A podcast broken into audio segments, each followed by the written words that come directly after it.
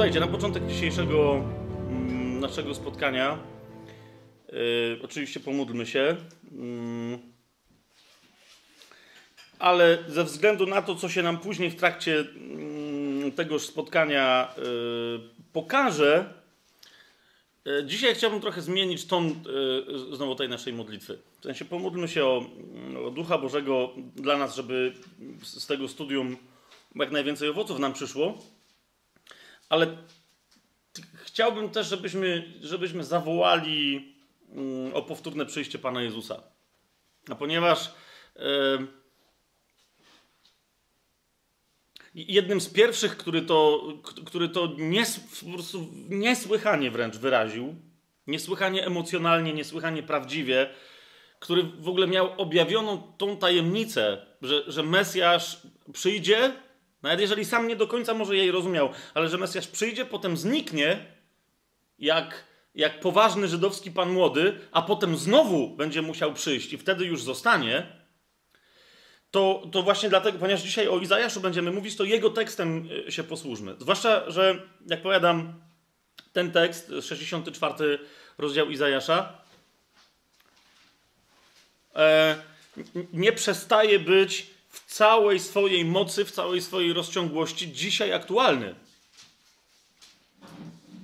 Dlatego, wiecie, no, dziwią mnie ci różni ludzie, którzy wciąż pytają, czy jest sens e, rozważać, e, czy czytać w ogóle Stary Testament. No, mój Boże, jak to, czy jest sens? Jak możesz go nie czytać? Wielu rzeczy byśmy nie wiedzieli, gdyby nie, e, gdyby nie Stare Przymierze. 64 rozdział. I tę naszą modlitwę chcę, żebyśmy na, na, yy, na tym tekście oparli od pierwszego wersetu.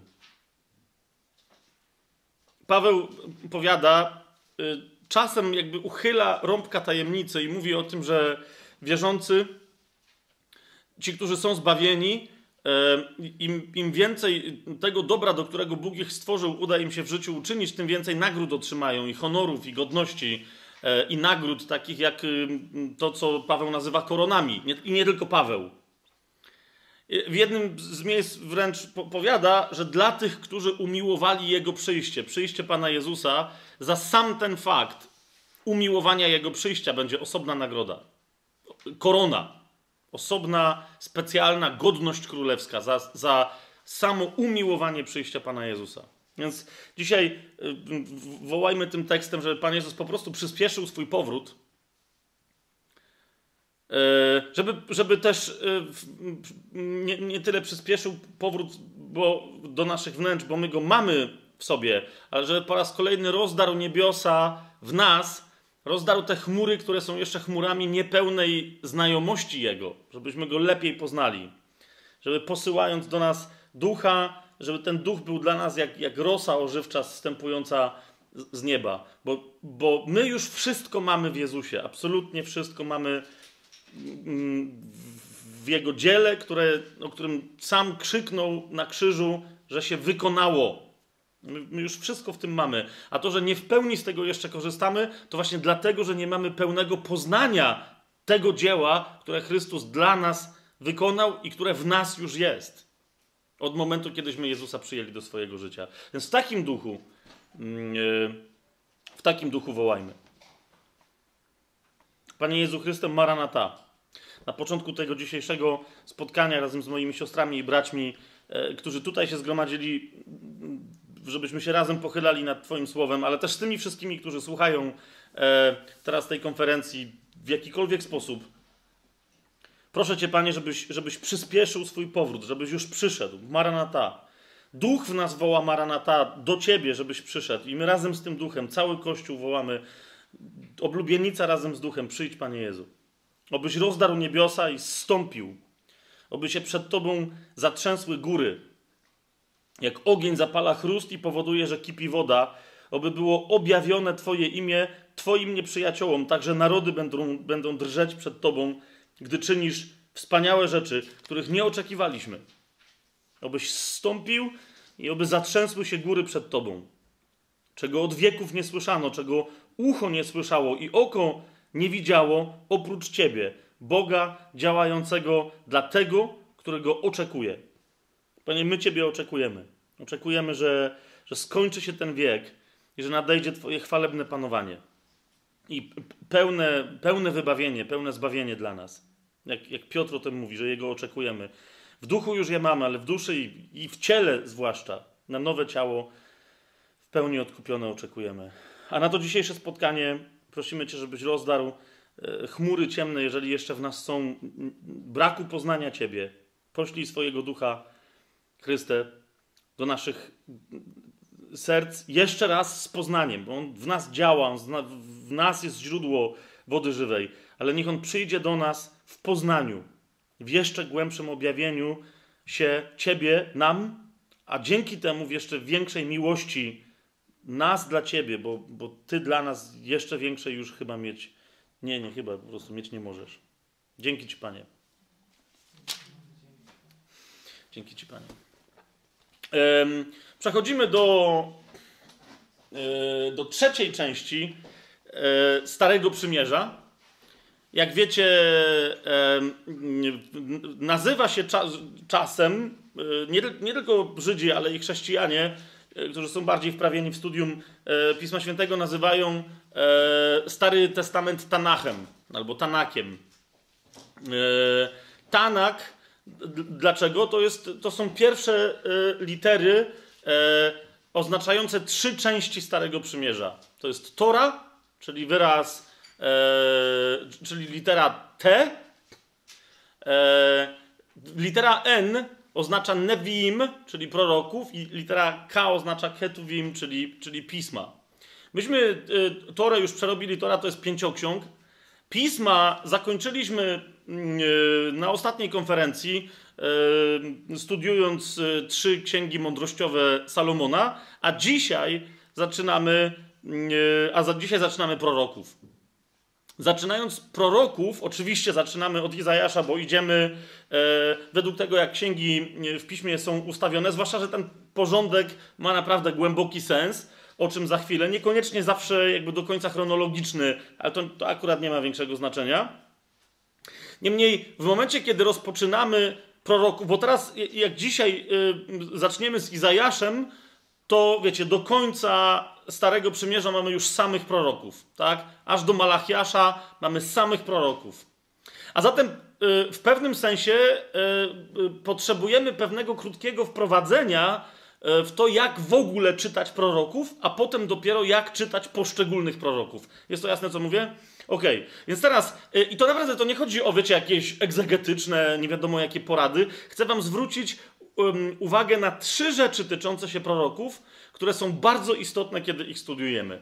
Po pierwsze, po pierwsze, e, po, po, pierwsze, to zanim ja powiem, co po pierwsze, to sobie otwórzmy tekst, który, który mówi o tym, co po pierwsze.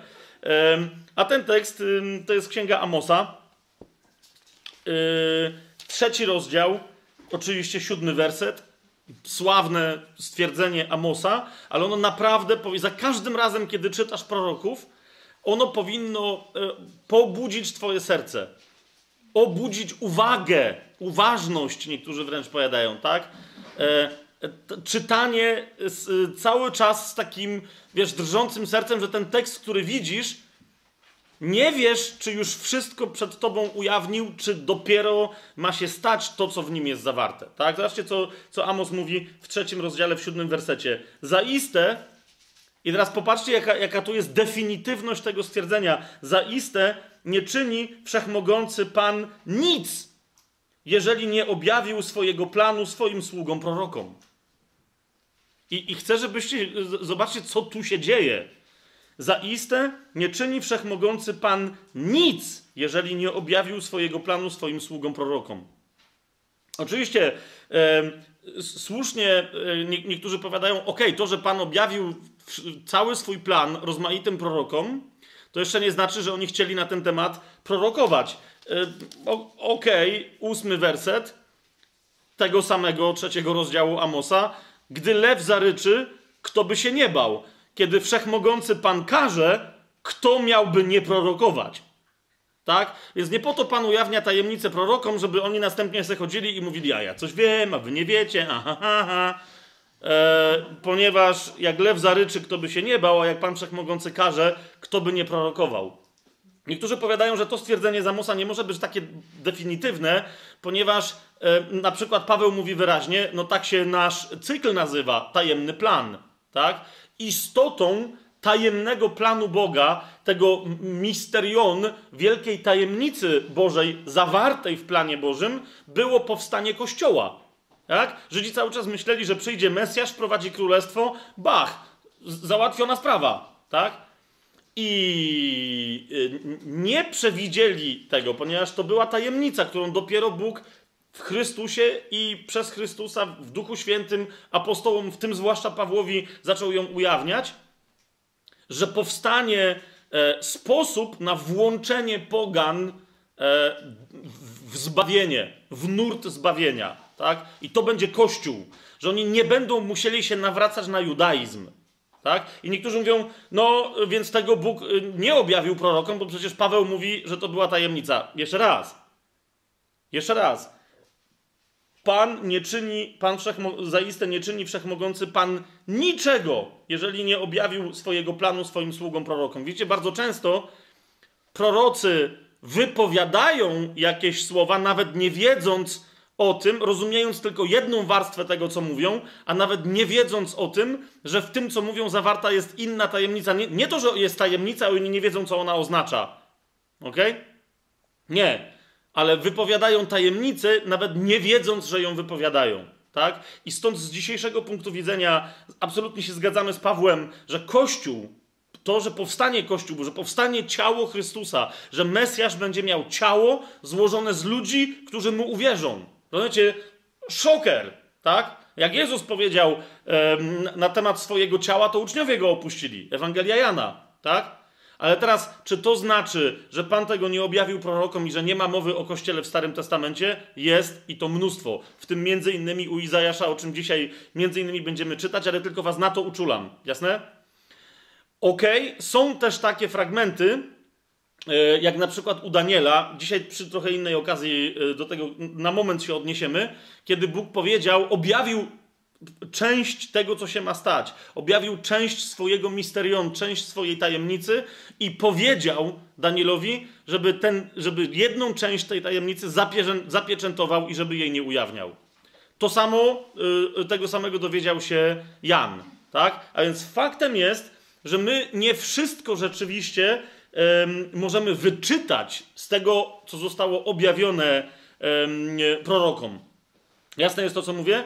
Ale Pan niczego, jak, jak jest tutaj powiedziane, Pan niczego nie czyni, czego by wcześniej nie objawił swoim sługom prorokom. Tak? Cały plan został im objawiony. Oni też niekoniecznie widzieli. E, witaj, będzie jeszcze miejsce jakieś? Dobra. E, ale o tym pamiętajcie, czytając proroków. Tak? Na to chcę Was bardzo uczulić. Że to nie jest tak, że mamy już 500 tysięcy e, komentarzy tak? do, do pisma i to znaczy, że my już wszystko wiemy. Dzisiaj, za chwileczkę nawet zresztą, mówiąc o tych zasadach czytania proroków, pokażę Wam parę e, momentów, w których, no właśnie, e, może się okazać, że wciąż u proroków zawarte są przepowiednie i nauczania, o których my wciąż jeszcze nie wiemy, i być może właśnie Ty jesteś osobą, która ma kolejne znaczenie zawarte w takim czym innym widzeniu proroków odkryć. I teraz mówię to serio, może to właśnie Ty jesteś. Niektórzy jak to słyszą, to mówią, a wiesz, bo ale to ja nie znam hebrajskiego, greckiego, nie mam lat studiów, ale masz nauczyciela, którym jest Duch Święty. Tak? A do tego narzędzia który dzisiaj nikt nie ma wymówki, jak to kiedyś Chuck Missler powiedział, dzisiaj nikt nie ma wymówki, a jeżeli się posługuje wymówką, to jest kłamcą, tak? Wymówki pod tytułem, że nie studiuje Biblii, ponieważ nie ma wykształcenia. Okay? E, narzędzi do studiowania Biblii po angielsku, ale też i po polsku już w tym momencie jest na tyle, tak? Żeby sobie porównać różne tłumaczenia, żeby sięgnąć do, do słowników hebrajskiego czy, czy greckiego. Mówi, okej, okay, ale dalej ja nie rozumiem się na strągu. Nieważne, sprawdź, jak ten czasownik, rzeczownik, to co tam sprawdzasz, yy, funkcjonuje w innych miejscach w Biblii i zobaczysz, aha, okej, okay, jeżeli się więc oni tym czasownikiem posługiwali w takim znaczeniu, to pewnie tutaj też jest chyba raczej takie niż inne i tak dalej. Jasne, że to nie będzie profesjonalne studium, tak? Ale wierzcie mi, że jest wielu rzekomych profesjonalistów, profesjonalistów którzy do niczego nie chodzą, e, zgłębiając Pismo Święte i są e, amatorzy, w jak najlepszym tego słowa znaczeniu są amatorzy. Wie, wiecie, amator to znaczy, niektórzy rozumieją, że to jest nieprofesjonalista, ale amator, pamiętajcie też, to jest ktoś, kto kocha, tak? Jest amo, amo, amare, ama, on am, kocha, tak? To jest ktoś, kto kocha to, co robi. I w tym sensie amator może czasem odkryć nieprawdopodobne jeszcze wciąż skarby e, w piśmie, o którym profesjonalistom nawet się e, nie śniło, tak? A więc ten fragment zaiste nie czyni wszechmogący Pan nic, jeżeli nie objawił swojego planu swoim sługom, prorokom. E, miejcie zawsze na względzie za każdym razem, kiedy czytacie proroków, tak? U nich naprawdę większość rzeczy, niektóre są zapieczętowane, tak? Ale większość rzeczy jest już, jeżeli nie wszystkie, jest zawarta, i nie do końca jeszcze w pełni objawiona. Tak? Otwórzmy sobie, skoro dzisiaj y, mówimy o Izajaszu, to otwórzcie sobie Izajasza. Tyle zapewnień y, na, na, temat tej prawdy, że Bóg najpierw mówi, a potem coś robi, co u Izajasza. Y, nie wiem, czy znajdziecie u jakiegokolwiek innego proroka. Otwórzmy sobie Izajasza 55 rozdział. To jest kolejne takie sławne stwierdzenie, często cytowane, a niektórzy potem nie wiedzą, gdzie jest ten fragment. 55 rozdział, wersety 10-11. E, również przez, przez usta proroka Izajasza Duch Święty o bardzo podobnej rzeczy mówi.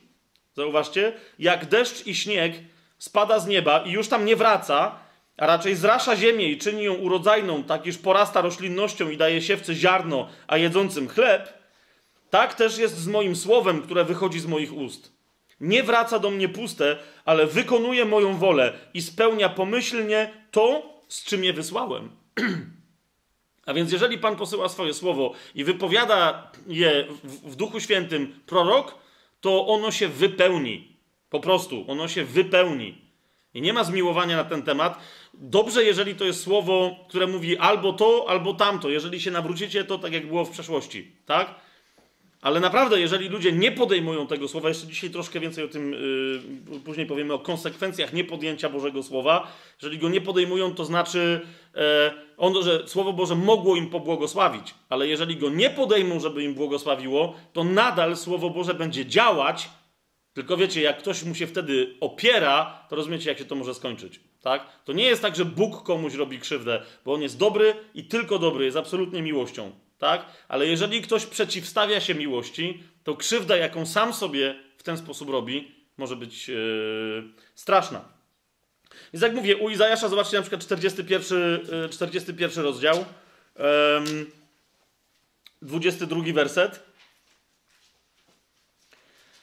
Yy, tam już poczęli, bo, bo, bo, jeszcze, wiecie, to, że właśnie, że Pan wszystko objawił prorokom, że Jego słowo po prostu działa, E, o tym też pamiętajmy, że jak my czytamy proroctwo, to ono również w nas działa, tak? E, również po to Pan posyła proroctwo, żeby ono się przeciwstawiało bałwochwalstwu wszelkiemu, tak? Zobaczcie, e, ten 41 rozdział, 22 werset. Niech przystąpią i objawią nam, co ma się stać. Powiedzcie nam o rzeczach dawnych, co to było, abyśmy to wzięli do serca i dowiedzieli się, jak się one dokonały, albo zwiastujcie nam o rzeczach przyszłych. To jest mowa do, do bałwanów, tak? Powiedzcie, co się stanie później, abyśmy poznali, czy jesteście bogami. I uczyńcie coś, czy dobrego, czy złego, abyśmy z podziwem mogli to oglądać. Ale wy zgoła niczym jesteście i wasze działanie nic nie znaczy. I obrzydliwy jest ten, kto was sobie obiera. Tak? Yy, tu tutaj Pan mówi, że, że niektórzy się zwracają po wróżby, tak? Do bożków, do, astrologii, do jakiegoś, jakichś pseudonauk, do tego typu kwestii, on mówi, jedyny, który zna przyszłość, to jestem ja. Nie ma żadnej innej nauki na temat poznawania przyszłości. Żadnej. Tak? Ja jestem jedynym źródłem wiedzy na ten temat. Jeżeli ja tę wiedzę objawię, to ją będziecie mieli. Tak? Zobaczcie, 42 rozdział, yy, 9 werset. To jest a propos tego, że już y, y, to jest, wiecie, y, to jest druga połowa tej księgi i już pewne rzeczy się zdarzyły. Tutaj Pan mówi, oto wydarzenia dawniejsze już się dokonały, a teraz to, co jeszcze ma nastąpić, zwiastuje, zanim zacznie kiełkować, opowiem wam. Tak? To, to, to, to jest to, co tylko i wyłącznie Bóg może zrobić. Zobaczcie, 23 yy, werset, tak? Po, po co to Bóg mówi? Żebyśmy zwrócili uwagę na to, co jest w przyszłości. Nie dlatego, że ona jest zaprogramowana, tak? Ale żebyśmy w momencie, kiedy się wydarzą pewne rzeczy, byli w stanie w, w swojej wolności właściwie na te rzeczy zareagować, tak? Zobaczcie, kto między wami tego słucha? To jest, to jest Izajasz, który wrzeszczy do, do Izraela. Kto między wami tego słucha? 42 rozdział, 23 werset. Kto zwraca uwagę i słucha tego, myśląc o przyszłości? Widzicie, Pan Jezus też często o tym mówił. Jak zobaczycie te wszystkie, opisując straszne rzeczy, które mają nadejść przy końcu czasów, tak? Opisując straszne rzeczy, zaraz mówi, yy, chrześcijanom mówi, ale wy, kiedy zobaczycie, że te rzeczy się dzieją, nabierzcie ducha i podnoś, podnieście głowy i ucieszcie się, bo nadchodzi wasze zbawienie. Rozumiecie o co chodzi? A więc, yy, a więc po to przyjmujemy między innymi proroctwo, żeby, żeby żeby zareago móc zareagować tak szybko i tak dobrze, jak to jest możliwe w przyszłości, kiedy dane rzeczy przyjdą. Tak? Żeby się nie poddać biegowi wydarzeń, ale żeby zrozumieć, że czas ma swoje znaki. To są znaki, które się pojawiają w czasie, a to, co my z tym następnie z tym zrobimy, nadal pozostaje absolutnie w gestii naszej wolnej woli. Jasne? 40 Okej, okay, to 45 rozdział, bo tego jest mnóstwo. Jak, jak poczytacie sobie u Izajasza, w kółko Bóg przez niego powtarza. zapowiedziałem i to się stanie. Zapowiedziałem i to się stało. Widzicie, teraz wam mówię następną rzecz. 45 e, rozdział, 21 werset.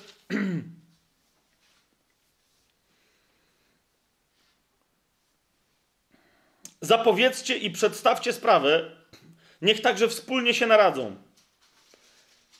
Kto od dawien dawna to przepowiedział? Kto od dawien dawna zwiastował? Czy nie ja, Pan, poza którym nie ma innego Boga?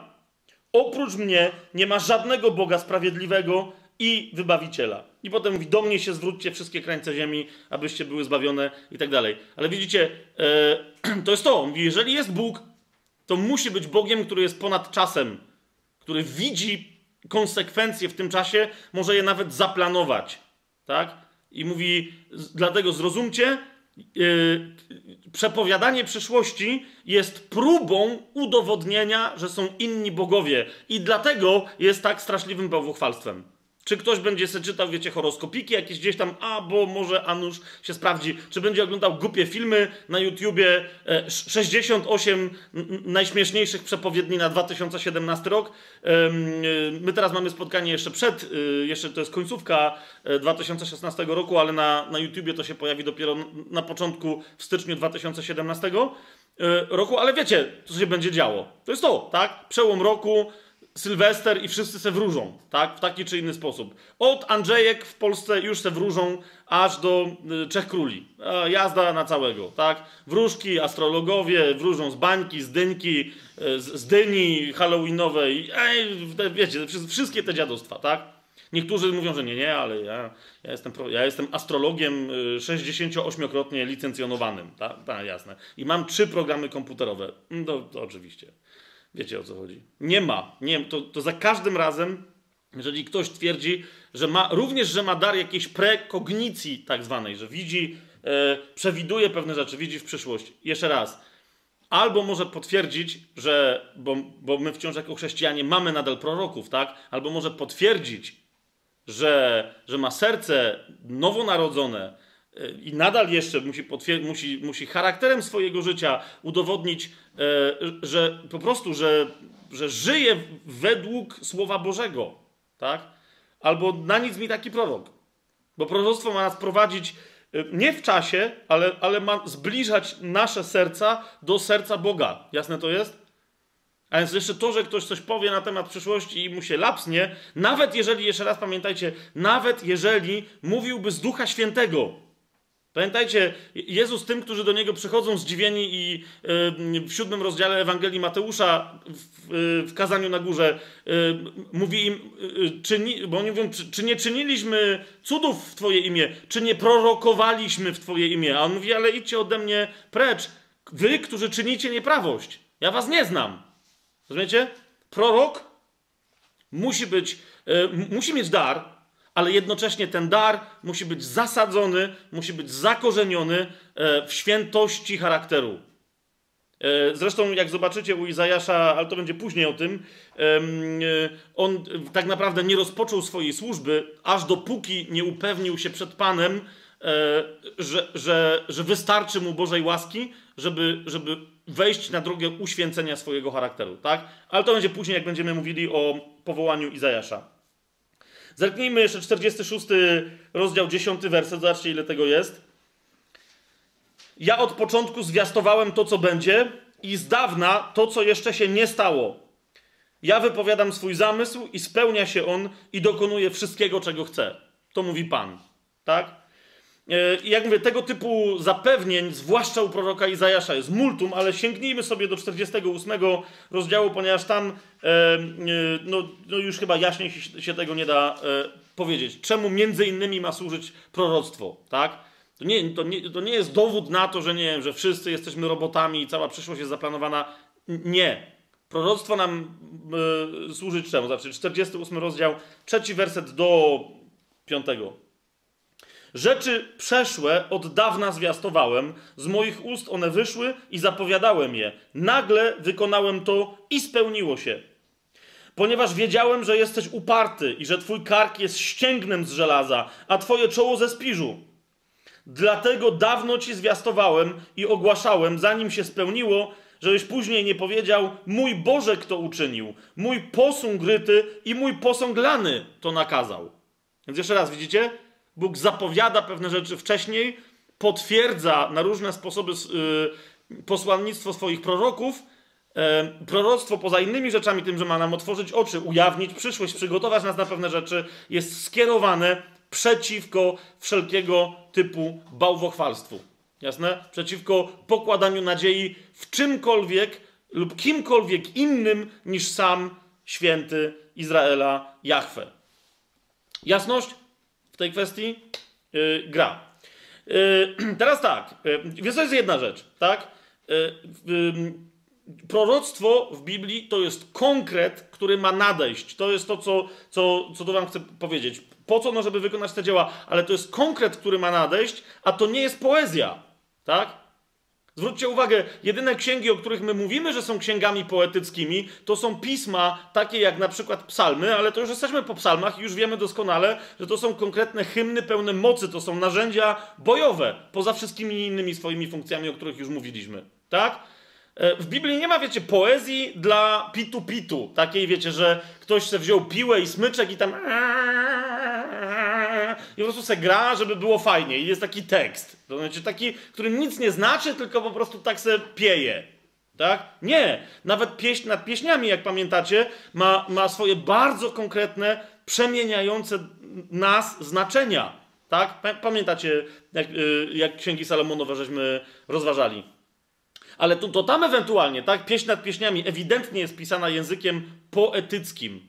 Natomiast to, na co chcę Wam zwrócić uwagę, to, że w e, księgach proroczych pojawia się mnóstwo metafor albo dziwnego języka, nie wynika z tego, że to jest poezja, ale wynika z tego, że nie wszystkie rzeczy, które prorok zobaczył, są przy pomocy jego języka tak oczywiste, jak później by się to zdawało do wypowiedzenia.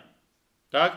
A zatem to nie jest poezja to jest konkret, który ma nadejść w całości. I teraz w ramach tego konkretu mamy, słuchajcie, dwa y, bardzo istotne zagadnienia. Otóż prorok, kiedy widzi coś, co, co się dzieje w przyszłości, może nie mieć nie tylko języka do opisania tego czegoś, ale może nie do końca w głowie wiedzieć, co się w ogóle dzieje, to co on widzi. Rozumiecie? Wyobraźcie sobie człowieka, który na przykład rozumie wojnę jako trzymanie jakiejś pały w garści, albo, albo toporka, albo miecza, albo dzidy. Ewentualnie yy, możesz wsiąść na jakiś rydwan i tam kogoś gonić na koniach. Ewentualnie, jak jesteś kompletnym mistrzem świata, możesz do niego strzelać z procy albo z łuku, tak? I teraz wyobraźcie sobie tego kogoś, że on na przykład nagle widzi zdalnie sterowane, samo naprowadzające się pociski. Kapujecie? I on wie o tym, że ktoś z odległości kilkuset yy, kilometrów, tak? Wystrzeliwuje ten pocisk i on tam trafia i on wie o co chodzi, bo Bóg mu daje zrozumienie, że ten pocisk sam trafi, tak? Ale on, jak on to ma powiedzieć, że on nie ma konceptu samonaprowadzającego się pocisku, rozumiecie o czym mówię? I teraz niektórzy powiadają, no dobra, ale to takich rzeczy nie ma w Biblii. No nie bez przyczyny się posługuje tym przykładem. To jest jeden z, y, jeden z przykładów, tak?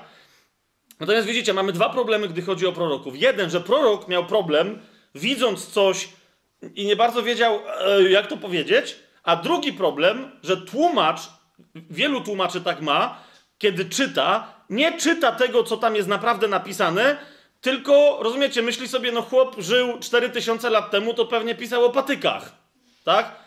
Gdy z tekstu to wcale nie wynika, tylko że, kapujecie, no właśnie, on mówi, że tłumaczy proroka, a niekoniecznie wierzy, że ten prorok coś prorokował. Jasne jest to, co mówię? Albo, że jego proroctwa były takie ogólne. Przyjdzie Pan i będzie barankiem, ale będzie lwem, ale i wszyscy, no okej. Okay. Podczas gdy, jeszcze raz powtarzam, proroctwo to jest konkret. Jeżeli Mesjasz jest zapowiadany jako baranek, to z tego prostego powodu, żeby nam tylko przypomnieć, tak, że on będzie złożony w ofierze jak baranek, który po to zresztą był ustanowiony jako znak paschalny. Tak? Jeżeli jest powiedziane o Mesjaszu, że jest lwem, to dlatego, że, że już w pięcioksięgu mieliśmy proroctwo dla Judy, tak? Że Juda jest lwem, jest jak młody lew i berło władzy nie odstąpi od Judy, tak? A więc jeżeli nadejdzie Mesjasz, to musi być kim? Musi być tym lwem Judy, który będzie dzierżył berło władania nad wszystkimi narodami na wszystkie wieki wieków, tak? I, I, w tym sensie to nie są, wiecie, określenia, że fajnie, żeby był lew i żeby był baranek, bo baranek będą kobiety go lubiły, a lew to chłopy tak bardziej, no nie? To jest bez sensu. To są konkretne, bardzo precyzyjne określenia oznaczające to, co Mesjasz zrobi. Ale e, żeby wam pokazać przykład, spójrzcie razem ze mną na księgę Jeremiasza a propos tych samonaprowadzających się pocisków i powiedzcie mi, czy tam ich nie ma, tak? Bo ja naprawdę je tam widzę. E, mamy tu wojskowego, no to i, to i to profesjonalnego zawodowca, no to właśnie, tak? 50 rozdział Jeremiasza.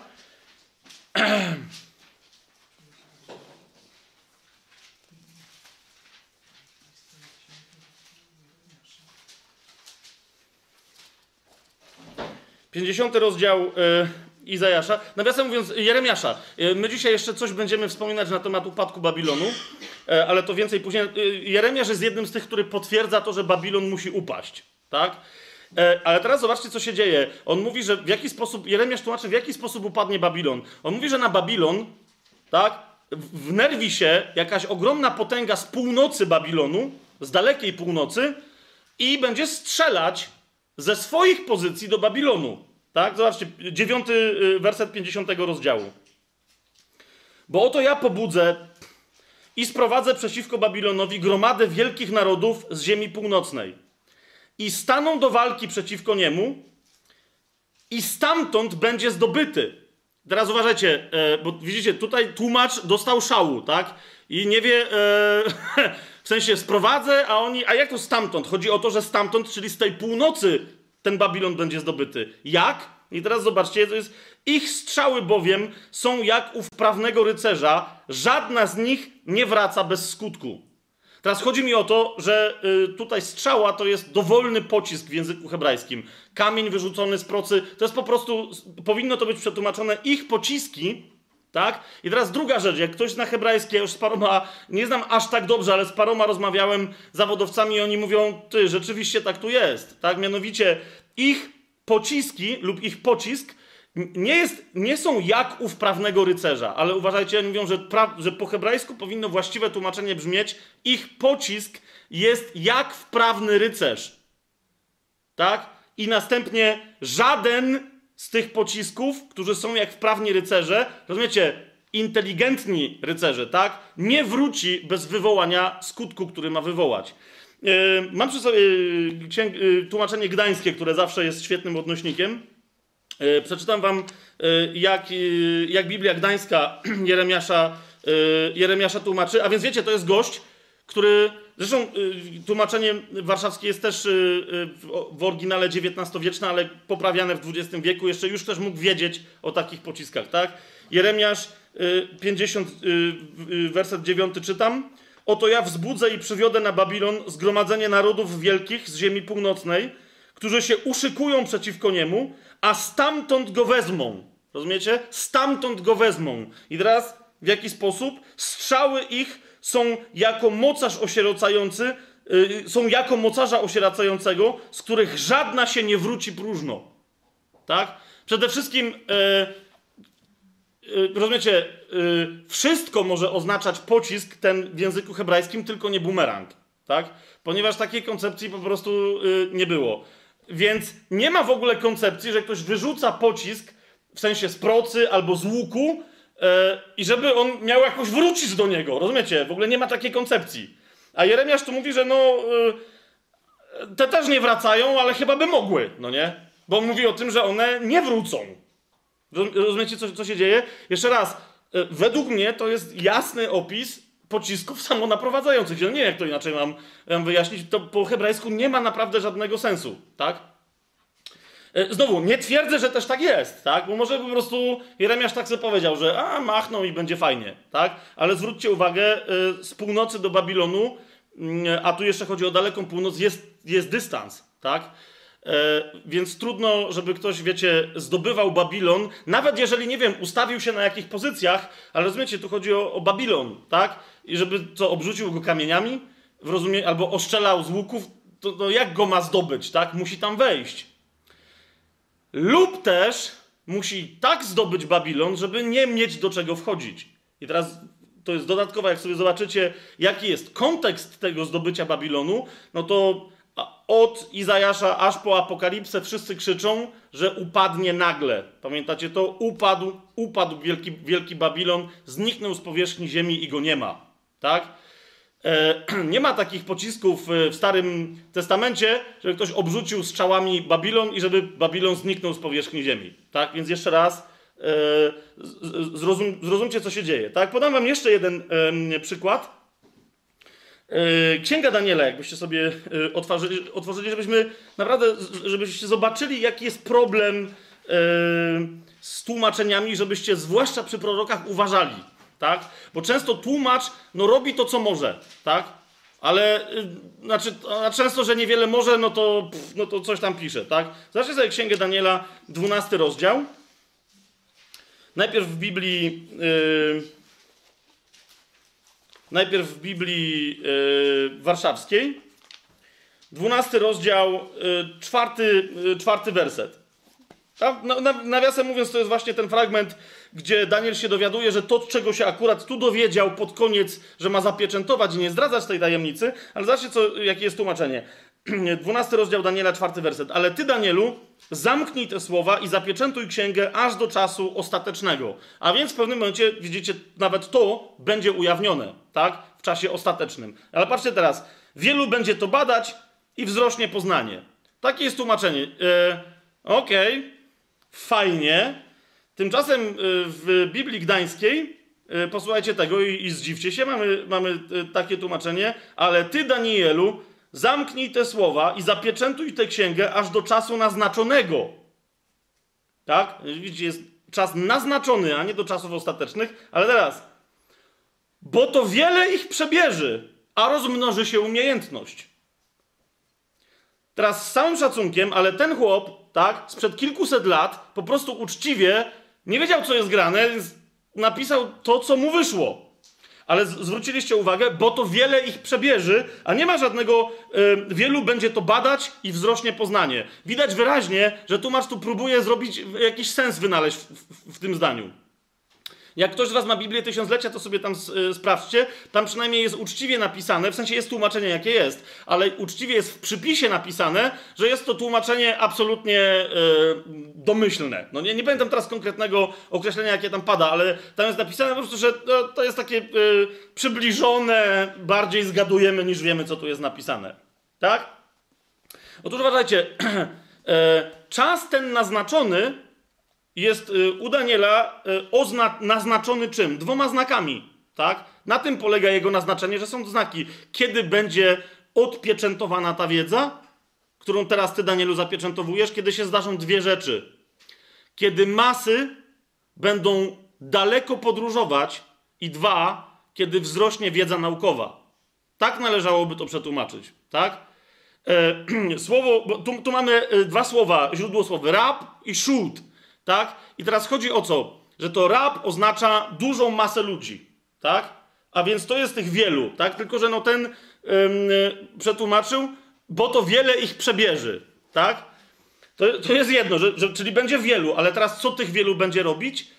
Ten, ten drugi czasownik, że będą bieżać.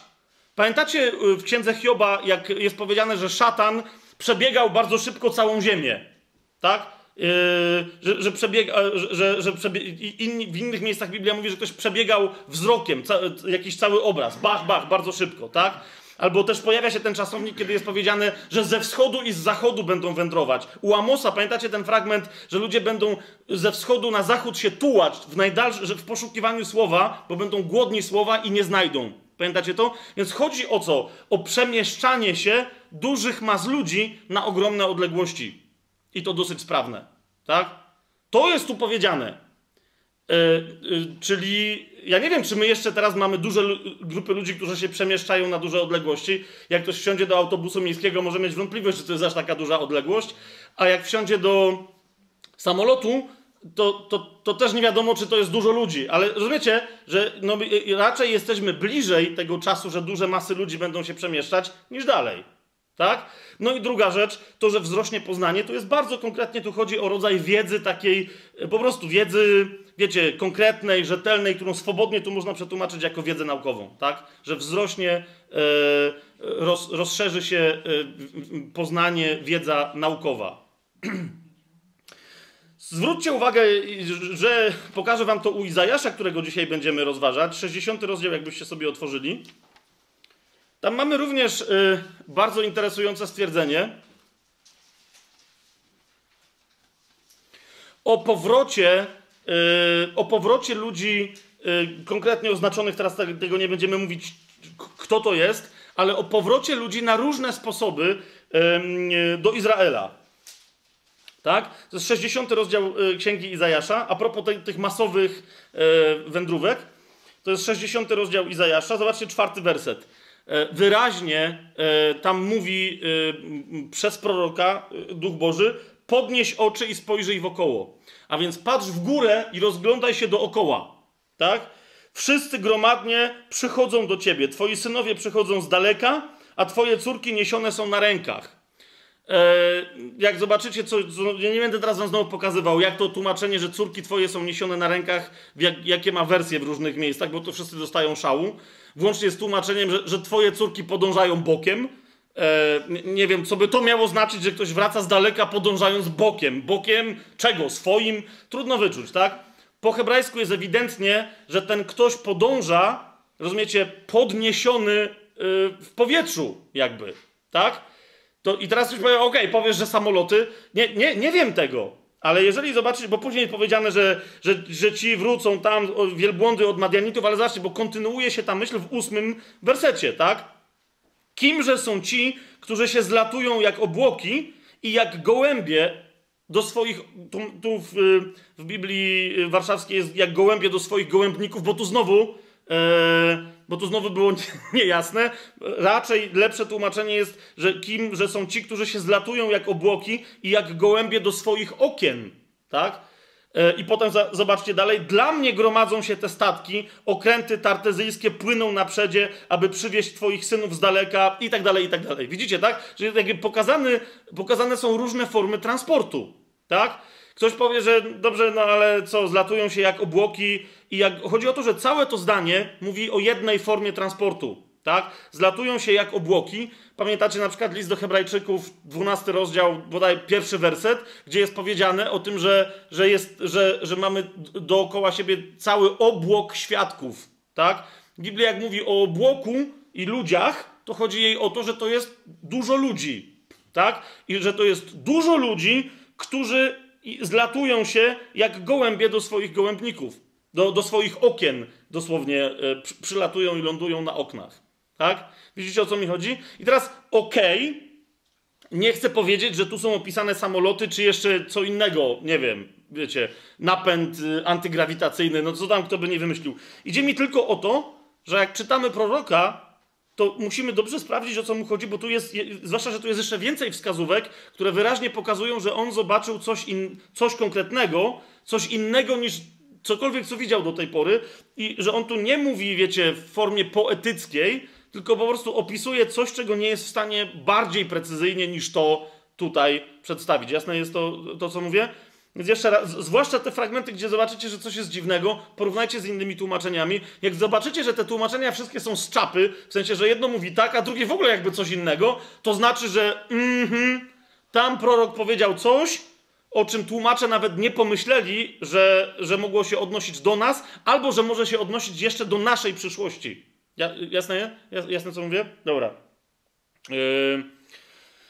Okej, okay, bo to mógłbym to jeszcze kontynuować i wam pokazywać takie przykłady, ale, ale pozostańmy na tym. Jeszcze raz, żeby potem nie było. Nie, nie twierdzę, że, że Biblia z całą pewnością opisuje e, pociski, e, jakieś balistykę, samonaprowadzanie, samoloty i tak dalej.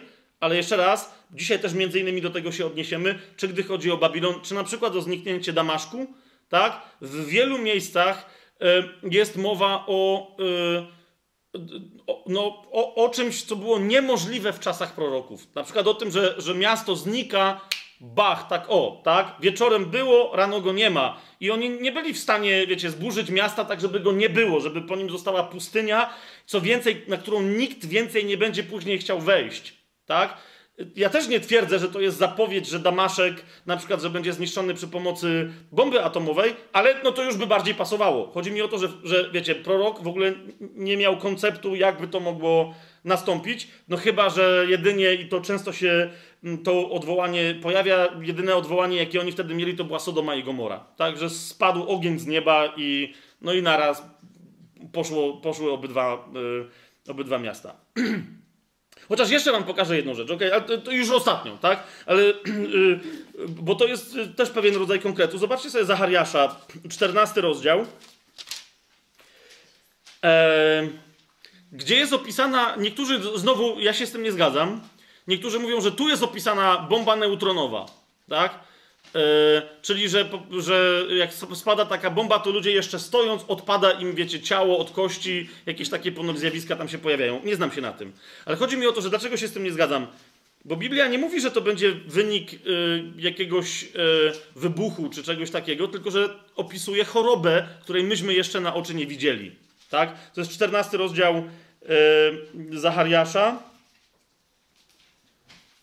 12 werset.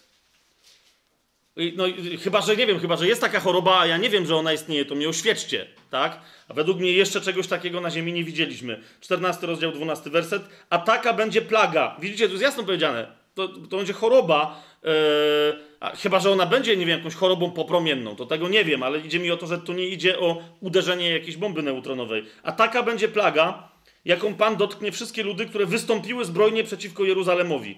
Yy, to, wiecie, to już pod koniec E, e, wtedy, kiedy Pan Jezus przyjdzie, żeby, żeby Jerozolimę ratować, tak?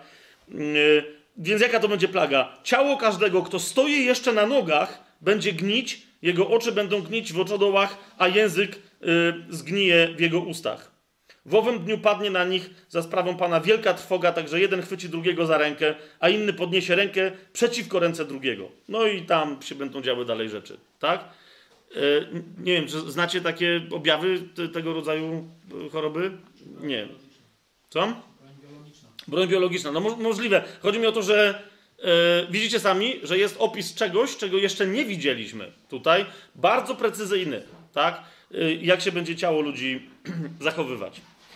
I teraz słuchajcie, jeszcze, teraz kto wie, czy nie najważniejsza rzecz, gdy chodzi o rozumienie proroków, ponieważ to jest jedna z takich kwestii, które ludziom zupełnie umykają i oni mówią, a dlaczego tu, a dlaczego, a dlaczego tu jest, a, a tu nie ma... E, I mają takie, wiecie, nerwy, że czemu to jest opisane, to nie mogą tego rozdzielić, a nie mógł powiedzieć, że tutaj jest przerwa, a tam nie ma przerwy, to idzie razem, a tam to idzie osobno. Co się dzieje? Tak?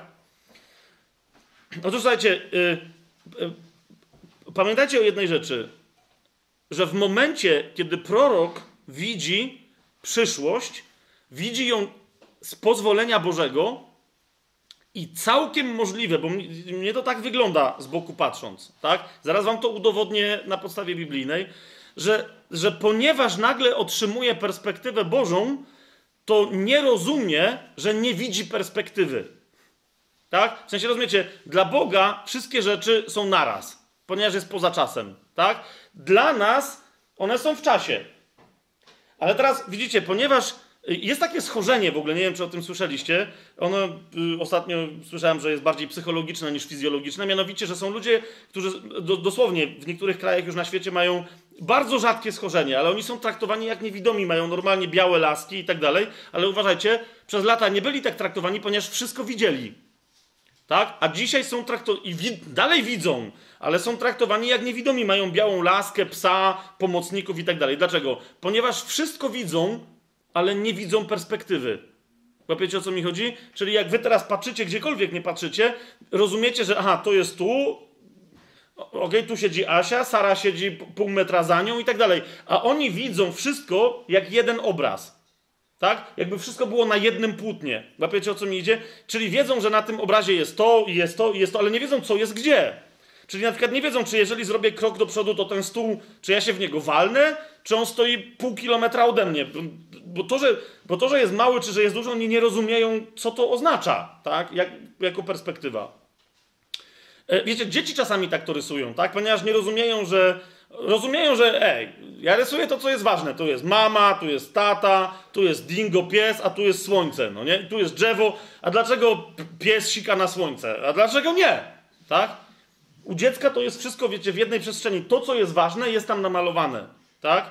I teraz zrozumcie, że prorok, kiedy tak widzi, jego obowiązkiem nie jest poinformowanie cię, gdzie w czasie, kiedy to. Czasem to robi, tak? Jeżeli ma specjalne objawienie, ale czasem jakby jest tak zajęty obrazem, że nie rozumie, co w tym obrazie jest bliżej, a co dalej. Rozumiecie, co, y, co się tu dzieje? Zobaczcie, to y, powinienem pokazać to u Izajasza, pokażę to u Izajasza, ale na przykładzie Łukasza. Czyli Ewangelię Łukasza sobie otwórzcie, my już parokrotnie rozmawialiśmy o tym fragmencie. e...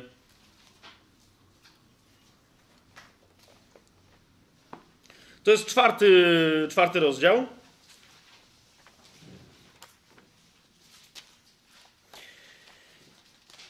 I teraz. Yy...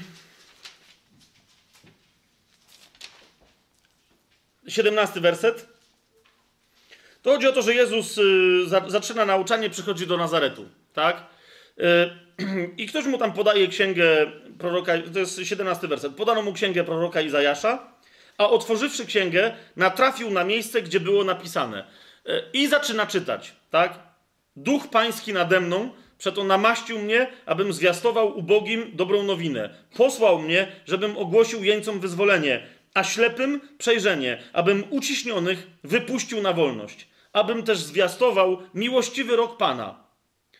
I zamknąwszy księgę, oddał ją słudze i usiadł, a oczy wszystkich w synagodze były w niego wpatrzone.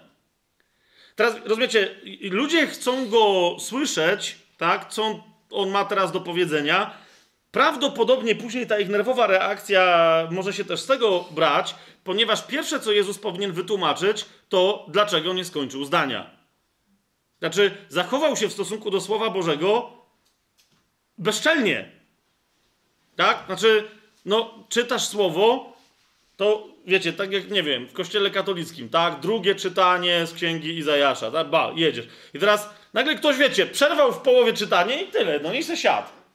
Cały Kościół by mówił, że no ale stary, dokończę, no nie? Dziadowski lektor, co się dzieje? A Jezus siadł, przerwał dokładnie w połowie zdania. Zobaczcie sobie Izajasza. Zostańcie tu w Łukaszu, tak? Zostańcie tu w Łukaszu, ale tam sobie jakoś załóżcie, ale zobaczcie 61 rozdział Izajasza, o czym mówię. Bo to jest to, co Jezus przeczytał. Otworzył Izajasza na 61 rozdziale, otworzył zwój, tak? Bo to nie była książka. Rozsunął go, akurat był ustawiony tam, zaczął czytać Duch Wszechmogącego Pana nade mną, gdyż Pan namaścił mnie i tak dalej, i tak dalej. Zobaczcie drugi werset. Abym ogłosił rok łaski od Pana. Tak? Jezus tu przerwał. Widzicie to? A tymczasem powinien przeczytać i dzień pomsty naszego Boga, abym pocieszył wszystkich zasmuconych, abym dał płaczącym nad Syjonem zawój zamiast popiołu, olejek radości zamiast szaty żałobnej, pieśń pochwalną zamiast ducha zwątpienia. I tu powinien przerwać. A on przerwał dokładnie w połowie, w drugim z tych trzech wersetów, w drugim wersecie po, na początku. Tak? I teraz wróćmy do Ewangelii Łukasza. Zobaczcie, 21 werset, czwarty rozdział Łukasza, 21 werset. Jak się wszyscy w niego wpatrzyli, pytając, dobra stary, ale czemu nie skończyłeś? Coś tam interesującego się pojawiło, to gada jeszcze bardziej szokującą rzecz. Zaczął wtedy mówić do nich, dzisiaj wypełniło się to pismo w uszach waszych. Teraz widzicie, jeszcze raz, wróćmy, dzisiaj wypełniło się to pismo w uszach waszych. A więc widzicie, Jezus im mówi, wszystko to, co jest napisane, pierwszy werset 61 rozdziału Izajasza i ten kawałek drugiego, to się właśnie wypełnia. Kiedy wy słyszycie, jak ja to mówię, to to się właśnie wypełnia. Ale nie reszta tego tekstu. Rozumiecie, o co mi idzie? Ale nie reszta tego tekstu. Niektórzy powiadają, nie, no jak to nie reszta? Przecież on też przyszedł pocieszyć wszystkich zasmuconych. Nie, nie, nie, nie, nie. Jezus to zrobi dopiero kiedy przyjdzie po raz drugi.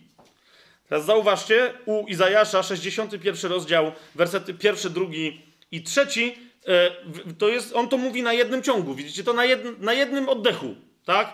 Że i to, i to, i to, zwłaszcza drugi werset, abym ogłosił rok łaski Pana i dzień pomsty naszego Boga, tak? A, a Jezus przerwał na ogłaszaniu roku łaski Pana. Niektórzy powiadają, że E, że Jezus przerwał, ponieważ cały czas, dopóki on nie powróci i dopóki istnieje Kościół, trwa rok łaski e, od Pana.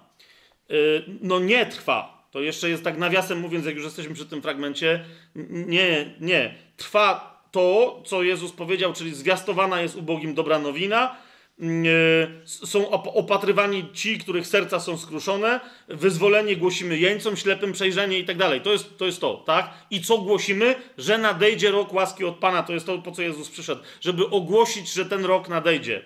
Dlaczego? Ponieważ ten rok łaski to jest rok jubileuszowy. Przypominam wam księgę kapłańską. O tym będziemy mówić przy okazji księgi Daniela. Jeżeli pozwolicie, nie będę się teraz rozwijał, tak? Ale teraz już temat zaznaczam chodzi o rok jubileuszowy, a rok jubileuszowy jest zawsze rokiem y, po, po 49 latach, tak? Czyli y, no, no, po tygodniu tygodni lat. I, i, I rozumiecie, a jak zobaczycie u Daniela, to kiedy Jezus przyszedł, ostatni tydzień się jeszcze nie odbył, a więc rok jubileuszowy, rok łaski to będzie królestwo milenijne. Tak? Taką tezę stawiam dzisiaj. Wrócimy do tej tezy przy okazji księgi Daniela, tak? Ale chodzi mi o to, że to jest to, co przyszedł Jezus. Głosić, tak? Yy, dawać zbawienie ludziom, przynosić uzdrowienie pełne i zapowiadać nadchodzące królestwo. Tak jak później od początku w Ewangelii Mateusza Jezus głosi dobrą nowinę o czym? Cały czas o królestwie, które już w nas pracuje, ale które w pełni dopiero, yy, dopiero ma nadejść. I wtedy Zobaczcie drugi werset, 61 rozdział, drugi werset. I wtedy się staną te wszystkie rzeczy, które Jezus tam zapowiedział, tak? Bo żeby przyszedł rok łaski od Pana, zacznie się on od, od czego? Od dnia pomsty naszego Boga, tak? On się od tego, to będzie dzień gniewu zapowiadany, czyli powrót Pana Jezusa, obrony Jerusalem. I potem dopiero się stanie, on dopiero wtedy będzie mógł powiedzieć, no i teraz w waszych uszach, kochani, którzy we mnie wierzyliście i, i, którzy ze mną teraz zmartwychwstali, już tutaj w Nowym Królestwie stoicie. Teraz dopiero zobaczcie, że pocieszam wszystkich zasmuconych. Tak? Daję płaczącym nad Syjonem, którzy do tej pory nad Syjonem płakali, daję im za, zawój zamiast popiołu pokutnego, olejek radości zamiast szaty smutku, pieśń chwalebną zamiast ducha zwątpienia. Rozumiecie o co mi chodzi? To się stanie dopiero w królestwie, dlatego Jezus przerwał zdanie, ale zauważcie, Izajasz, widząc jedno i drugie, nie rozumiał, że pomiędzy jednym a drugim będzie przerwa. Jasne to jest? A więc to jest po prostu tak jak dziecko narysował, tu będzie Pan Jezus taki i tu będzie taki. Narysował najważniejsze rzeczy, a nie napisał, że między tym psem a tym słońcem jest dosyć spora odległość. Kosmiczna. Tak? Tak? Dobra. I tak będzie we wielu innych miejscach, nie tylko u Izajasza, ale u innych proroków. O tym zawsze pamiętajcie, że czasem w jednym zdaniu mogą być zademonstrowane dwie różne rzeczywistości, w sensie z dwóch różnych czasów. Również teraz tylko to zaznaczam, później wam pokażę przykład, żeby, żeby ruszyć dalej, ale również jeszcze jedna rzecz się może pojawić, mianowicie, którą mówię, u, u Izajasza będzie jeden bardzo konkretny przykład, a mianowicie, że prorok będzie mówić o przyszłych wydarzeniach, posługując się starymi wydarzeniami, żeby pokazać, że to, co ma nadejść, odbędzie się według tego samego wzorca, co już było. Tak? Myśmy o tym wielokrotnie mówili, tak? Że często w proroctwie pojawia się wzorzec. Y, prorok pokazuje wzorzec, tak? I mówi, proszę bardzo, tak było i tak znowu będzie. Tak? Ale jeszcze raz, do, do tego, jak te wzorce wyglądają, to mamy świetny przykład u Izajasza i o tym będziemy sobie później, dzisiaj jeszcze yy, mówić. Jakieś pytania teraz szybciutko do, co do tego wprowadzenia do proroków? Mamy jasność, jak tych proroków czytać? Okej, okay, dla niektórych ta jasność może być niejasnością, no bo teraz, a okej, okay, myślałem, że sobie będzie fajne i, i zajasza, to będzie tak bach, bach, a teraz, aha, każde zdanie trzeba sprawdzać z 15 innymi tłumaczeniami. Spokojnie, tak, spokojnie, bo przynajmniej jedna warstwa znaczeniowa raczej powinna być dobrze przetłumaczona, e, tak jak w, Biblii Warszawskiej czy, czy Gdańskiej, e, czy na przykład, myślę, w, w tym świeżym tłumaczeniu Ligi Biblijnej. Okej, okay, to teraz tak. Kim jest Izajasz? E, o Izajaszu przypominam wam tylko, że już żeśmy sobie e, go przedstawili e, a propos komentarza do księgi Ezdrasza. Dobrze mówię? Jak mówiliśmy o tym, o Persach atakujących, atakujących Żydów i o tym, kto to był Cyrus. Pamiętacie to?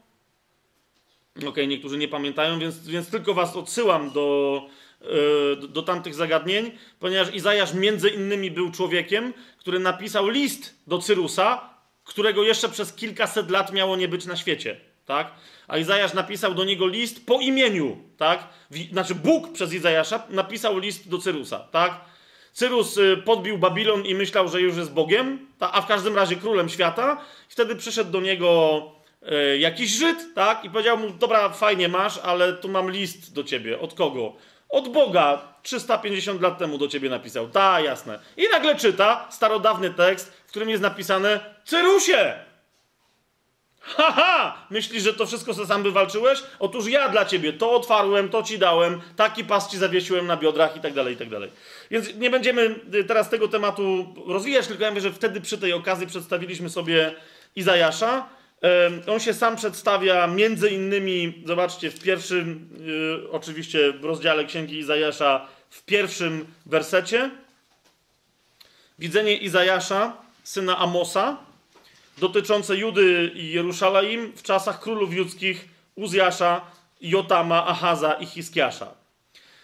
Od razu jedno wyjaśnienie, bo jest też prorok yy, Amos. Zgadza się? E, I niektórzy my uważają, nie wiem skąd się to bierze, bo nie ma w Biblii w ogóle takiego, nawet takiej konotacji, tak? Ale uważają, że Izajasz jest y, synem Amosa, proroka Amosa, tak? E, znaczy, byłoby to możliwe, dlatego że rzeczywiście Izajasz jest, młod, jest młodszy od Amosa, e, tego proroka, tak? Nawet oni żyją w pewnym momencie jakby obok siebie, tylko Amos jest już stary, a Izajasz jest jeszcze młody, tak? Ale żyje też wtedy Jonasz, Micheasz, Ozeasz, tam paru proroków wtedy, mm, wtedy żyje, tak? Starszych od Izajasza. On nie jest wcale pierwszym chronologicznie piszącym prorokiem, tak? Ale ewidentnie, nie będę teraz w to wchodził, bo to wiecie, to nie jest, y, sami sobie przeprowadźcie takie studium, ale ewidentnie y, tutaj chodzi o, y, o Amosa, który był bratem jednego z królów judzkich i jego synem najprawdopodobniej jest Izajasz. Stąd później jego, jak widać w wielu miejscach, dobre koneksje z, z poszczególnymi dworami królewskimi. Tak?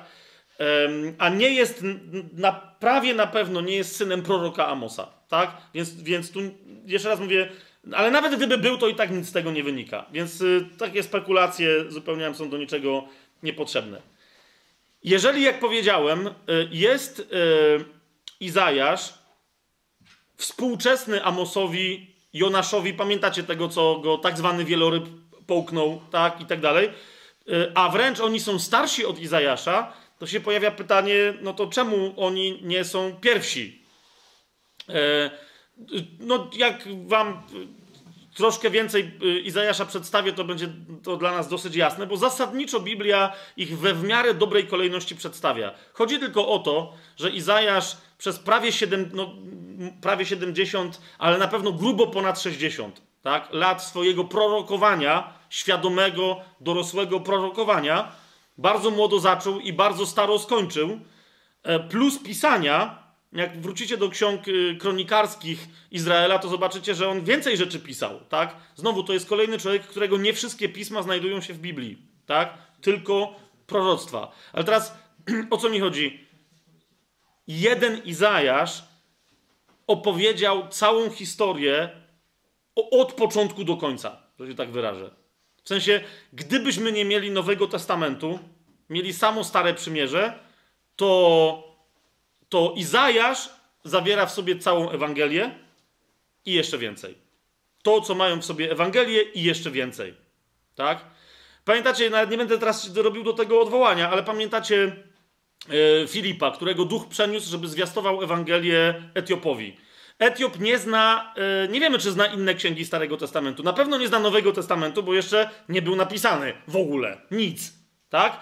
Ale e, jak Filip spada na drogę, że się tak wyrażę, którą przejeżdża Etiop, to słyszy, że Etiop co robi? Czyta Izajasza. I teraz zostawiam to waszemu odkryciu, ale jak zobaczycie, co Izajasz czyta, yy, co Etiop czyta, tak? Ten yy, eunuch, dworzanin królowej Kandaki etiopskiej, tak? Jak zobaczycie, co on czyta, i potem sprawdzicie sobie w Izajaszu, w jakim to jest kontekście, to zobaczycie, że duch uznał, nawet nie mówił tego Filipowi, ale Filip to też wiedział. On od razu wiedział, co jest grane. Duch uznał, że jeżeli on w lekturze Izajasza doszedł już do tego miejsca, to znaczy, że już zna całą Ewangelię, tylko jeszcze o tym nie wie. I dlatego, jak sobie prześledzicie w dziejach apostolskich tamten fragment, tak?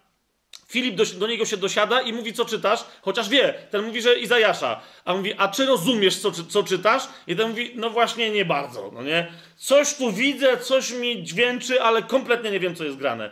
A więc Filip ogłasza mu całą dobrą nowinę na podstawie Izajasza. Rozumiecie?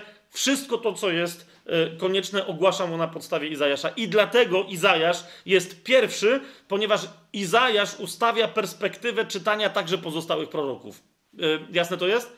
Nie, już pomijam, że, że jest ogromny tam 60, ile? 6? 66 rozdziałów, tak? Jest ogromna e, lektura, ale jeszcze w dodatku naprawdę samo mięso. Tak? Nawet kiedy opisuje i to takie mięso, takie wiecie, taka wołowina. A, nie wiem, jaką lubicie, ale taka wołowina, no nie? Taka prosto z Izraela. E, bardzo istotne zagadnienie teraz, żebyśmy poszli dalej, ponieważ jak się zagłębicie w studium, to wcześniej czy później napotkacie. Nie chcę się posługiwać wulgarnymi słowami nie wulgarnymi, bo to się już dawno nie posługuje, ale nawet takimi jakimiś obraźliwymi, ale naprawdę mi się cisną teraz na usta. Musicie się spotkać ze, ze specjalistami. Dla tych, którzy tylko słyszą, a nie widzą obrazu, robię bardzo duży cudzysłów. Ze specjalistami, którzy twierdzą, że nie było jednego Izajasza.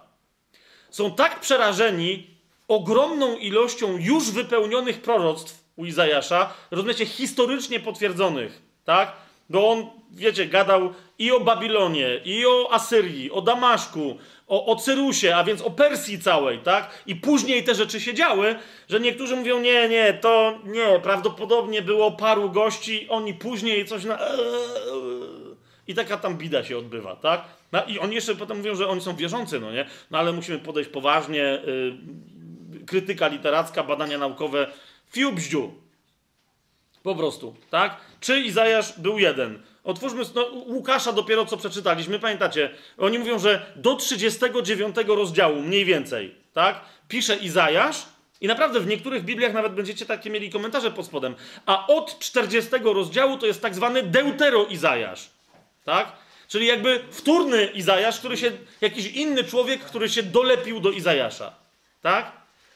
Więc teraz po pierwsze, zwróćcie uwagę, e, dopiero co czytaliśmy w Ewangelii Łukasza, że Jezus otworzył księgę kogo? Księgę Izajasza, na którym rozdziale? Na 61, czyli pod koniec, a wyraźnie Słowo Boże mówi, że czyja to była księga? Izajasza, a nie jakiegoś gościa, który się dolepił, tak? Ale słuchajcie, y, jest, jest jeszcze lepszy, bo niektórzy mówią, że no tak, ale gdyż 12 rozdział, jak sobie otworzymy Ewangelii Jana, po prostu on kończy cały temat, jak dla mnie, tak? Y, po, po prostu kończy cały nie, nie, zupełnie niepotrzebny temat. 12 rozdział Ewangelii Jana, jak sobie otworzycie 37 werset, E, zobaczcie, bardzo interesująca rzecz, aż do finałowego stwierdzenia, które jest w ogóle wstrząsające, ale niech będzie. Zobaczcie, Jezus uczynił tam wiele cudów i teraz komentarz Jana jest następujący. 12 rozdział Ewangelii Jana od 37 wersetu. A chociaż tyle cudów dokonał wobec nich, nie wierzyli w Niego. Aby się wypełniło słowo proroka Izajasza, jakie wypowiedział, Panie, któż uwierzył wieści naszej, a komu objawiło się ramię Pana? A więc wyraźnie y, tutaj Jan mówi, że to jest 53 rozdział Izajasza, y, że to jest rozdział kogo? Izajasza, tak? I teraz kontynuujemy. Dlatego nie mogli uwierzyć, że znowu rzekł Izajasz, w sensie znowu, że w innym miejscu, i tu jest cytat z początku księgi Izajasza, zaślepił oczy ich i zatwardził serce ich, aby nie widzieli, i tak dalej, i tak dalej. Cały 40 werset, tak? A więc mamy dwa cytaty z początku i z końca księgi Izajasza, które wyraźnie mówią, że to jest księga tego samego Izajasza. Ale żeby już w ogóle nie było niejasności, zobaczcie, co mówi 41 werset. To powiedział, obydwa, obydwa te cytaty, tak? To powiedział Izajasz, gdyż ujrzał chwałę Jego i mówił o Nim. Znaczy Jezusa chwałę, tak? Bo tutaj chodzi o to, że, zobaczcie 37 werset, że nie wierzyli w Niego, czyli w Jezusa, tak? I teraz... Yy, potężne, wstrząsające stwierdzenie. Bo jak macie takie stwierdzenie w Ewangelii Jana, to znaczy, że, że Jan mówi, yy, wy znacie księgę Izajasza, to wiecie o czym ja mówię. To, bo, bo on wiedział, że to Żydzi też będą czytać, tak? Więc on mówi, Izajasz ujrzał chwałę Jezusa, a wyście go na oczy widzieli i nie, i nie mogliście tego zrozumieć, a on zobaczył jego chwałę, zanim go fizycznie widział. Zobaczył jego chwałę i o nim mówił. Teraz jest pytanie do ciebie. Jak będziesz czytać księgę Izajasza, czy jesteś w stanie wskazać wszystkie fragmenty, których Izajasz mówi, że widzi chwałę Jezusa i właśnie o nim mówi? Jak będziecie czytać Izajasza, pamiętajcie o tym fragmencie z Jana, tak? Że Izajasz o tym zaświadcza, Słowo Boże, ujrzał chwałę Jezusa i o nim mówił wprost, bezpośrednio. Ja wam oczywiście wiele takich fragmentów dzisiaj przytoczę, wiele, ale chodzi mi konkretnie, bo one nie wszystkie będą mówić o chwale Jezusa. Tak? Wiele fragmentów w ogóle na temat Jezusa. E, w ogóle, wiecie, szokujące jest, tak między nami mówiąc, jak e, się czasem rozmawia, ja ostatnio akurat nie miałem żadnej takiej, ale, ale, ale miałem takie okazje wcześniej, e, z, wiecie, z, z, z, Żydami, takimi z Izraela, tak? Nie chodzi mi o wyznawców judaizmu, tylko takich ateistów, niewierzących Żydów, tak? I oni mówią, że nie, no my wiesz, kulturowo nie wierzymy w Jezusa, bo no coś ty, no nie? Jest, wiesz, jest judaizm i to, ale ja jestem niereligijny, mówi mi taki Żyd, tak? A chrześcijaństwo, to wiesz, no to, ale ja jestem Żydem, no nie? To jak już bym na coś się nawracał, to na judaizm, no nie? Mówi, no dobrze, ale wiesz, no ale co jeżeli, wiesz, zostaw to, co myślisz na temat chrześcijaństwa, co to jest, zostaw to, co myślisz na temat judaizmu, co to jest, już cię pytam, rozumiesz, jest księga starożytna, o której ty wiesz, że istnieje. Mówi, no tak, no Tanach, okej. Okay. Co jeżeli tam Jezus jest opisany? I jest takie, wiecie, tam, spoko, no nie? No mówię, no ale co jeżeli jest? Ja ci to pokażę. No wiem, że tam będziesz wynajdywał, że coś tam, coś tam i powiesz, i tu jest Pan Jezusek twój, no nie? Ale tam, wiesz, no nie, ja w to nie uwierzę. I potem, rozumiecie, pokazujesz komuś, kto, kto kogo sercu i w którego uszach hebrajski brzmi, tak? Po prostu, bo ja, bo ja mówię, to bo ja ci po polsku to pokażę, czy po angielsku, tak? A ten ktoś jest w stanie otworzyć, wiecie, po hebrajsku, tak? I naprawdę ci ludzie mają reakcję od potężnego wzruszenia do wręcz zdruzgotania. Rozumiecie, bo oni mówią, to nie może być nikt inny. To jeszcze nie oznacza, że się od razu, wiecie, nawracają i wierzą, ale to jest takie, wiecie, to jest takie, ej, to nie może być nikt inny. Znaczy, taki gość już był, no nie, to, to jest on, to jest Jezus. To jest, wiecie, to jest jednoznaczna reakcja. Potem są różne y, od lęku, po muszę lecieć do rabina, niech mi to wyjaśni, y, albo dobra, nie interesuje się tym, albo niektórzy mówią, powiedz mi o nim coś więcej, tak? Ale, ale nie ma, zwłaszcza przy Izajaszu, nie ma w ogóle u większości z nich cienia wątpliwości, że okej, okay, to jest ten gość, to jest on. Jak już mamy więc rozwiązaną kwestię, ilu było Izajaszów, i wiemy, że był jeden i był prorokiem, widział chwałę Jezusa, to Izajasz, nie wszyscy prorocy tak mają, tak? Ale gdy chodzi o Izajasza, e, jako prorok mówi o czterech warstwach zdarzeń i o czterech prawdach, w w, w, które u innych proroków się pojawiają albo ta, albo tamta, albo ta z tą, ale u niego są wszystkie. Po pierwsze, o jakich teraz warstwach yy, znaczeniowych mówię? Chodzi o rzeczy, które, kiedy Izajasz je zapowiadał, dopiero były przyszłością, ale z naszego dzisiaj punktu widzenia one się już zdarzyły albo później, za czasów y, życia Izajasza, albo po tym, jak umarł. Ale one się już zdarzyły, i teraz uwaga, zdarzyły się zanim jeszcze Pan Jezus w ogóle pierwszy raz przyszedł, tak? Czyli mówimy o pewnych wydarzeniach, które Izajasz zapowiadał w starożytności. Dla, dla przykładu, bo, bo, znajdziecie ich znacznie więcej, ale no to ja was zachęcam do lektury, a nie uprawiam ją, y, jej za was. Siódmy rozdział, jak sobie zobaczycie Izajasza, ósmy werset, E, tam mamy na przykład zapowiedź upadku e, Samarii. Tak? Niektórzy mówią upadku Efraima. Chodzi po prostu o upadek Królestwa Północnego. I teraz, y, jak sobie po, po, po, popatrzycie, kiedy Izajasz wypowiada to proroctwo, teraz nie mamy czasu, żeby się tym w ogóle zajmować, ale jak zobaczycie, kiedy Izajasz wypowiada to proroctwo, ma na to świadków, mamy też świadków w Biblii na ten temat i podaje konkretny czas, tak? I, a potem zobaczycie, kiedy rzeczywiście Samaria upadła, podbita przez y, Asyrię, no to to jest y, jedna ze zdumiewających rzeczy, tak? To jest siódmy rozdział, ósmy werset. Stolicą Aramu jest Damaszek, a głową Damaszku jest Resyn.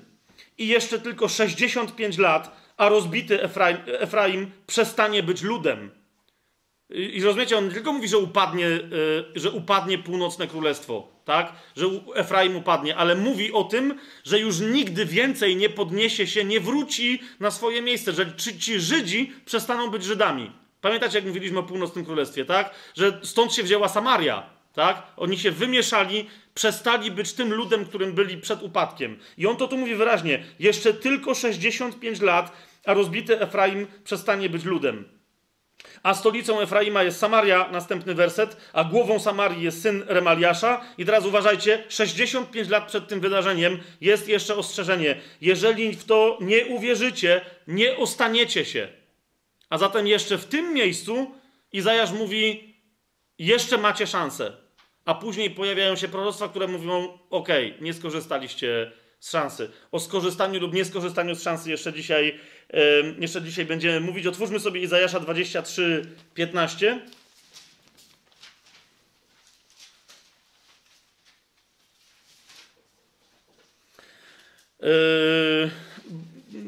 Bardzo, bardzo, bardzo, bardzo interesujące, ponieważ z historii skądinąd wiemy o tym, że, że coś takiego miało miejsce. Izajasz zapowiada kompletny upadek Tyru, e, a potem e, mówi konkretnie po ilu latach Tyr się jednak podniesie i wróci do swojej sławy handlowej. Tak? 23 rozdział, 15 werset. I stanie się w owym dniu, że Tyr będzie zapomniany na 70 lat, odpowiednio do wieku jednego króla. Ale po upływie 70 lat powiedzie się Tyrowi, tak jak mówi pieśń o nierządnicy, weź lutnie, obchodź miasto, zapomniana nierządnico, graj dobrze, śpiewaj dużo, aby sobie przypomniano o tobie. Okay? I rzeczywiście później to miało miejsce. Tak? Czyli Izajasz wyznacza dzień i mówi: Od tego dnia przez 70 lat Tyr będzie wyglądało, jakby przestał istnieć, a wróci e, do swojej sławy. Jeszcze mamy Izajasza 14 rozdział. E, nie 14, tylko 16, gdzie mówi o upadku Moabu. Zobaczcie, Izajasz, e, tylko wam pokazuję pewne, pewne takie przykładziki, znajdziecie tego znacznie więcej. Izajasz 16 rozdział, 14 werset. Bo tam wcześniej pada przez cały 16 rozdział, tam jest słowo na temat Moabu, także przypomnienie Moabowi, co już było prorokowane na jego temat. W 13 wersecie mówi Izajasz, oto słowo, które Pan wypowiedział niegdyś o Moabie. I tu się pojawia 14 werset, czyli mówi, mieliście proroctwo, mogliście z czymś zrobić, coś z nim zrobić, a teraz Teraz mówi Pan tak: dokładnie za trzy lata, obliczone ściśle jak lata najemnika, będzie chwała Moabu, mimo jego wielkiej liczebności, wzgardzona, a resztka będzie bardzo mała i bez znaczenia. Tak? I zobaczcie sobie 21 rozdział. Ale widzicie, to jest to samo, co z Samarią, tak? Tu Moab się dowiaduje, mieliście wcześniej proroctwa, mogliście postąpić inaczej. Teraz, to wam mówię, za trzy, za trzy lata będzie nędza. 21 rozdział się do tego samego Moabu yy, odnosi. 21 rozdział, 16 werset. Tak bowiem rzekł Pan do mnie dokładnie za rok, czyli to jest dwa lata po wcześniejszym proroctwie, dokładnie za rok, obliczony ściśle jak rok najemnika, skończy się wszelka wspaniałość Kedaru. To jest Moab. A resztka z liczby łuczników, rycerskich synów Kedaru, będzie nieliczna, gdyż Pan, Bóg Izraela, tak powiedział. Koniec. Teraz dostajecie tylko informację, co się stanie. Możecie uciekać z Moabu, możecie go zostawić. Jak tam zostaniecie, e, to po prostu będziecie musieli się zmierzyć. E, będziecie się musieli zmierzyć e, z faktami. Tak? Jeżeli. Oczy, oczywiście jednym z takich, takich, jedną z takich gigantycznych zapowiedzi, które się wypełniły następnie, kilkaset lat później, jest, jest zapowiedź jest ten sławny list do Cyrusa, tak? To tylko wam przypominam, jak sobie otworzycie Izajasza 45 rozdział.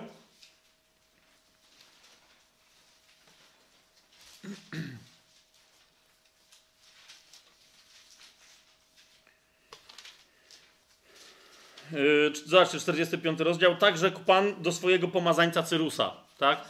Słucham? 45 rozdział, yy, pierwszy werset.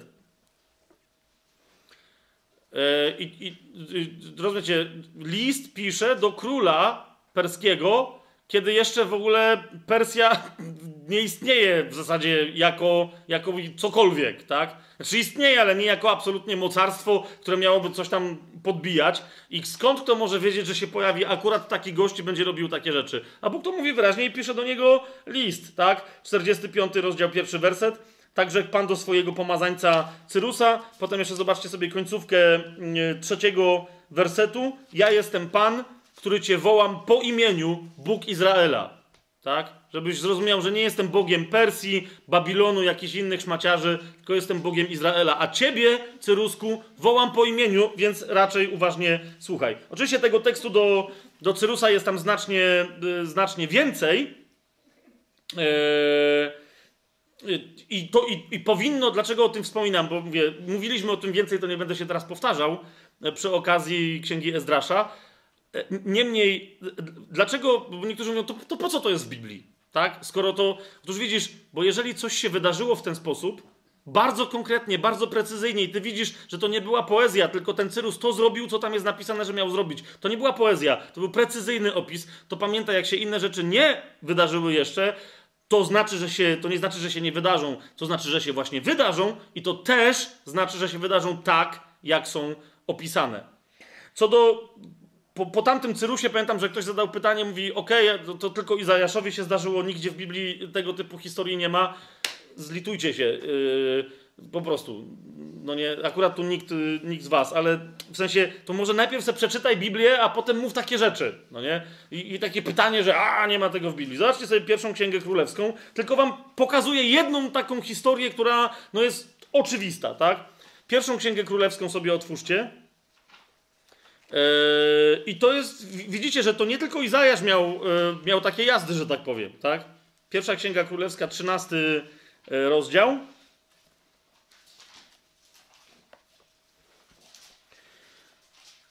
Pamiętacie Jeroboama, tak? Tego bałwochwalcę, który w Betel se tam i nie tylko postawił złotego cielca i powiedział, że to jest Jachwę, tak? I wymyślił tam, kiedy, jakie są dni święte. To, że wymyślił te dni, to jest 12 rozdział, 33 werset, Tak? I teraz zobaczcie, 13 rozdział od pierwszego wersetu, co się wtedy dzieje? Już po prostu takie straszne rzeczy tam się działy, że Bóg wysłał konkretnego gościa z konkretnym objawieniem. Przyszedł z Judy do Betelu na rozkaz Pana mąż Boży. A Jeroboam stał właśnie przy ołtarzu, aby złożyć ofiarę z kadzidła. No wiecie, przy cielcu, tak? I zawołał na rozkaz Pana w stronę ołtarza ten mąż Boży, tak? W obecności Jeroboama. Zupełnie go to, wiecie, waliło, że król, czy taki król to człowieku. Słuchaj, co ja mam do powiedzenia. I najlepsze, że nie odezwał się królu, królu, mam ci coś do powiedzenia, tylko odezwał się do ołtarza. Króla w ogóle olał. Mówi, dobra, ty nie wiesz w ogóle o co chodzi. Mówi, ołtarzu, ołtarzu, tak mówi Pan. Oto w rodzie Dawida na, narodzi się syn imieniem Jozjasz on zgładzi na tobie kapłanów wzgórz, którzy na tobie kadzą i spali na tobie kości ludzkie. Dał też znak tego samego dnia, mówiąc: Taki jest znak, że Pan to powiedział. Oto ołtarz ten rozpadnie się i popiół, który jest na nim, rozsypie się. I tak dalej, i tak dalej, tak? No więc się pojawia jakiś taki gość i tak gada. Niektórzy mówią: No dobra, ale Jozjasz, jak sobie sprawdzicie, y, kiedy się pojawił Jozjasz, no też rzucam wam delikatne wyzwanie, żebyście policzyli, ile, nie dziesiąt, ale set lat później bo tam jest jednak spora różnica, tak? Dobra, może nie, no, no tak, to nie jest wiele set, ale trochę set. No nie, tam, tam jest. Ile, ile lat później dopiero po tym proroctwie pojawia się Jozjasz, tak? To jest dosyć łatwo policzyć, bo, bo ciągi są opisane w, i w księgach królewskich, i w księgach kronik, a, e, a Jozjasz pojawia się oczywiście w drugiej księdze kronik, tak? E, nie kronik, tylko królewski, w 23 wersecie. I zobaczcie, co się tam dzieje. W 23 rozdziale, yy, nie wersecie, w 23 rozdziale. Yy, no i tam jest opis, yy, macie od piątego wersetu, co robi Jozjasz, tak? I tam, wiecie, ogólna po prostu demolka, tak? 23 rozdział, pośledźmy od 13 wersetu. Co on tam, bo on tam od 5 wersetu rozwala, tak, ale od 13 wersetu. Świątynki na wyżynach, które stały naprzeciw Jeruzalemu, na południe od góry zatracenia, które Salomon, król, izraelski, zbudował dla Aszery, ohydy Sydończyków, dla Kamosza, ohydy, ohydy Moabitów i dla Milkoma, obrzydliwości Amonitów, król kazał zbezcześcić. Rozumiecie, rozwałka, obsikać to, wpuścić na to psy, niech tam żygają, czy coś w tym stylu, no nie? Żeby ludzie wiedzieli, że to jest syf.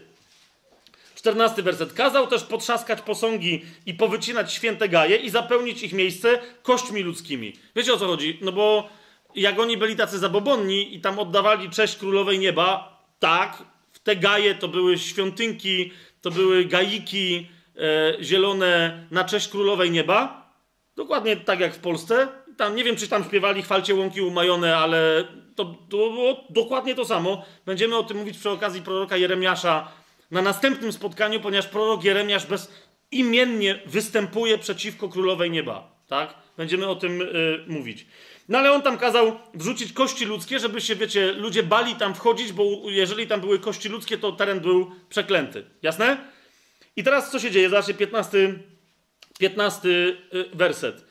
Również i ołtarz w Betel to jest ten sam ołtarz, przy którym prawie 200 lat. No już wam powiedziałem. Eee, okej, okay, no to wam dałem zagadkę. W każdym razie, tak, no okej, okay. Eee, tam gdzie ten e, mąż Boży przyszedł, to jest ten sam ołtarz, tak? Również i ołtarz w Betel, w świątynce wyżynnej, który kazał sporządzić Jeroboam, syn Nebata, przez co wciągnął w grzech Izraela, również ten ołtarz w świątynce wyżynnej kazał zburzyć, świątynkę zaś spalić i zetrzeć na proch oraz spalić posągi Aszery. To jest ta sama pani, tak? Yy, ta bogini. A gdy Jozjasz odwrócił się, ujrzał groby, które tam były na górze, kazał więc zebrać kości z grobów i spalić je na ołtarzu, bezczeszcząc go w ten sposób, zgodnie ze słowem Pana, które wyrzekł mąż Boży, zapowiadające te rzeczy. Tak? Więc, bo te groby tam też były, wiecie, groby świętych męczenników, tam jakieś brednie. Tak? O, okej. Okay. I teraz, następnie zapytał, a co to za pomnik, który tu widzę? Odpowiedzieli mu ludzie z tego miasta, a to jest grobowiec męża Bożego, który przybył z Judei i zapowiedział te rzeczy, których właśnie dokonałeś z ołtarzem w Betel. Tak? Na co Jozjasz stwierdził, a okej, okay, czyli ja tu w sumie robię, co było zapowiedziane. No tak. No to on rzekł, okay, to pozostawcie go i niech nikt jego kości nie rusza. Zachowali więc te kości wraz z kośćmi proroka, który przybył z Samarii. Tak? Wiecie o co mi chodzi? To, to nie jest tylko, i to nie jest Izajasz. To jest zupełnie inny prorok, który robi dokładnie to samo. Tak? Przychodzi do Jeroboama i mu mówi: Dobra, minie trochę czasu, ale przyjdzie gość i będzie się nazywał Jozjasz, tak? I zrobić ci tak i tak tutaj na tym miejscu. Tak się skończy całe to dziadostwo. I sami widzicie, przychodzi gość imieniem Jozjasz, robi co ma robić, a potem się dowiaduje, stary, super, no bo właśnie to miałeś zrobić. No nie? Nie jest tylko jedna taka historia yy, z Cyrusem w Biblii. A zatem mamy yy, u Izajasza yy, rzeczy, które już się, które, których, które on zapowiedział, które dla niego były przyszłością, ale jeszcze zanim przyszedł Pan Jezus, już się stały faktem.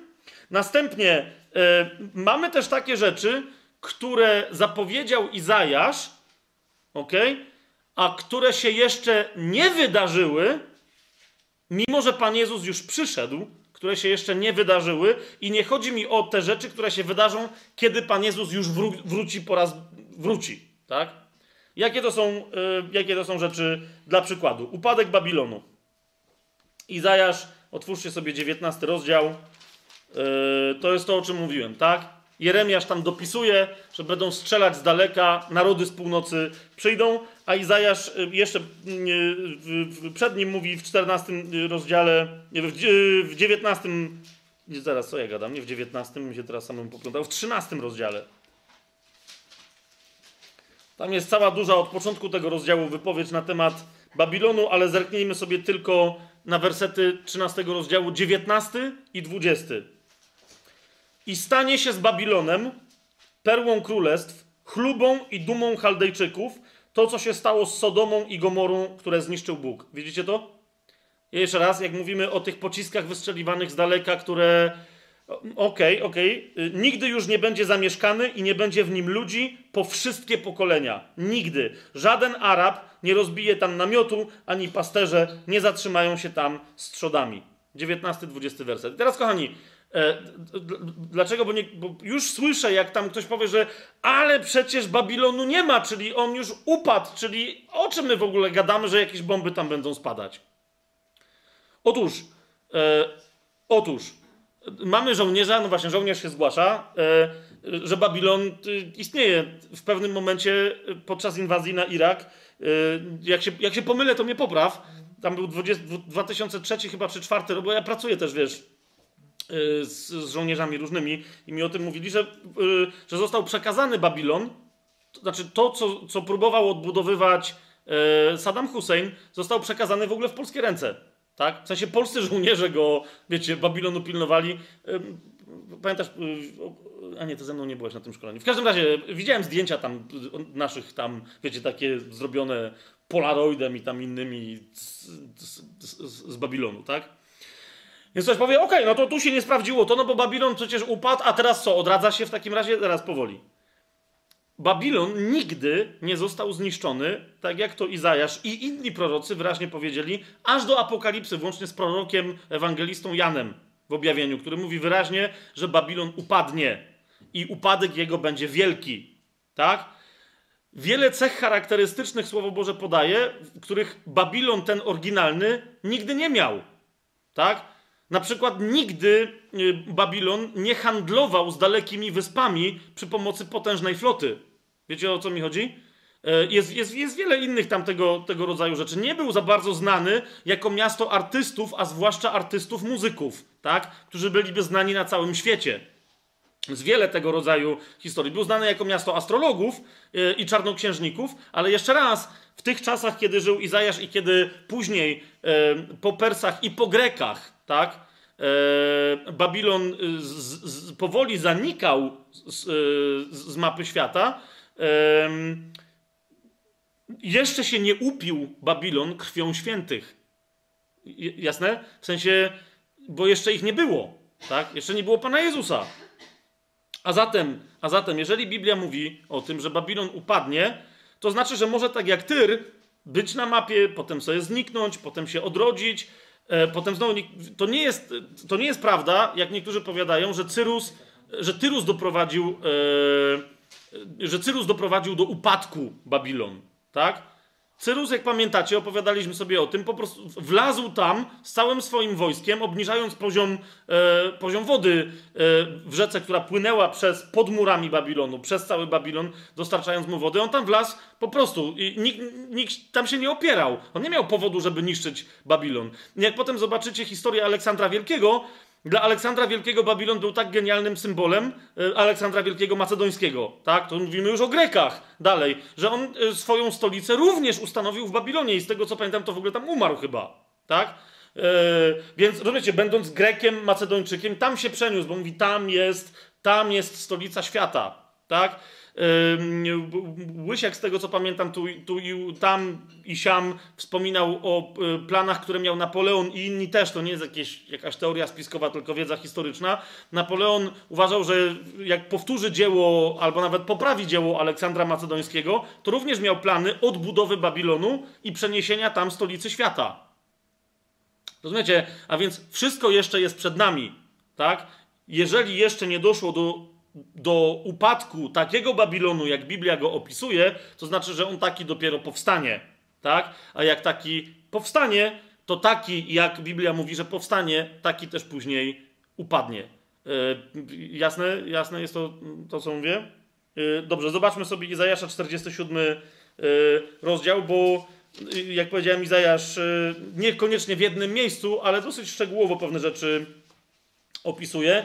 Zobaczcie sobie pierwszy werset. On mówi nie tylko o tym, że miasto Babilon upadnie, ale też to, co Apokalipsa nazywa y, y, wielką nierządnicą, tak? Y, Babilonem duchowym, tak?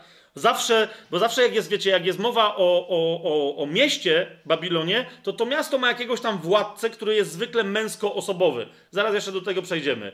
Ale gdy chodzi o ten system magiczny, tak? Antyboży, wieży Babel, czy właśnie Babilonu, tak? System wręcz satanistyczny, on jest zawsze przedstawiany jako nierządnica babilońska, tak? Pamiętacie, przy psalmach też żeśmy nieco o tym wspominali. Apokalipsa, ona się tylko, Jan w Apokalipsie czy w objawieniu, on się posługuje tylko i wyłącznie tym, co między innymi na temat, e, co właśnie Księga Hymnów, czyli Księga Psalmów mówi na temat Babilonu, Izajasz, Jeremiasz i inni. On tylko powtarza ich określenia.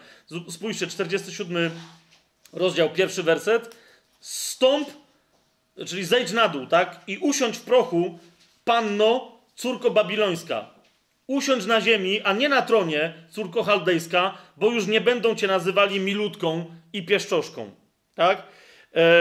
I tu się ciągnie cały ten, y, cały ten tekst, bo on się tu y, przez w zasadzie cały rozdział ciągnie, ale przeskoczmy do dziesiątego wersetu, y, żeby oszczędzić troszeczkę tu na, na czasie. I zobaczcie, czy wam to nie brzmi jak objawienie Janowe a tak czułaś się bezpieczna w swojej złości. Mówiłaś: Nikt mnie nie widzi.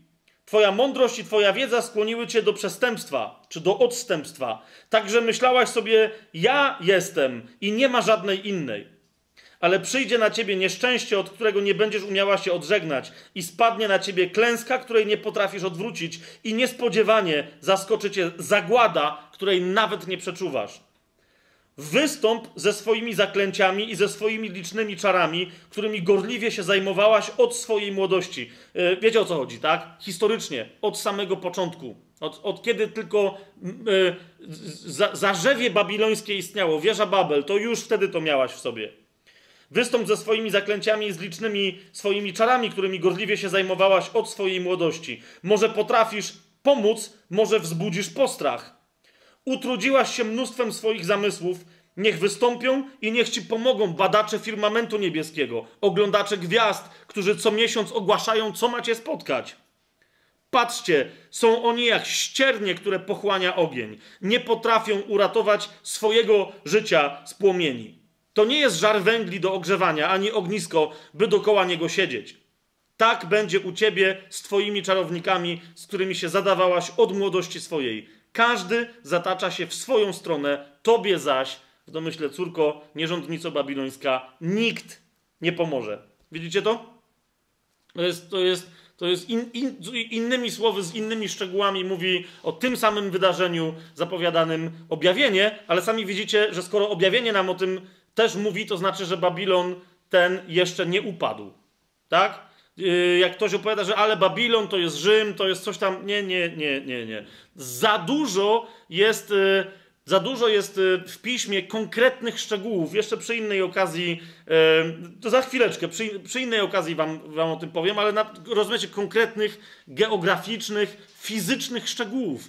Tak? Że na przykład po upadku Babilonu zmieni się wygląd rzeki Eufrat tak? I że będzie wyglądała inaczej, i że będzie można przez nią, będzie taka płyciutka, podzieli się na siedem strumieni, że będzie można było przez nie przechodzić w sandałach, tak? Że się zmoczy trochę nogi, ale nie będzie powyżej kostek. Łapiecie, po co by ktoś miał podawać taki szczegół, jeżeli by Babilon miał symbolizować Rzym, tak? Przez, gdzie, gdzie tam jaki płynie Eufrat i o co tam w ogóle miałoby, e, miałoby chodzić. Ale teraz, przy tej okazji, Otwórzmy sobie sławny czternasty rozdział Izajasza, gdzie się pojawia, bo to jest inny, inny temat, innego rodzaju podejście do, e, do tematu babilońskiego. Tak? E, to, to jest e, powszechnie znane jako szydercza pieśń przeciwko królowi babilońskiemu. Zwróćcie uwagę, przeciwko królowi babilońskiemu, a nie przeciwko nierządnicy, czy nie przeciwko córze babilońskiej. Tak? I rzeczywiście jest tu wypowiedź na temat y, rządzącego w Babilonie jakiegoś tam władcy, ale niektórzy przeżywają po, poważne, wiecie, zmieszanie, kiedy nagle słyszą, że ten fragment, ten tekst, mm, aż do 23 wersetu 14 y, rozdziału on się ciągnie, że jest też wykorzystywany, żeby opowiadać o szatanie, o Lucyferze. Tak? Który nie, nie, niektórzy powiadają, pojawia się od 12 wersetu. Zobaczcie. O jakże spadłeś z nieba ty, gwiazdo jasna, synu jutrzenki, powalony jesteś na ziemię, e, pogromco narodów. I ten tekst, y, do niego się tyczący, ciągnie się aż do 19 wersetu. Otóż tu mamy przykład, klasyczny przykład, nie jedyny w Biblii, ich jest mnóstwo, ale tu mamy klasyczny przykład tego, że mówiąc e, do konkretnej historycznej postaci króla babilońskiego, władcy Babilonu, tak, kto wie, czy nie tego, e, rozumiecie, e, który będzie realnym władcą Babilonu, tego, który dopiero ma powstać. Wiecie o co, o co mi chodzi, tak? E, że Izajasz mówiąc do niego, prorokując jemu, porównał go, i to jest bardzo znaczące, że pewien sposób jego myślenia pochodzi bezpośrednio od Lucyfera. Wiecie o co mi chodzi? I dlatego jakby w pewnym momencie mówi jednocześnie do niego i jednocześnie do Lucyfera. Tak? I niektórzy mówią, nie, nie, ale to on musi mówić do, tylko do jednego. Nie, nie musi mówić. Tak? Czyli y, może do tego króla y, powiedzieć, jakże spadłeś z nieba, w sensie, że był wysoko wyniesiony i bardzo nisko upadł, tak? Ale jednocześnie naprawdę, zwłaszcza, że mamy parę innych równoległych tekstów. Dzisiaj nie będziemy się w ogóle zajmować, wiecie, szatanem, tak? On się pojawi przy innej okazji, przy okazji innego, e, innego proroctwa i do tego tekstu jeszcze wrócimy. Ale idzie mi o to, że fakt, że to jest opowieść o e, konkret, mowa do jednej konkretnej historycznej postaci, nie zmienia też tego faktu, że w środku jednocześnie jest mowa do innej postaci, też historycznej tak? która wciąż jeszcze na tym świecie działa. Teraz zobaczcie, jak wyjmiemy sobie 12 do 19 wersetu, czy nie pasuje to idealnie po prostu do opisu, może to pasować do opisu tego króla. Jak on przyjdzie i Babilon pod jego władzą będzie musiał upaść, no to musi być ducha szatańskiego, tak? No ale zobaczcie, jakże spadłeś z nieba, gwiazdo jasna, synu jutrzenki. Stąd się zresztą, wiecie, bierze ten sławny Lucyfer, tak? E, bo to jest po, po łacinie e, wulgata była tłumaczona, tłumaczeniem łacińskim, e, oznacza tego, który niesie światło, tak? Albo niosącego jutrzenkę, czy niosącego kaganek światła, tak? Stąd, nawiasem mówiąc, wszędzie, gdzie macie mit tak zwany prometejski, mit Prometeusza, który ukradł bogom światło i przyniósł łaskawie ludziom, bo bogowie byli źli, to macie opowieść o tym samym zawodniku, tak? To, to, to jest szatan. To, to jest grecka wersja Lucyfera, ale to jest, to jest to samo. Niektórzy zresztą dzisiaj, e, żeby nie być, żeby się nie rzucać w oczy, e, bardzo, bardzo chcą w, w literaturze, w kinie, w teatrze i w innych miejscach wychwalać Lucyfera, ale żeby się nie rzucać jeszcze w oczy, bo jeszcze dla niektórych to jest nie do przełknięcia, chociaż żyjemy w mocno satanistycznej i lucyferiańskiej e, kulturze już dzisiaj. Tak o tym też kiedy indziej sobie więcej powiemy. ale żeby nie, nie, nie wyszło, że mówią tak naprawdę o szatanie, tak? E, o jego wpływie na, na ludzi kiedyś i dzisiaj, to właśnie powołują się bezpośrednio na mit prometejski.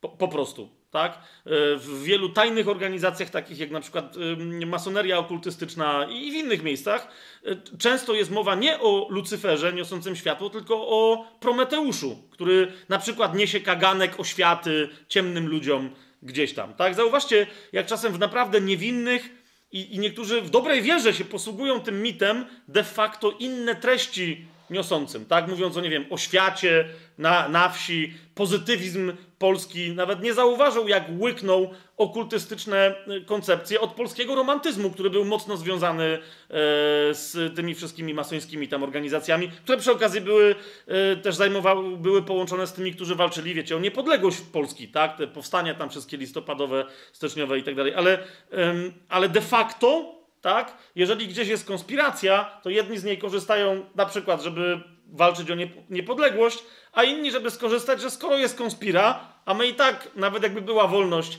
działalibyśmy w konspirze, no to czemu by w ramach tej konspiry trochę pogadamy o niepodległości, ale przekażemy też swoją dark agenda, tak? Swo swoje yy, yy, mroczne zamysły.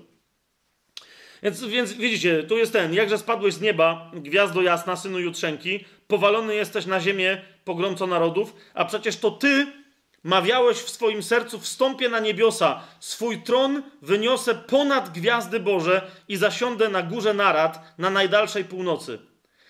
I teraz zobaczcie, któż mógł coś takiego powiedzieć? Wstąpię na szczyty obłoków, zrównam się z najwyższym. Wiecie o co mi chodzi? No tu jasne, że jakiś król może mieć taką myśl, tak? U, u, wielu władców się pojawiała myśl, że oni są bogami, ale oni zwykle, wiecie, byli i tak politeistami, że wierzyli w wielu bogów i uznali, ja jestem jednym z wielu bogów, tak? E, a ten tu rozumie, że jest tylko jeden Bóg, tak? Że jest tylko najwyższy i twierdzi, że z tym jednym prawdziwym Bogiem, że jest w stanie się zrównać. Ale co się stało? Ale oto strącony jesteś do krainy umarłych, na samo dno przepaści. Ci, którzy cię widzą, spoglądają na ciebie, przypatrują ci się uważnie i pytają, czy to jest ten mąż, który był postrachem ziemi i trząsł królestwami? Ziemię obracał w pustynię, grody jej burzył, swoich jeńców nie wypuszczał na wolność? Wszyscy królowie narodów spoczywają w chwale, każdy w swoim grobowcu, a ty zostałeś wyrzucony ze swojego grobu jak twór przebrzydły, pokryty pomordowanymi, przebitymi mieczem, stratowany jak ścierwo? No tak.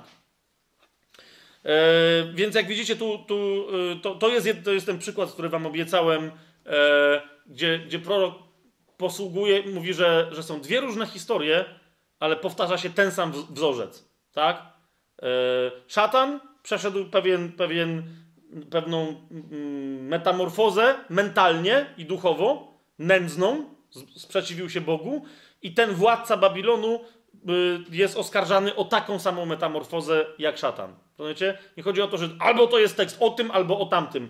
Dla genialnego żydowskiego umysłu w ogóle nie ma, wiecie, takiej koncepcji, że ktoś musiałby, jak mówię o tym, to nie o tamtym. To jest tylko i wyłącznie pogańska, nasza, grecka, łacińska logika e, zero-jedynkowa. Albo to, albo, albo tamto, ale nie a język hebrajski swobodnie może przy okazji jednego wzorca mówić o paru rzeczach jednocześnie.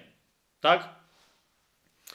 Um, Okej, okay. swoją drogą widzicie, jak mamy 14 rozdział e, tenże i jest mowa o upadku Babilonu jako państwa, chcę wam też zwrócić uwagę, że od 24 wersetu do 27 jest mowa o upadku Asyrii oraz, co bardzo istotne, Asyryjczyka.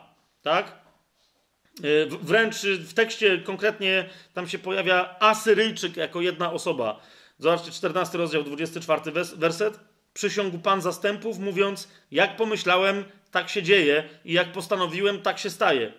Asyryjczyka rozbije na mojej ziemi i na moich górach zdepczę go, aby zdjęte było z nich jego jarzmo, a jego brzemię z ich ramion.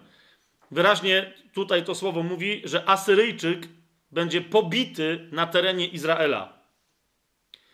Na razie nie będziemy więcej rozwijać tego tematu, ale uważam, że istnieje mnóstwo, mnóstwo konkretnych przesłanek, żeby uznać, że Asyryjczyk to jest antychryst. Ok? Ten tu opisany konkretnie. Ten, który, no tak, bo on zasiądzie w Jerozolimie na tronie i on później z jakiegoś powodu będzie też y, prowodyrem ataku na Jerozolimę, z której prawdopodobnie zostanie wypchnięty. Ale do tego jeszcze, do tego jeszcze wrócimy, tylko zwracam wam uwagę, że po upadku Babilonu, o którym wiemy z Księgi Objawienia, że upadnie właśnie dlatego, że przeciwko niemu jego dotychczasowy sprzymierzeniec, sam szatan i antychryst przeciwko niemu się zwrócą. Pamiętacie, już kiedyś żeśmy o tym wspominali. E, to tutaj widać, że upadnie Babilon, a potem ten, kto się prawdopodobnie przyczynił do upadku Babilonu, czyli Asyryjczyk, sam też upadnie e, na ziemi izraelskiej. W wielu innych e, miejscach Biblia o tym bardzo, bardzo przejrzyście opowiada. I jeszcze tylko, żeby wam pokazać zagładę Damaszku, bo niektórzy będą mieli jakieś tam zwątpienia. Y, no, wiecie, jaka tu jest poezja? Jak ktoś mi powiedział, że to jest poezja, no nie wiem, ocencie sami 17 rozdział, pierwszy werset. Wypowiedź o Damaszku. Oto Damaszek przestanie być miastem, a stanie się kupą gruzów. No, czy nie wiem, co to jest za poezja, rozumiecie? Damaszek przestanie być miastem, a stanie się kupą gruzów. No jakby ktoś powiedział na przykład, y, wiecie, przy całej mojej, my jesteśmy tu z Krakowa, tak, ale mieszkałem parę lat w Warszawie i nie mówię tego absolutnie w żadnej złośliwości, uwielbiam polskich y, powstańców y, warszawskich, tak, ale to jest, rozumiecie, to tak jakby ktoś powiedział, że, że Warszawa została przez Niemców okupujących Warszawę obrócona, że, że przestała być miastem, a się obróciła w kupę gruzów, tak? To rozumiecie, o co mi chodzi? To jest prawda. Tak się stało, tak?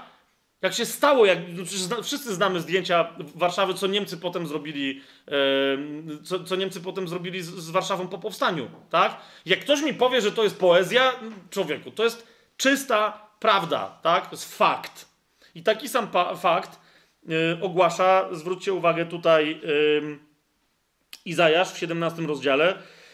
Y, dodatkowo jednocześnie łączy ten upadek Damaszku. W innych miejscach jest powiedziane, że ten Damaszek też tak skończy jak, y, jak Sodoma i Gomora i jak Babilon, tylko że wcześniej. Y, jest tu też powiedziane, że niestety Izajasz nie wie dokładnie czemu, ale że wraz z upadkiem Damaszku dojdzie do straszliwego przetrzebienia Izraela. W sensie liczebności Izraela. A więc możliwe, że, że, że będzie tam, że, że po prostu, że jest tu opisany konflikt, yy, że ktoś zaatakuje Damaszek, a że ktoś, kto będzie zarządzał, że się tak wyrażę, Damaszkiem, bo tam wiecie, nawet teraz nie bardzo wiadomo, kto tam rządzi. Yy, zwracam wam tylko uwagę, że no, ja nie wiem, czy my jesteśmy na progu tego 17 rozdziału, ale ostatnio Turcja przyłączyła się do wojny w Syrii i wyraźnie e, oni powiedzieli, że oni są przeciwko temu, którego Rosja wspiera w Damaszku. Więc wiecie o co mi chodzi? E, niby byli przyjaciółmi te, e, przez ostatnich tam parę miesięcy i nagle. No i nagle Turcja się przyłącza, ale ewidentnie przeciwko Rosjanom. Tak? A chodzi o Damaszek cały czas. Bo jak zobaczycie, ISIS ze swoją wschodnią granicą w zasadzie sięga do przedmieść Damaszku. Tak? Już. Więc nie wiem, co tam się wydarzy. W każdym razie, więc nie wiem, kto zaatakuje. E, nie do końca pismo jest jasne co do tego, kto zaatakuje Damaszek, tak że on się zamieni w kupę gruzów.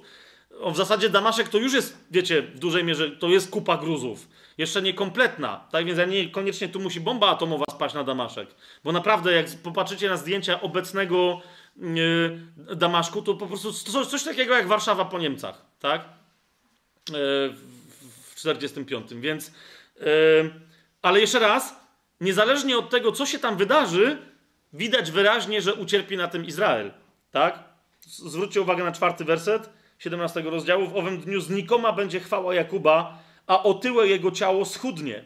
I teraz Izajasz tłumaczy, o co mu chodzi. Będzie tak, jak gdyby żniwiarz zagarnia łodygi zboża, a jego ramię ścina kłosy, tak to zbiera się kłosy na równinie Rafaim i pozostaje na niej pokłosie jak przy otrząsaniu oliwnika. Dwie lub trzy oliwki na wierzchołku, cztery lub pięć na gałęziach owocowego drzewa, mówi Pan Bóg Izraela. E, według mnie, nie będę teraz tego roztrząsał, znowu w innym miejscu sobie o tym powiemy, ale według mnie paralelnym do tego tekstem jest Zachariasz 13:8. E, niektórzy się mogą nie zgodzić, Ale jeszcze raz, to jak przyjdziemy do Zachariasza, to będziemy o tym więcej mówić. To jest Zachariasz 13:8. Według mnie to ten opis tego otrząsania oliwki i tak dalej. Jeszcze raz mówię, będziemy o tym więcej mówić, ale według mnie oznacza to samo, co Zachariasz 13:8, który mówi: I stanie się w całym kraju, mówi Pan, dwie trzecie zginą i pomrą, a tylko trzecia część pozostanie z nim.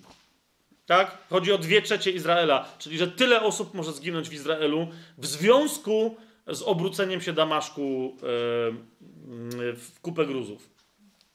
Ale jeszcze, raz, wiecie, ja nie, nie, mówię tego dlatego, że bo potem się znowu zaczną ludzie albo się rzucać, albo zgłaszać, żebym im teraz szczegóły opisywał, co będzie po czym. Wiecie, Nostradamus, tak? Ja tylko mówię o tym dlatego, nie, nie, że wiem dokładnie, jak będzie przebiegać historia. Pewne rzeczy wiemy bardzo dokładnie i do tego dojdziemy. Niektórych nie wiemy. Ja tylko chcę wam pokazać, że, że po prostu, że to jest konkret. Cały czas to, rozumiecie o co mi chodzi? Że to jest konkret, który jeszcze nie cały ten konkret się wydarzył na naszych oczach.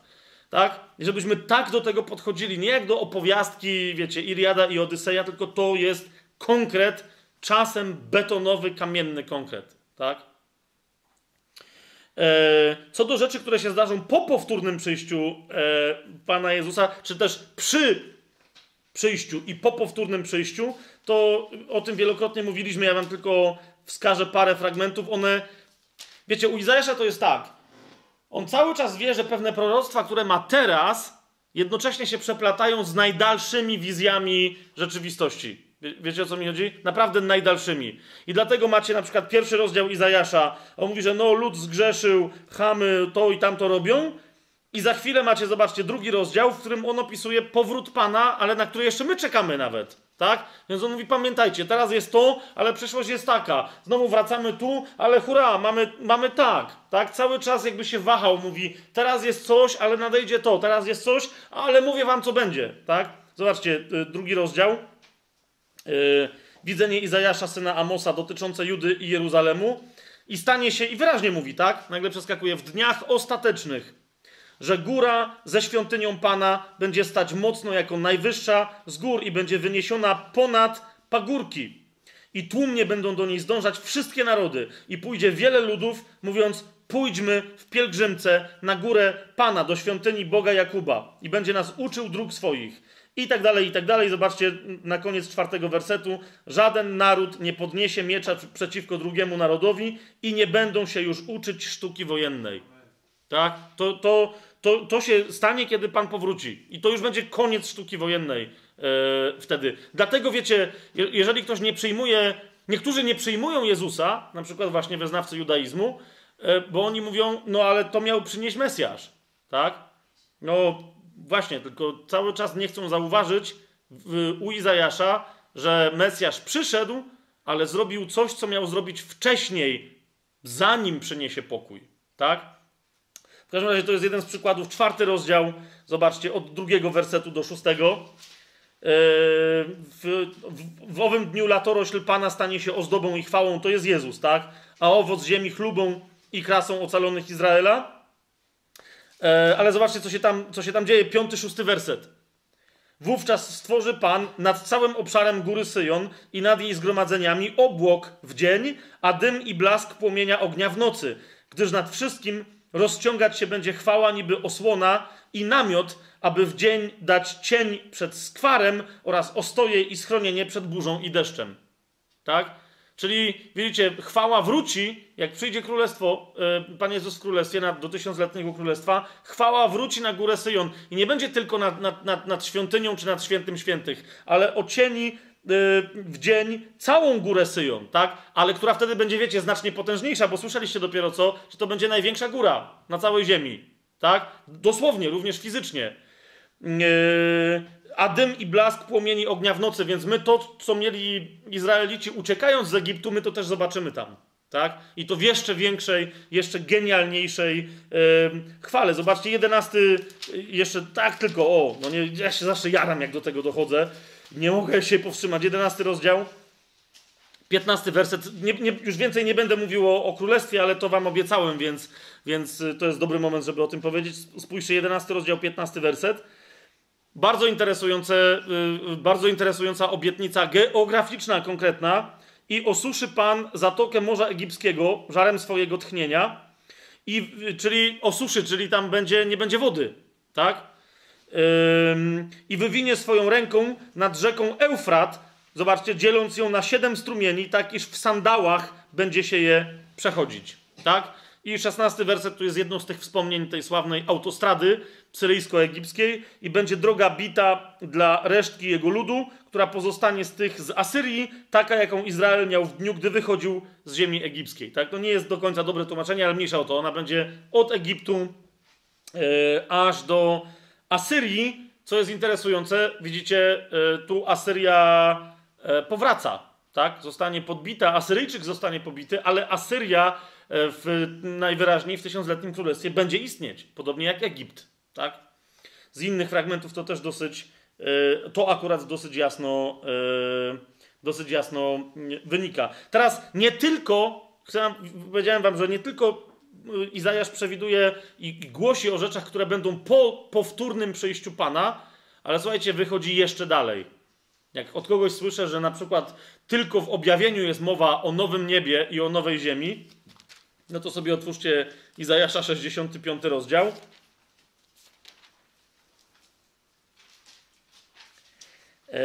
17 eee, werset. Zobaczcie, co Pan tam zapowiada. I to jest łohoho, zanim się jeszcze na świecie e, Jan e, pojawił, tak? A Izajasz co, znaczy Pan przez usta Izajasza co zapowiada? 65 rozdział, 17 werset. Oto ja stworzę nowe niebo i nową ziemię. I nic nie będzie się, i nie będzie się wspominało rzeczy dawnych, i nie przyjdą one na myśl nikomu a raczej będą się radować i weselić po wszystkie czasy z tego, co ja stworzę. Bo oto ja stworzę z Jeruzalemu wesele, a z jego ludu radość. Jest zapowiedź nowej y, ziemi y, i nowego nieba. I do tej nowej ziemi i do tego nowego y, nieba jeszcze raz się Izajasz odwołuje w 66 rozdziale, prawie na końcu swojej księgi, w 22 wersecie. Bo jak nowe niebo i nowa ziemia, które ja stworzę, ostaną się przede mną, mówi Pan, tak ostoi się wasze potomstwo i wasze imię. Ok? Jeszcze raz jest nawiązanie do tego, jest też nawiązanie. A teraz jak się ostoi nowa ziemia i nowe niebo? Na zawsze. Tak? A zatem w taki sam sposób ostanie się też wasze potomstwo i wasze imię. Czyli o nas tu jest mowa. Jak na zawsze. E, teraz wiecie, powiedziałem o różnych rzeczach, które się miały pojawić, już się wypełniły przed przyjściem pierwszym Pana Jezusa, które się e, mają stać po Jego tym pierwszym przyjściu, a jeszcze przed drugim i tak dalej, i tak dalej. Ale najważniejszą postacią, którą Izajasz ogłasza od początku swojej księgi, naprawdę od początku, aż do końca, jest Jezus. Tak? On nie, nie wie, jak on ma na imię, czy podaje wiele jego imion. Akurat Izajasz podaje tyle imion Pana Jezusa, że nikt inny tylu nie podał, tak? Imion, czyli wszystkich jego, wiecie, w, w tej kulturze i w tej umysłowości imię jest także tytułem, tak? Jest, jest tytu, nie tylko tytułem, ale jest źródłem władzy, tak? Jest prawdą, jaką się ujawnia na temat y, danej, yy, danej osoby. I jeszcze raz powtarzam, Izajasz tak jednoznacznie przedstawia yy, Pana Jezusa, że wielokrotnie w historii Kościoła przez wielu wierzących ewangelicznie, biblijnie chrześcijan e, był nazywany, ja też za nimi wobec tego idę, był nazywany ewangelistą wśród proroków. Tak? Ponieważ naprawdę e, chłop głosi Ewangelię. I teraz nie tylko o Panu Jezusie, ale w ogóle rozumiecie, głosi kerygmat, po prostu. Tak? Zobaczcie, on mówi najpierw tak. Bóg, on zawsze, za każdym razem to powtarza, mówi, Bóg jest dobry, jest dobry, jest tylko dobry, jest miłością. Którzy zaraz mi powiedzą, tak, a tam, wiesz, przychodzi, każe, do tego jeszcze przejdziemy, tak? A on mówi, Bóg jest miłością. Natomiast problemem jest grzech. On powoduje, że nie macie właściwej perspektywy.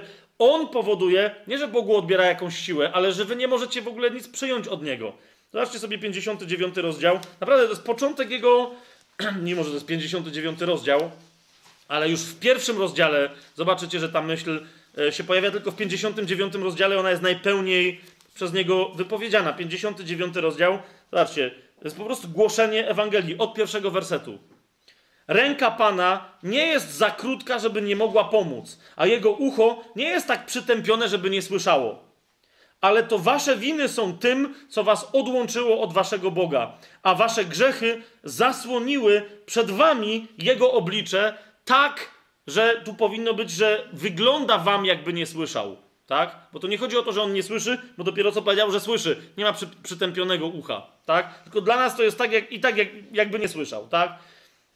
Yy, no i potem jest cały opis tego, czym się charakteryzuje grzech. Nie będę teraz yy, go tutaj yy, rozwijać, ale zobaczcie, jak następnie opisuje, bo potem tam jest mowa o tym, że wiecie, wylęgają jaja bazyliszka, przędą pajęczynę. Dobry jest opis tego grzechu, ale potem mówi, jaki jest stan grzesznika. Rozumiesz, mówi, grzesznik jest taki, zobacz, dziesiąty werset i następny. Wymacujemy jako grzesznicy, tak? Przypomnijcie sobie, teraz jako już święci, ale przypomnijcie sobie stan sprzed Nowego Narodzenia, tak? Wymacujemy ściany jak ślepi i chodzimy po omacku, jakbyśmy nie mieli oczu. Potykamy się w biały dzień jak o zmroku, jak umarli w podziemnej krainie. Mruczymy wszyscy jak niedźwiedzie, albo bez przerwy gruchamy jak gołębie. Oczekujemy nawet sądu, ale go nie ma. Zbawienia, ale ono jest od nas daleko. I tak dalej, i tak dalej. Tak? Wiecie, ludzie, którzy się plączą, szukają ratunku, może tu, może tam, co się dzieje. I teraz Bóg mówi wyraźnie, że chciał bardzo rozpocząć i rozpoczął e, cały swój plan restauracji, odbudowy, zbawienia wszystkich ludzi, e, że planem było, żeby zacząć od Izraela.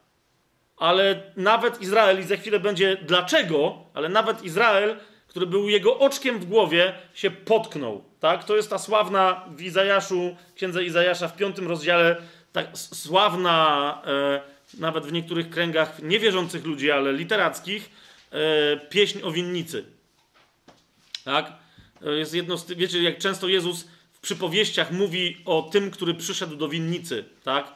E, czy jak mówi o krzewie, winorośli i tak dalej, to tu, tu macie, widzicie, e, konkretne odnośniki i nawiązania, tak? Zaśpiewam mojemu ulubieńcowi ulubioną jego pieśń o jego winnicy. Ulubieniec mój miał winnicę na urodzajnym pagórku. Przekopał ją i oczyścił z kamieni i zasadził w niej szlachetne szczepy. Zbudował w niej wieżę, wykuł w niej prasę i oczekiwał, że wyda szlachetne grona, ale ona wydała złe owoce.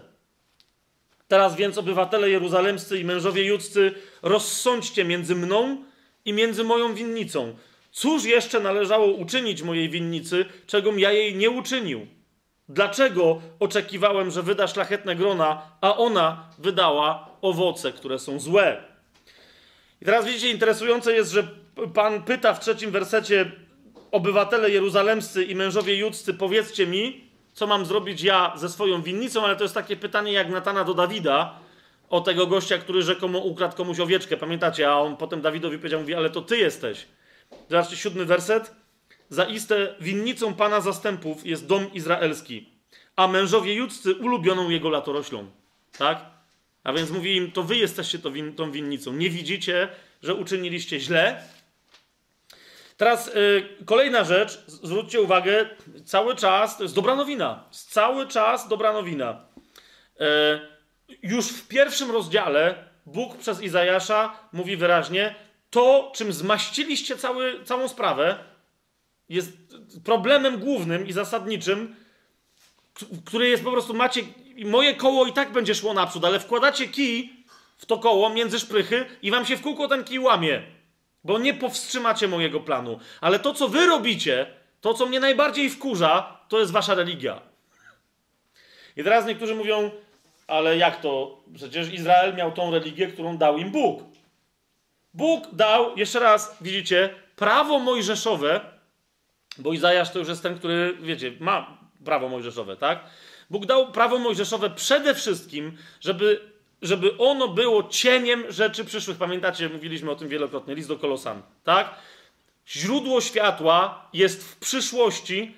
Pewne rzeczy pomiędzy prorokami, czy nawet Izajasz, yy, Mojżeszem, a tym źródłem światła się wydarzyły lub mają wydarzyć, i te rzeczy są zapowiedziane w prawie. Tak? Począwszy od no, tego na czele z tym barankiem składanym w ofierze, e, który, który reprezentuje Chrystusa i tym kapłanem, który składa ofia- baranka w ofierze, który też reprezentuje Chrystusa, tak? Który sam o sobie mówi, że sam siebie składa w ofierze. Nikt mi życia nie odbiera, w Ewangelii Jana mówi, ja sam od siebie je oddaję, tak? To jest to. to, jest to. Więc teraz, jeżeli ktoś to, co Pan dał jako skarb, tak, Izraelowi, jeżeli ktoś wziął ten skarb i pomyślał sobie, o, mamy system. Jeżeli będziemy teraz robić to, co mówi to prawo, które nam dał Pan, to mamy prawo, my, spodziewać się, że On musi dla nas zrobić pewne rzeczy. Tak? Bo jak powyciągacie parę fragmentów ze Starego Przymierza, powiecie, no przecież tak tam jest napisane. No nie, nie, nie tak tam jest napisane. Tak? Jemu chodzi, Bogu od początku zawsze chodziło o miłosną relację ze swoimi ludźmi. Ale, ale e, za każdym razem, jak ktoś jednak przywołuje Księgę Powtórzonego Prawa, Księgę Kapłańską, mówi, ale tu jest tak napisane, to wtedy zawsze mu powiedzcie, że w tym samym Starym Przymierzu, nie w Nowym, jest też napisane to, między innymi, bo to nie jest tylko Izajasz, ale to, o czym mówi Izajasz w pierwszym rozdziale. Zobaczcie, pierwszy rozdział, jedenasty werset Izajasza. Dokładnie Pan mówi o tym wszystkim, co tam ci mówią, ale przecież Bóg to dał. A Bóg mówi, nie, w ogóle mnie to nie interesuje. Dałem wam to, ale nie po to, co wy z tym robicie. Zro... I teraz nie chodzi już nawet, zauważcie, o jakieś cielce, tak? Ale chodzi dokładnie o, o stosowanie przepisów prawa. Bóg mówi, robicie to, ale nie chcecie przylgnąć do mnie swoim sercem. I myślicie, że, że to jest moneta przetargowa. Pamiętacie Hioba i teologię retrybucji, tak? Zrobiliście z tego swoją religię retrybucji. Zobaczcie od 11 wersetu. Co mi, to mówi Pan, tak? Co mi po mnóstwie waszych krwawych ofiar, mówi Pan. Jestem już syty całopaleń baranów i tłuszczu karmnych cieląt i krwi byków i jagniąt i kozłów nie pragnę. Gdy przychodzicie, aby zjawić się przed moim obliczem, któż tego od was żądał, żebyście wydeptywali moje dziedzińce? Rozumiecie, Bóg mówi, a kto w ogóle wam kazał przyłazić do świątyni, łosie? No jak to? No przecież jest to przepisane w prawie, ale po co? I czytamy dalej, 13 werset. Nie składajcie mi już ofiary daremnej. Ja mu, widzicie, cały czas o to idzie.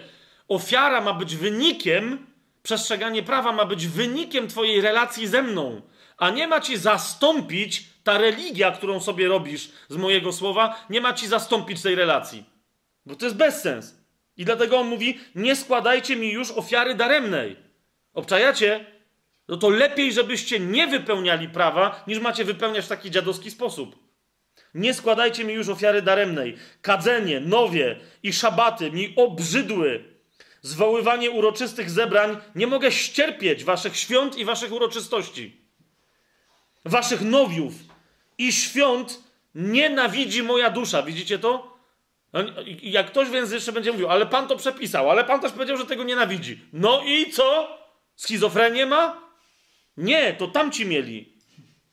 Waszych nowiów i świąt nienawidzi moja dusza. Stały mi się ciężarem, zmęczyłem się e, znosząc je. A gdy wyciągacie swoje ręce, zakrywam moje oczy przed wami, choćbyście pomnożyli wasze modlitwy, nie wysłucham was. Proste, dlaczego? Bo na waszych rękach pełno krwi Obmyjcie się. To jest wołanie Pana, tak? Mówi, o, obmyjcie się. I, I co więcej, już, zobaczcie, już w pierwszym rozdziale, zobaczcie, osiemnasty werset, jaka się pojawia obietnica. Chodźcie, a będziemy się kłócić, mówi Pan. Chociaż wasze grzechy są czerwone jak szkarłat, wybieleją jak śnieg. Chociaż są czerwone jak purpura, staną się bielutkie jak wełna. W sensie, że zostaniecie oczyszczeni z wszelkiego grzechu. Teraz pytanie brzmi, no ale jak? Wypełniamy prawo, łazimy do świątyni, a ty mówisz, że tego nienawidzisz. No to jak my mamy do ciebie przylgnąć? Bo już i tak pogrzeszyliśmy, tak? Boimy się ciebie, próbujemy z tobą handlować, coś tam cudujemy, tak? Bóg odpowiada całemu temu łosiostwu, mówi, no właśnie, no właśnie, no właśnie, tak? Nie może niesprawiedliwy na powrót stać się sprawiedliwym, a więc potrzebujecie kogoś naprawdę sprawiedliwego, kto was wybawi. Zobaczcie 52 rozdział. E, oczywiście cały czas jesteśmy u Izajasza. 52 rozdział, trzeci werset. bo tak mówi Pan.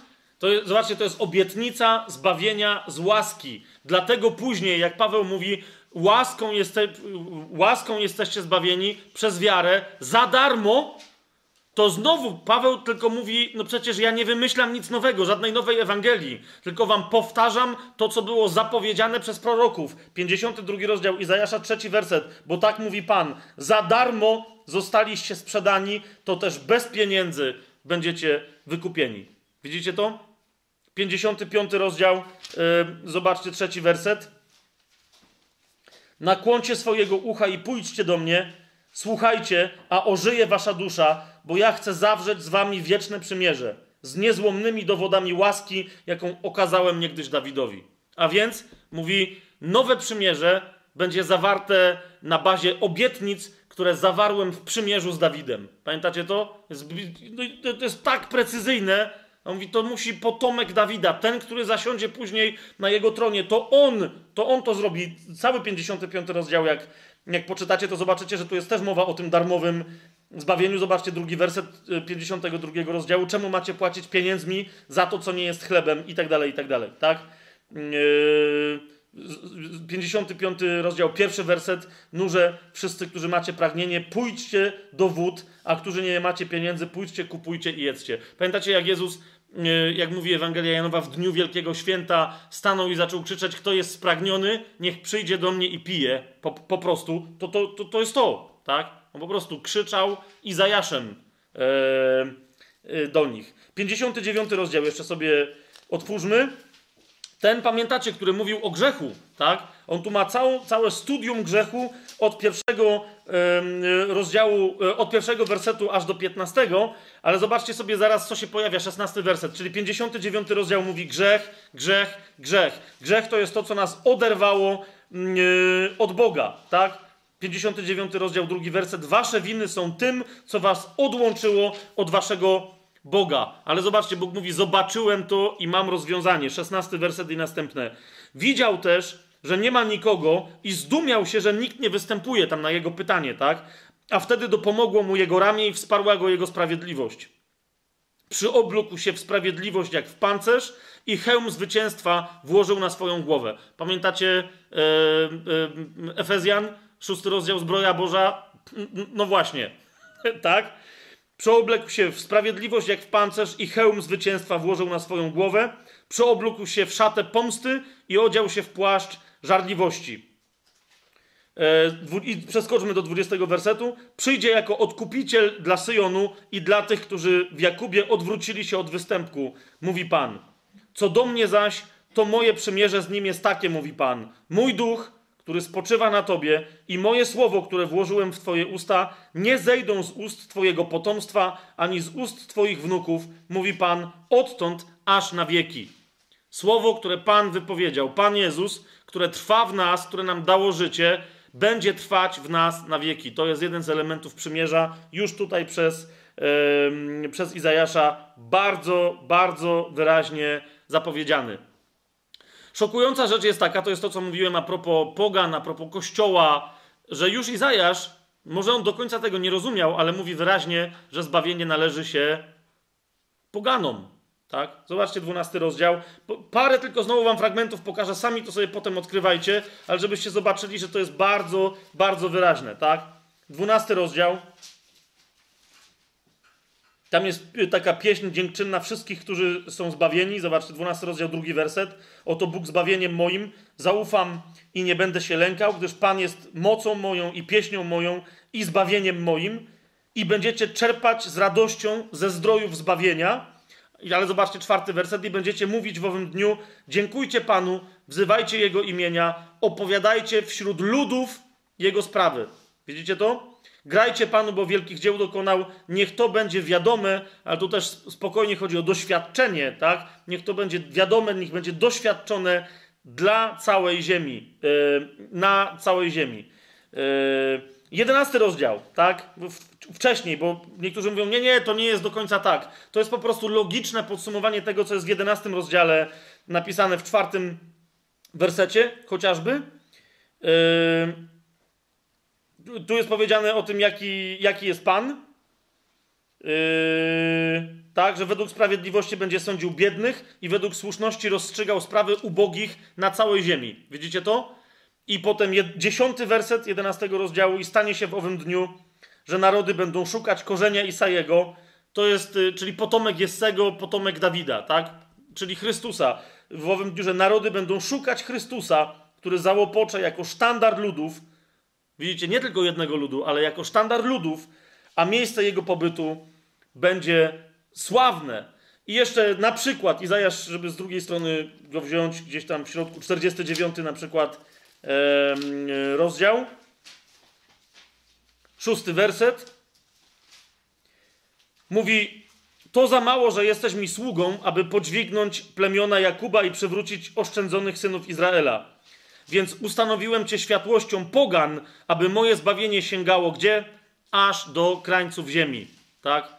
Ustanowiłem cię światłością pogan. Jak zobaczycie cały kontekst, to, to, to, to, to jest powiedzieć, to Bóg mówi do, do Jezusa jako do swojego sługi, tak? E, pracującego na ziemi. Ustanowiłem cię światłością pogan, aby moje zbawienie sięgało aż do krańców ziemi. Tak? Widzicie, to jest Izajasz. To nie Nowy Testament wymyśla, jak niektórzy bredzą, że dopiero w Nowym Testamencie uczniowie Jezusa sobie coś powymyślali. Jeszcze raz powtarzam, to jest e, Stary Testament. Ile jeszcze mamy? E, Okej, okay, dobra. I teraz słuchajcie, ile znajdziecie proroctw i sobie ile policzycie u samego Izajasza na temat bezpośrednio, ściśle Pana Jezusa, e, no to sobie, wiecie, rozpocznijcie licznik i dawajcie podczas, e, podczas czytania. E, ja wam tylko wskażę parę takich oczywistych miejsc, o których dobrze wiedzieć, bo nie wiem dlaczego nie, dla niektórych nie są z jakiegoś powodu nazbyt oczywiste. Otóż tak, jak już wiemy, że tym, który ma przyjść jest Mesjasz, to nie jest tylko powiedziane, że Mesjasz i, i, to, i on wypełni, to będzie potomek Dawida, ale jest takie mnóstwo szczegółów na jego temat, że jak wam powiadam, jak na przykład się pokazuje tylko fragmenty z Izajasza, ludziom, którzy po prostu nie znali Pisma Świętego, ale są Żydami, mówią, wow, to jest ten gość, tak? Zobaczcie sobie, parę tylko, zostawiam wam smaczki inne, ale takich, mówię, tych takich najbardziej znanych, oczywistych, żeby je przypomnieć. Księga Izajasza, siódmy rozdział, czternasty werset. Nie będziemy tam roztrząsać kontekstów, co jest napisane wcześniej, co jest napisane później, tylko ten jeden fragment. Siódmy rozdział, czternasty werset. Dlatego sam Pan da wam znak. Oto Panna pocznie i porodzi syna i nazwie go imieniem Immanuel. E, już słyszę, jak niektórzy zaczynają tam komentować, że no, ale w ogóle o co chodzi, że co, że, że Mariam, Słowo Boże mówi wyraźnie, e, że Matka Jezusa poczynając e, syna, tak, poczęła go będąc dziewicą. I jest to bardzo wyraźnie powiedziane. W tym fragmencie u Izajasza również jest powiedziane, e, te tłumaczenia są takie właśnie, wiecie, żeby niektórzy się nie rzucali, tak, że dlatego jest oto panna pocznie i porodzi syna. E, jeszcze raz, można przetłumaczyć ten wyraz z hebrajskiego jako panna, młoda dziewczyna lub dziewica. Ale teraz słuchajcie, włączcie myślenie logiczne. To mnie zadziwia, jak czasem ludzie, wiecie, badając tekst biblijny, gubią w ramach tego swojego racjonalizmu podstawy racjonalizmu. Tak? Jeszcze raz, zauważcie, jak się zaczyna ten fragment. Oto sam Pan da wam znak. Z całym szacunkiem, jeżeli to nie jest dziewica, która poczęła i porodziła syna, to na czym polega znak? Że dziewczyna zaszła w ciążę? No to takich znaków, rozumiecie, dziennie mamy dość sporo na świecie, no nie? Na czym miałaby polegać charakterystyka? Wiecie, znak jest czymś charakterystycznym. Jest czymś wyjątkowym. Rozumiecie, o co mi chodzi? Więc jeszcze raz, jeżeli tu nie chodzi o dziewicę, to znaczy, że o nic nie chodzi, tak? Oto Pan da wam taki znak, że pewnego poranka będzie wschód słońca. E, a, a nie jest jakby każdego? No jest. No to co to za znak? No żaden. I niektórzy mówią, że to właśnie jest taki znak, że to jest żaden znak. Bez sensu. Więc to jest pierwsze, z logiki prostej wynika, że to musi być dziewica i ona tu jest zapowiedziana, tak? E, dwa, Septuaginta, która jest tłumaczeniem kilkaset lat e, przed przyjściem Pana Jezusa na świat. Tam macie Żydów, którzy tłumaczyli na język grecki hebrajską Biblię, przetłumaczyli ten wyraz, mieli do wyboru młodą dziewczynę, pannę, w sensie, że niezamężną osobę, czy jeszcze tam kogoś innego, a wybrali bardzo precyzyjnie, także w znaczeniu wręcz ginekologicznym, wyraz dziewica po grecku, żeby nie było żadnej wątpliwości. Jasne? Eee, więc no, tu nie, nie będę teraz tego rozwijać. To jest jeden z takich, z takich fragmentów, który wyraźnie mówi, że, że, że on się urodzi z dziewicy. Tak? Ona tu jest zapowiedziana. Zobaczcie sobie dziewiąty na przykład yy, rozdział. Inny fragment. Yy, zapowiedź wyraźna, yy, w jakiej ziemi ten, który będzie światłością dla całego ludu, od jakiej ziemi zacznie to jest, widzicie, bardzo interesujące, że jest powiedziane, że przyjdzie na takiej ziemi, która częściowo będzie żydowska, a częściowo będzie spoganiona, będzie pomieszana, tak? Czyli na, na no, no w Galilei, tak? E, jak potem zobaczycie u Mateusza, u Łukasza te odnośniki, że niektórzy mówili, e, że właśnie, że dlatego w Galilei przyszedł na świat, żeby się wypełniło to słowo. Dziewiąty rozdział, pierwszy werset. Lud, który wszakże chodzi w ciemności, ujrzy wielkie światło i nad mieszkańcami krainy mroków zabłyśnie światłość. Tak? Naprawdę yy, dla tamtej kultury po hebrajsku, a wszyscy wiedzą doskonale o co chodzi, że idzie o Galileę yy, i on tam przychodzi na świat, ale zobaczcie, yy, ten tekst ciągnie się dalej i tu a propos tych, co mówią, że nie ma w ogóle w Nowym Testamencie, że nie mogą się dopatrzeć, w paru dziesięciu miejscach jest powiedziane, że Jezus jest Bogiem, ale w tym fragmencie Izajasz zapowiada, że przyjdzie na świat człowiek, który będzie Bogiem. Niektórym nawet rabinom trochę, wiecie, bardzo dalekim łukiem omijają ten fragment, tak? Bo tam jest, że udzielisz mnóstwo wesela, tam, że tam się inne rzeczy tam podzieją. Okej, okay, zobaczcie, od piątego wersetu. Nawiasem mówiąc, y, niektórzy często posługują się tym fragmentem na Boże Narodzenie, tak? Dziecię nam się narodziło, ha, siabada, śpiewamy kolendy, fajnie. I zapominają o tym, jaka tu jest moc zapisana. Zobaczcie, dziecię nam się narodziło, syn został nam dany. A więc jest dziecko, jest określona płeć i spocznie władza na jego ramieniu, a nazwą go cudowny doradca i rozumiecie, to są tytuły jego, a tytuł lub imię w hebrajskim oznacza prawdę na temat danego człowieka. Tak? Je, jeżeli nie ma prawdy, nie ma mocy w nazwie, to nie wolno ci się nią posługiwać. Dlatego jak my się modlimy w imieniu Jezusa, coś tam, coś tam, to, to rozumiecie, to dlatego, żebyśmy, że my, bo my nie mamy swojej mocy. Ale Jezus powiedział: Dana mi jest wszelka władza na niebie i na ziemi. I dlatego jeżeli nam powiedział, wy posługujcie się moim imieniem, to to oznacza, że my posługujemy się władzą, którą ma Jezus, w Jego imieniu się posługujemy tą, tą władzą. Jego imię też w nas żyje, ale to jasne to jest, tak? Więc teraz zobaczcie, jaka władza i jaka moc jest w Jezusie i w tym jednym imieniu, którym się my posługujemy. Nazwą go cudowny doradca, Bóg mocny. No, kogo? No to dziecię, które się narodziło zostanie nazwane Bogiem. Izajasz to zapowiada w dziewiątym rozdziale. Cudowny doradca, Bóg mocny, uwaga, Ojciec odwieczny. Tak? Kto mnie widzi, widzi też i Ojca, mówi Pan Jezus. Książę pokoju. I tutaj mamy zapewnienie, że się wypełni to, co zostało obiecane Dawidowi. Potężna będzie władza i pokój bez końca na tronie Dawida i w jego królestwie, gdyż utrwali ją i oprze na prawie i sprawiedliwości odtąd aż na wieki. Dokona tego żarliwa miłość Pana zastępów. To jest ta sama miłość tutaj w tym dziewiątym rozdziale, w szóstym wersecie, która jest tak fantastycznie głęboko, dojmująco opisywana na przykład w księdze e, Pieśni nad Pieśniami. Tak? To jest ta sama żarliwa, e, mocna e, miłość. Jedenasty rozdział, pierwszy werset i wyrośnie różdżka, i następne, i wyrośnie różdżka z pnia Isajego, a pęd z jego korzeni wyda owoc i spocznie na nim duch Pana, duch mądrości i rozumu, duch rady i mocy, duch poznania i bojaźni Pana, i będzie miał upodobanie w bojaźni Pana. Nie według widzenia swoich oczu będzie sądził, ani według słyszenia swoich uszu rozstrzygał, ale według sprawiedliwości będzie sądził biednych i według słuszności rozstrzygał sprawy ubogich na ziemi i tak dalej, i tak dalej. Macie następny, yy, bardzo konkretny, bardzo precyzyjny opis Jezusa. Natomiast, kochani, to, co bywa przeoczane przez niektórych e, reinterpretowane wciąż od, 2000, od ponad 2000 lat, że to chodzi o jeden naród, naród to chodzi o jedną historyjkę e, i tak tak e, to tak zwane pieśni cierpiącego sługi Jahwe. To jest moment, który, kiedy, kiedy się przedstawia ludziom, którzy nie znają pisma, ale zwłaszcza ale znają hebrajski, tak? To jest moment, który nimi wstrząsa, który ich porusza do głębi. Powiedziałbym, że wprowadzeniem do tych yy, pieśni sługi pańskiego, otwórzmy sobie 41 werset.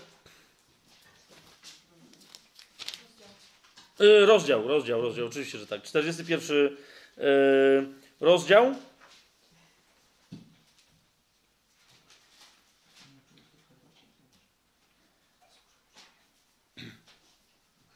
Tam jest zapewnienie tego, że Bóg udzieli pomocy rzeczywiście, yy, yy, począwszy od resztki Izraela, nie całemu Izraelowi, na to chcę Wam zwrócić uwagę, ale udzieli pomocy resztce Izraela. Tą resztkę później bardzo precyzyjnie, między innymi Zachariasz określa, że to będą ci, którzy spojrzą na Jezusa i zobaczą, że to jest ten, którego przebili i powiedzą, on jest naszym Bogiem, a myśmy go przebili. Tak? A więc tu nie chodzi o całego Izraela.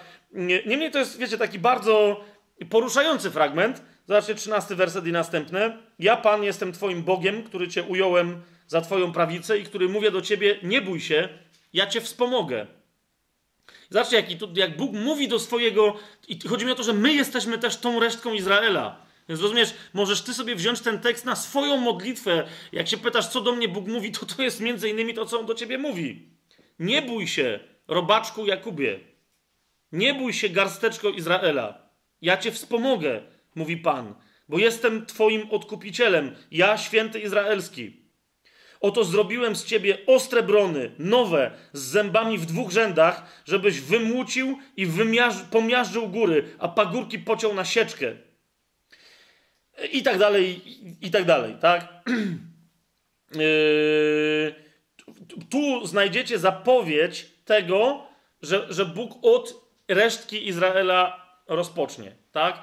Ale że posyła sługę, który zanim będzie rządził narodami berłem żelaznym, przyjdzie królestwo, wprowadzi pokój na całej ziemi, skończy się sztuka wojenna, zanim to nastąpi, najpierw wydarzą się rzeczy opisane w czterech pieśniach sługi pańskiego. Pierwsza, one wszystkie charakteryzują się tym, że w nich się pojawia postać sługi, nazwana wprost, oto jest mój sługa, albo y, w ten, albo w inny sposób, ale jest, pojawia się nazwa, to jest prawie, że imię, to jest mój sługa, tak? Zobaczcie, 42 rozdział, pierwszy werset, tu, to, to jest, rozumiecie, to są rzeczy, które czytał Etiop, tak? Jak przyszedł Filip, wiedział, że to słowo rozbraja serce.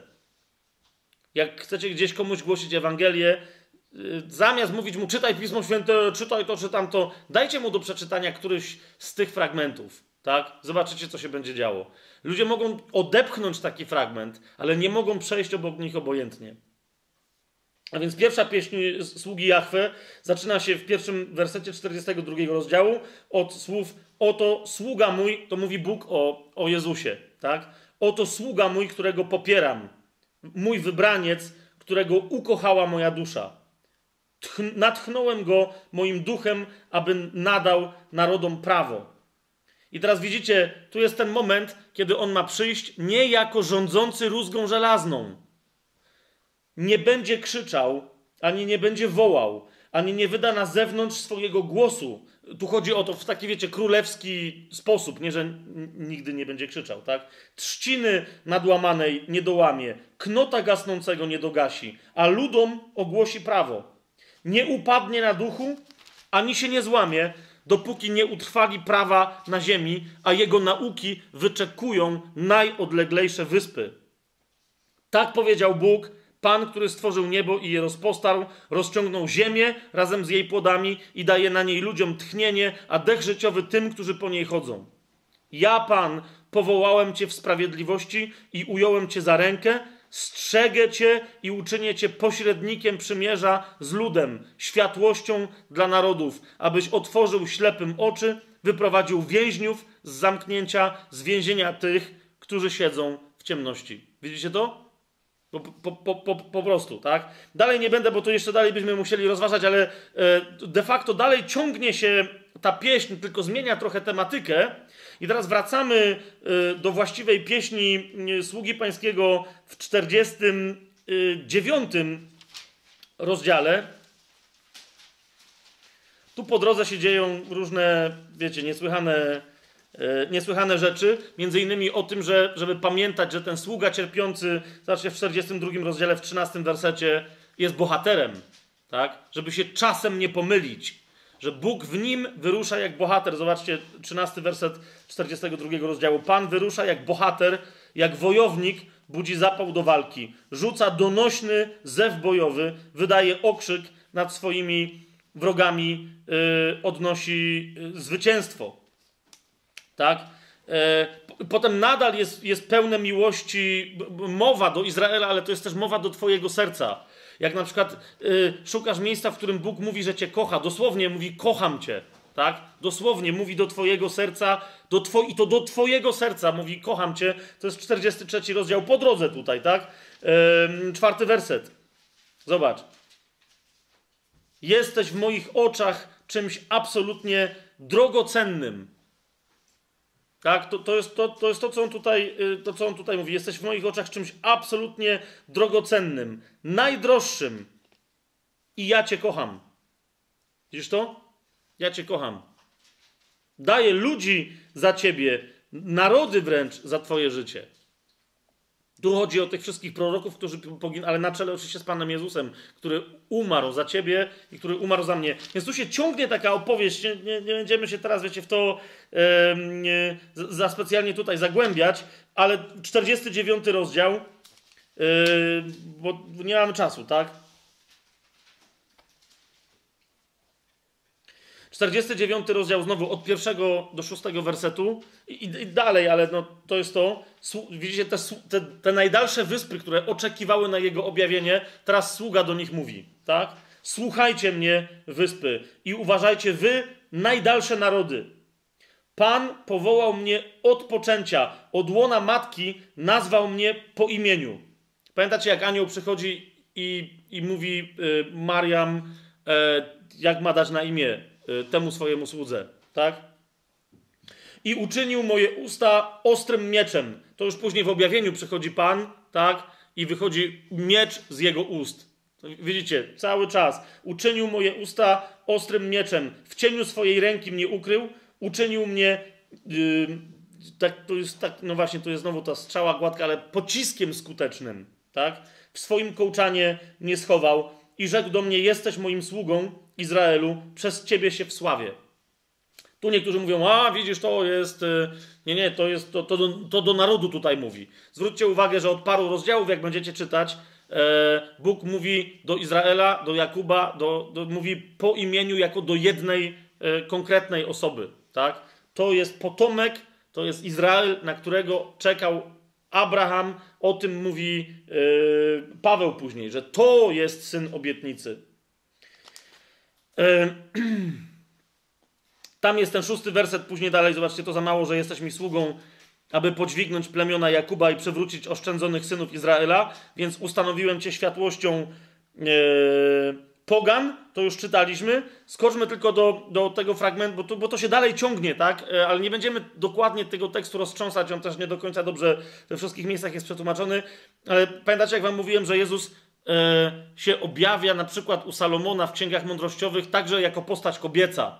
E, pamiętacie to? Jako mądrość. Nie jako postać kobieca, tylko w sensie, żeby pokazać, ja jestem Bogiem. Tak naprawdę nie jestem ani mężczyzną, ani kobietą. Wcieliłem się jako mężczyzna. I dlatego zauważcie, jest tutaj cierpiący sługa Jahwe, ale popatrzcie, 15 e, werset i 16. Czy kobieta może zapomnieć o swoim niemowlęciu i nie zlitować się nad dziecięciem swojego łona? Chociażby nawet one zapomniały, w sensie kobiety, gdyby zapomniały o swoich dzieciach, ja ciebie nie zapomnę. I teraz patrzcie, szesnasty werset to jest krzyż. Oto na moich dłoniach wyryłem cię sobie.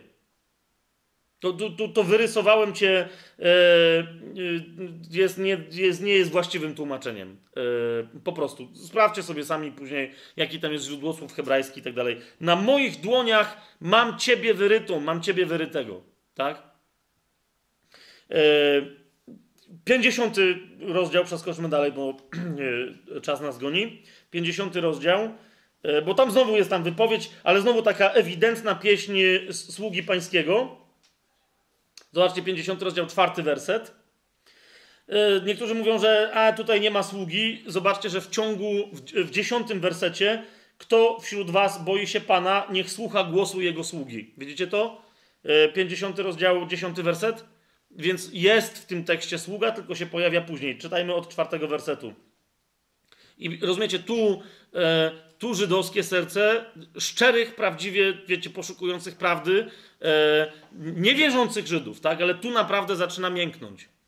Wszechmogący Pan dał mi język ludzi uczonych, abym umiał spracowanemu odpowiedzieć dobrym słowem. Każdego ranka budzi moje ucho, abym słuchał jak ci, którzy się uczą. Wszechmogący Pan otworzył moje ucho, a ja się nie sprzeciwiłem, ani się nie cofnąłem. I teraz patrzcie, co tu jest napisane. Kto to jest? Mój grzbiet nadstawiłem tym, którzy go biją. Moje policzki tym, którzy wyrywają mi brodę. Twarzy swojej nie zasłoniłem przed obelgami i opluciem. Ale wszechmogący Pan pomaga mi, dlatego nie jestem zhańbiony. Dlatego uczyniłem moją twarz twardą jak krzemień. Wiedziałem bowiem, że nie będę zawstydzony. Bliski jest ten, który mi przyzna słuszność, więc kto ośmieli się spierać ze mną? Pamiętacie, jak Jezus uderzony w twarz, zgodnie ze swoją nauką, tam tego nie ma napisanego, ale jestem przekonany, że tak robi, nadstawia drugi policzek, tak? Ale jednocześnie mówi dokładnie ten tekst, tak? Mówi, nauczałem publicznie, jeżeli coś źle powiedziałem, to udowodnij. A jeżeli nie, to czemu mnie bijesz? Tak? To jest dokładnie to, widzicie? Nadstawiłem swoją twarz, nie zasłaniałem przed obelgami, przed opluciem, przed biciem, tak? Wyrywali mi brodę, ale bliski jest ten, który mi przyzna słuszność, więc kto ośmieli się spierać ze mną? Stańmy razem do rozprawy. Kto chce się ze mną prawować, niech się zbliży do mnie. Oto wszechmocny Pan mi pomaga, to kto może mnie potępić?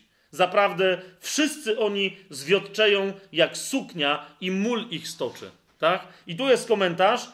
Kto wśród was boi się Pana, niechaj słucha głosu Jego sługi. I to jest głos, który się już tu odzywa. Tak? Jeżeli jesteś sługą Pana, nadal słuchaj głosu Jego sługi, który jest wzorem bycia sługą.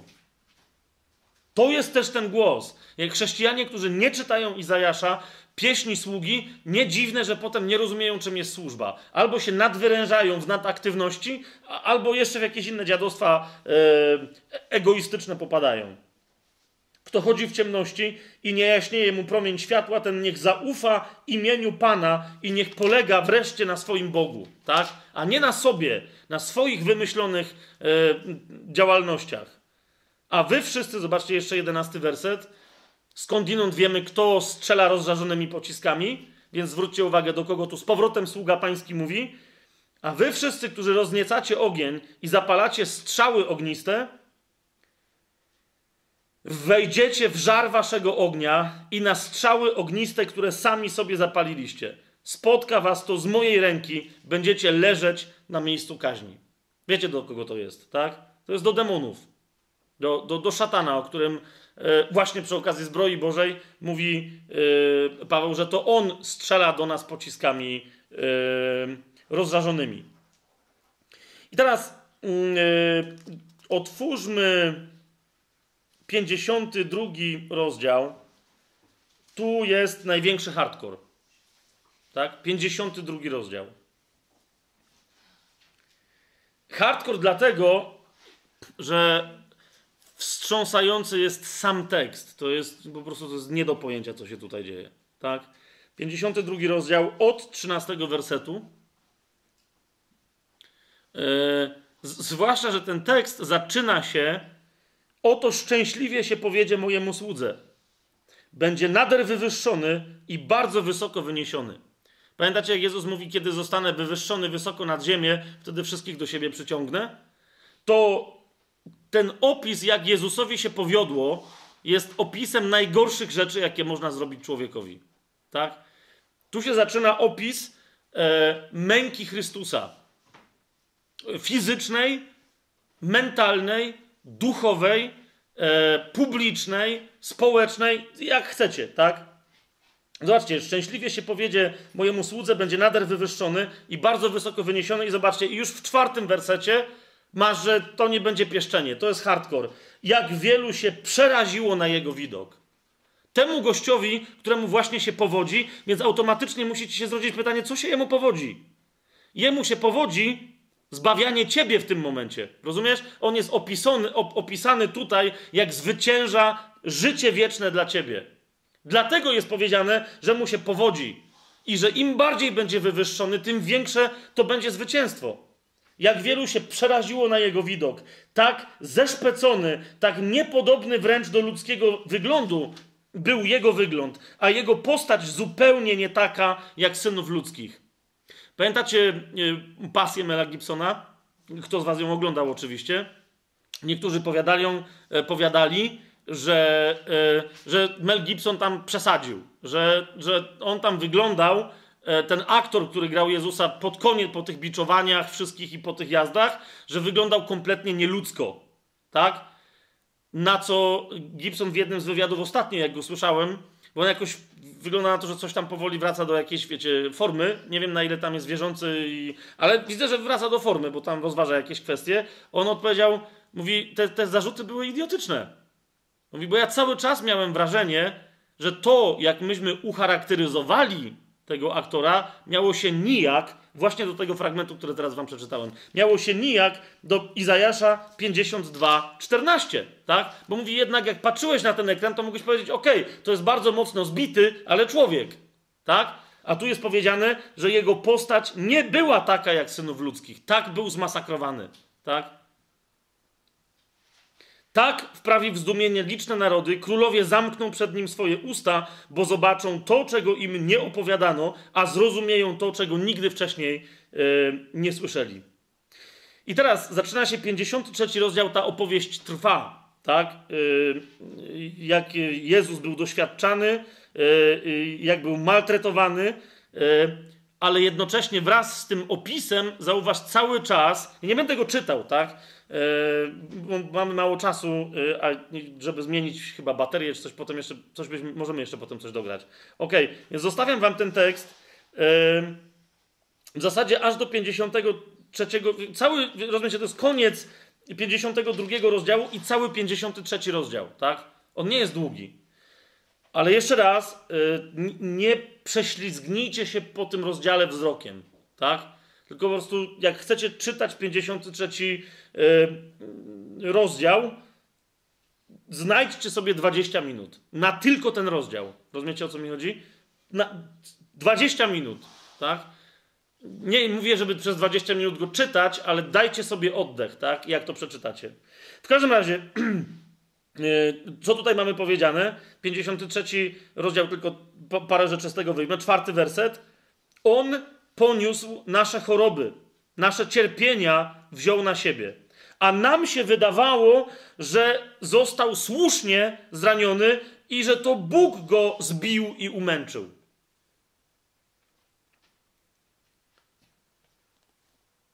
Jak my się modlimy dzisiaj za chorych, kto z Was ostatnio przywołał 53 rozdział, yy, czwarty werset? Do mocy w swojej modlitwie za chorego. Wiecie o co mi chodzi? To jest powiedziane, Izajasz już to wiedział kilkaset lat tym, przed tym, jak Pan Jezus przyszedł. On już wtedy wiedział, że On nasze choroby już poniósł na grzech, na krzyż. Nie tylko nasz grzech, nasze cierpienia już wziął całkowicie, kompletnie na siebie. Tak? I oprócz tego także grzechy. Zobaczcie piąty werset. On został zraniony za nasze występki i starty w proch z tej ziemi za nasze winy. Ukarany został dla naszego zbawienia. I, I teraz podsumowana jest ta informacja o naszych chorobach i o naszych grzechach. Jego ranami jesteśmy uleczeni. Widzicie to? Izajasz Gdzie, to jest jeden z tych elementów, kiedy według mnie to jest ewidentny moment, kiedy on mówi o chwale Jezusa, tak? Widzi ją tak jasno, że to się jeszcze nie stało w czasie, ale on, on mówi, ja też jestem tą mocą już uzdrowiony, tak? On tu mówi, jego ranami już jesteśmy uleczeni. Wiele rzeczy tutaj jest y, przewidzianych, między innymi to, że będzie pochowany y, w grobie bogacza, tak? Y, zobaczcie dziewiąty werset. Wyznaczono mu grób wśród bezbożnych, wśród złoczyńców jego mogiłę, chociaż bezprawia, czy że umierał, no dobra, to takie tłumaczenie jest jakie jest, niech będzie. Y, jedenasty werset, zobaczcie. Sprawiedliwy mój sługa, wielu usprawiedliwi i sam poniesie ich winy. Dlatego dam mu dział wśród wielkich i z mocarzami będzie dzielił łupy za to, że ofiarował na śmierć swoją duszę i do przestępców był zaliczony. On to poniósł grzech wielu i wstawił się za wszystkimi przestępcami. Okej, okay, e, pamiętacie jak wam mówiłem o tym, że e, e, Filip, widzicie, bo to jest to, tak? Jak zobaczycie sobie Filipa w dziejach apostolskich, w ósmym rozdziale, ósmy rozdział dziejów apostolskich, 30 werset, Duch powiedział Filipowi, podejdź i przyłącz się do tego wozu, a gdy Filip podbiegł, usłyszał, jak tamten czytał proroka Izajasza. Tak? I zobaczcie, 32 werset. A ustęp pisma, który czytał, był ten – jak owca na rzeź był prowadzony i jak baranek milczący wobec tego, który go strzyże. To jest yy, do, dokładnie ten 53 rozdział Izajasza. Tak? To znaczy, że wszystkie cztery pieśni, wiele innych rzeczy, ale że doszedł do tego momentu, yy, że doszedł do tego momentu eunuch. Tak? W poniżeniu yy, został wyjęty spod prawa o jego rodzie, który opowie i tak dalej, i tak dalej. Yy, zobaczcie, eunuch odezwał się do Filipa, 34 werset, i rzekł: Proszę cię, o kim to prorok mówi? O sobie samym, czy też o kimś innym? I zobaczcie, genialne oświadczenie na temat księgi Izajasza tutaj. A Filip otworzył swoje usta i zwiastował mu dobrą nowinę o Jezusie, począwszy od tego właśnie ustępu pisma. Mianowicie, jak mówię o głoszeniu dobrej nowiny, czemu byśmy nie mieli skorzystać z rady, którą mamy zawartą w Piśmie Świętym na temat głoszenia dobrej nowiny? Dajże człowiekowi ten fragment i niech on e, się zastanowi, o kim tu jest mowa. Niektórzy od razu będą wiedzieć, o kim tu jest mowa. Jeszcze raz wam powtarzam, 53 rozdział, czasem jak tym swoim różnym znajomym e, e, z Izraela daje, to, to jest dokładnie taka reakcja. Oni od razu wiedzą, o kogo tutaj chodzi, tak? Co się potem z tym jeszcze stanie, to jest inna historia, ale oni tu wiedzą, o kogo chodzi. Yy... Po, wiecie, wiecie, po całej tu, więc widzicie, tu jest wyraźnie pokazane, że Mesjasz, ten, który będzie rządzić rózgą żelazną i wprowadzi pokój na całym świecie i jego tron Dawidowy nigdy nie upadnie, jest wyraźnie powiedziane, że najpierw musi umrzeć i być policzony jako cierpiący sługa Jachwę do końca, wręcz jego imię musi być poniżone, musi być policzony wśród przestępców, tak? I później dopiero e, z, z, tego ma się jakoś podnieść, tak? Co do zmartwychwstania już nie będziemy, ale ono tu jest też jasno według mnie u Izajasza y, opisane, więc go sobie sami y, poszukajcie. W 55 rozdziale, w trzecim wersecie, y, to już żeśmy o tym mówili, jest mowa o tym, że, że właśnie dopiero jak się to wydarzy, będzie się mogło rozpocząć nowe przymierze. Tak? Trzeci rozdział. Dlaczego? Zobaczcie, nakłoncie swojego ucha i pójście do mnie, słuchajcie, a ożyje wasza dusza, bo ja chcę zawrzeć z wami wieczne przymierze. Przez kogo? Tylko i wyłącznie przez tego, który był w stanie ponieść nasze grzechy na krzyż i umrzeć za nas, jak to opisane jest w 53 rozdziale tak? I dlatego w 55 rozdziale po tej obietnicy chcę z wami zawrzeć przymierze, jak czwarty werset, zobaczcie, 55 rozdział, czwarty werset. Jego ustanowiłem świadkiem dla narodów, księciem i rozkazodawcą ludów. Tak ty wezwiesz naród, którego nie znasz, a narody, które nie znały ciebie, będą śpiesznie podążać do ciebie przez wzgląd na Pana, twojego Boga i przez wzgląd na świętego Izraelskiego, gdyż ciebie wsławił. 62 rozdział, bo tu, y, okej, okay, tu będzie, będzie dużo jakichś tam informacji, bardzo ważnych rzeczy, ale nie, niech będzie 62 rozdział. E, y, skąd się wziął, dlaczego Jezus się przedstawia jako oblubieniec? Pamiętacie, Jan Chrzciciel mówi o Jezusie jako o Panu Młodym. Tak? 62 rozdział, zobaczcie, piąty e, werset i następne. Bo jak młodzieniec poślubia pannę, tak poślubi cię twój odnowiciel. A jak oblubieniec raduje się z oblubienicy, tak twój Bóg będzie się radował z ciebie. Na twoich murach, Jeruzalem, postawiłem stróżów. Przez cały dzień, przez całą noc nigdy nie umilkną. Wy, którzy wyznajecie Pana, nie milczcie. I teraz siódmy werset a propos tego, o co się modliliśmy na samym początku. I nie dajcie mu spokoju, dopóki nie odbuduje Jeruzalemu i dopóki nie uczyni go sławnym na ziemi.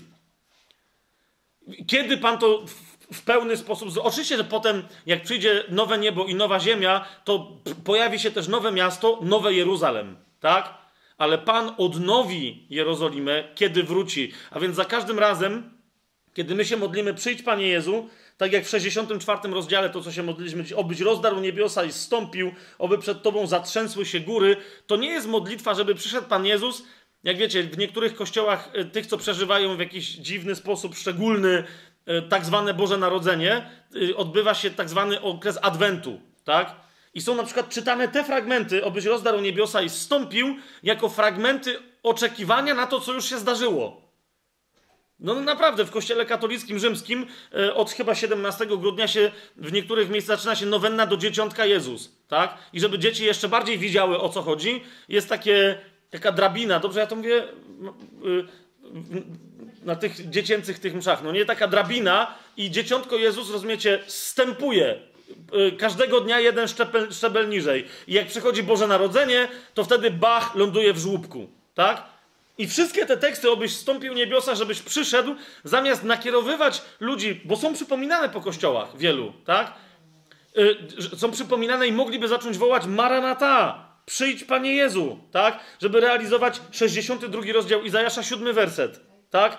Nie dajcie mu spokoju, dopóki nie odbuduje Jerozolemu. To ludzie myślą, mówią, a okej, okay, te wszystkie teksty się odnosiły do tego, co już się zdarzyło, no nie? No bo dzieci se przeżywają, że tam lalka jakaś wstępuje do żłóbka, no ale to już, to już było i na nic więcej nie czekają. Tak? I, i, i nawet jak w niektórych się budzi e, ta tęsknota za tym, żeby Pan wreszcie wrócił i żeby już był na zawsze, tak? no to ona jest, e, jest w ten sposób e, dziwacznie wytłumiana. Tak? Tymczasem, jeszcze raz, zwróćcie uwagę, nie dawajcie mu spokoju, dopóki nie odbuduje Jeruzalemu. Niektórzy dzisiaj też, to ważny komentarz, niektórzy dzisiaj też mylą trochę ten y, koncept, żeby się modlić o powodzenie Jerozolimy czy Izraela dzisiejszego jako państwa. Jeszcze raz, jak dojdziemy do Zachariasza, to tam zobaczymy. My się mamy modlić o to, żeby ludzie w Izraelu y, jak najszybciej, rozpo... wszyscy Żydzi, tak, którzy mieli pierwsi obietnice, którzy mieli takich proroków, żeby przyjęli Jezusa, żeby wreszcie otworzyły się im oczy i żeby zobaczyli swojego Mesjasza, tak? Mamy się modlić o resztkę Izraela, żeby, żeby ta resztka była jak największa. E, ale jeszcze raz, my mamy nie dawać spokoju, zobaczcie, Bogu, dopóki nie odbuduje Jeruzalemu i dopóki tego nowego Jeruzalemu nie uczyni sławnym, a to, że my mamy błogosławić to my wszystkich dzisiaj mamy błogosławić. Nie wiem dlaczego w sposób szczególny mamy akurat błogosławić obecnego, ateistycznego, okultystycznego, numerologicznego, kabalistycznego Izraela. Mamy ich błogosławić, ale modlić się o ich nawrócenie, a nie błogosławić i mówić super fajnie, że w ogóle istniejecie. Niektórzy mówią, ale u Ezechiela przecież odbudowało się państwo Izrael. Sam gadasz, Błaszkiewicz, że państwo Izrael oczywiście, że się odbudowało, ale pamiętajcie, Ezechiel powiedział y, w widzeniu, no będziemy mieli Ezechiela jeszcze w tym, w tym sezonie, tak?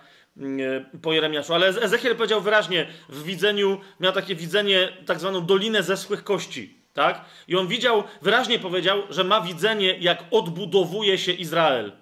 Ale wyraźnie powiedział, że widział zeschłe kości, trupy wysuszone i że jak te trupy powstały z martwych, to najpierw otrzymały ciała i najpierw te powstałe do życia trupy powstały, powrócony do życia Izrael, uważajcie, najpierw był cielesny i tylko cielesny. A potem, jak był już dobrze cielesny, wtedy w tej, w tej wizji Ezechiel mówi, że otrzymał ducha. I my się o to mamy modlić. Tak? Bo to, co teraz widzimy w Izraelu, nie jest duchowym Izraelem. I tu się trzeba zgodzić z tymi, którzy znowu mają problem, że ale ja nie chcę się przyłączać do ruchów. Rozumiecie, że są, nawet w Polsce mamy takie zbory, które w trakcie modlitwy się wręcz odwracają w stronę Jerusalem, żeby się modlić, żeby, bo wiesz, bo Jerozolima jest tam. Na litość boską, co my jesteśmy, muzułmany nowe? Tylko mamy lepszy kierunek, że nie do Mekki, tylko do Jerozolimy. Ej! Nową religię sobie będziemy robić? Jakby już mało było tych wszystkich głupich religii na świecie, włącznie z tymi, które udają chrześcijaństwo, dosyć. Mamy się modlić, ale jeszcze raz, nie dawać mu spokoju, dopóki nie odbuduje Jeruzalemu.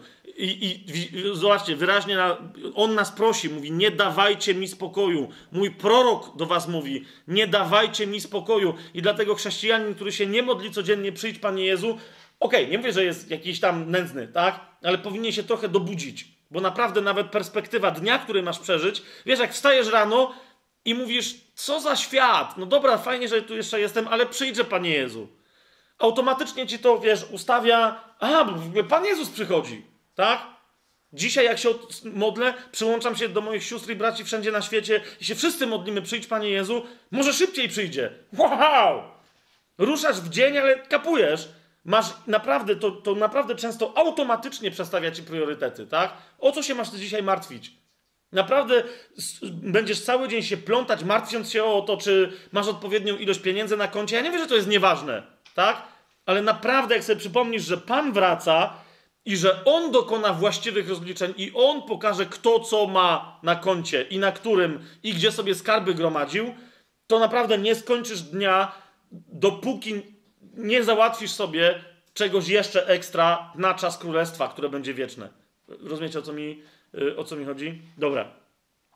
Dobra, bo ja się tu mogę znowu rozwijać. Myślę, że to na tym, y, y, na tym skończymy. No, dobra, na koniec tylko a propos, a propos ostatni werset, 63 rozdział, 9 werset, na, na podsumowanie, ale to wy sobie sami szukajcie objawień Pana Jezusa. Niemniej yy, dla mnie ten werset też jest ważny, bo ja pamiętam, że kiedyś na początku 90. lat moje pierwsze nawrócenie e, było właśnie takie, że naprawdę, że w duchu przyszedłem do, do Pana Jezusa, e, było związane właśnie z tym, z tym wersetem. Nie żaden posłaniec, ani nie żaden anioł, ale Jego oblicze was wybawiło. On sam ich odkupił w swojej miłości i w swoim miłosierdziu. Tak? Jego oblicze Jezus jest obliczem Ojca, jest obliczem miłości i miłosierdzia. Nikt inny, tak? Żaden posłaniec, żaden anioł, ale tylko On, objawiona w Chrystusie Jezusie, w naszym Mesjaszu, w naszym Panu, miłość Ojca i miłosierdzie Ojca. Nikt, nikt inny. I, i, I to jest centralna znowu postać całego Izajasza. Wszystko to, co on robił, zanim myśmy byli na świecie, wszystko to, co, co, co zrobił, wszystko to, co jeszcze, yy, jeszcze zrobi. Ale tutaj przy okazji Izajasza, na sam koniec, chcę poruszyć jedną bardzo, wydaje mi się, istotną kwestię, która jest w chrześcijaństwie dzisiaj w jakiś pokrętny sposób, bywa w pokrętny sposób rozumiana. Otóż, y, jak y, y, Izajasz został powołany, tę historię macie w szóstym rozdziale Izajasza. Skoro prorokowanie, nawiasem mówiąc, widzicie, jak się czasem datuje pewne rzeczy w Biblii, w pierwszym rozdziale, w pierwszym wersecie mamy powiedziane, że Izajasz syn Amosa prorokował za czasów królów judzkich Uzjasza, Jotama, Ahaza i Hiskiasza. Tak? I niektórzy mówią, o niemożliwe, Uzjasz sam parę dziesiąt lat, to musiałby chłop 120 lat prorokować. Ale następnie macie w szóstym rozdziale napisane, że Izajasz zaczął prorokować w roku śmierci króla Uzjasza. Widzicie? A więc jeszcze za czasów króla Uzjasza, ale to był rok jego śmierci. Tak? Czyli yy, od Uzjasza liczymy tylko jeden rok i potem dopiero następny. Stąd możemy mniej więcej policzyć, że ponad 64 do 67 lat yy, prorokował yy, Izajasz. Genialne widzenie ma Boga, tak? Znów te potem pewne widzenia, które macie w objawieniu u Jana, porównajcie sobie na przykład z trzecim wersetem i z drugim, tak? Y, orszak Pana, który stanowią serafiny i wołają jeden do drugiego: Święty, święty, święty jest Pan zastępów. Pełna jest wszystka ziemia chwały Jego. Y, zwracam Wam też uwagę, że nie jest rzeczą, my jesteśmy tak przyzwyczajeni naprawdę w wielu kręgach do tego święty, święty, święty. Wiecie, na przykład w Polsce, jak jest Boże Ciało, i idą dziewczynki, nie, nie, dobra, to nie wszyscy są z, powiedzmy, po, e, z kościoła, nie wszyscy wyszli z kościoła rzymskokatolickiego, ale niektórzy kiwają głowami, niektóre dziewczynki widzę, że to robiły, że się idzie w procesji bożociałowej i dziewczynki mają, wiecie, taką jazdę swoją. E, nawiasem mówiąc, ministranci tam czepią dzwonkami, no nie, jakkolwiek by to, to robią chłopcy, a dziewczynki mają koszyczki z płatkami kwiatów i rzucają te kwiatki, tak? I właśnie wtedy z jakiegoś powodu krzyczą to samo, co serafiny w niebie. Naprawdę to jest dziwne, no nie? Ale krzyczą to samo. Święty, święty, święty, Pan Bóg zastępów. Kojarzycie to? I wtedy jest bach, i wtedy jest ten rzut, te kwiaty. Nie wiedzą w ogóle o co chodzi. teraz ja się z tego nie nabijam, tylko idzie mi o co, że widzicie, jak my jesteśmy przyzwyczajeni do czegoś takiego, to nie zauważamy kultury biblijnej, w której zwróćcie uwagę, Bóg za każdym razem mówi: ja jestem święty. I o nim jest mowa, on jest święty. On jest świętym Izraela.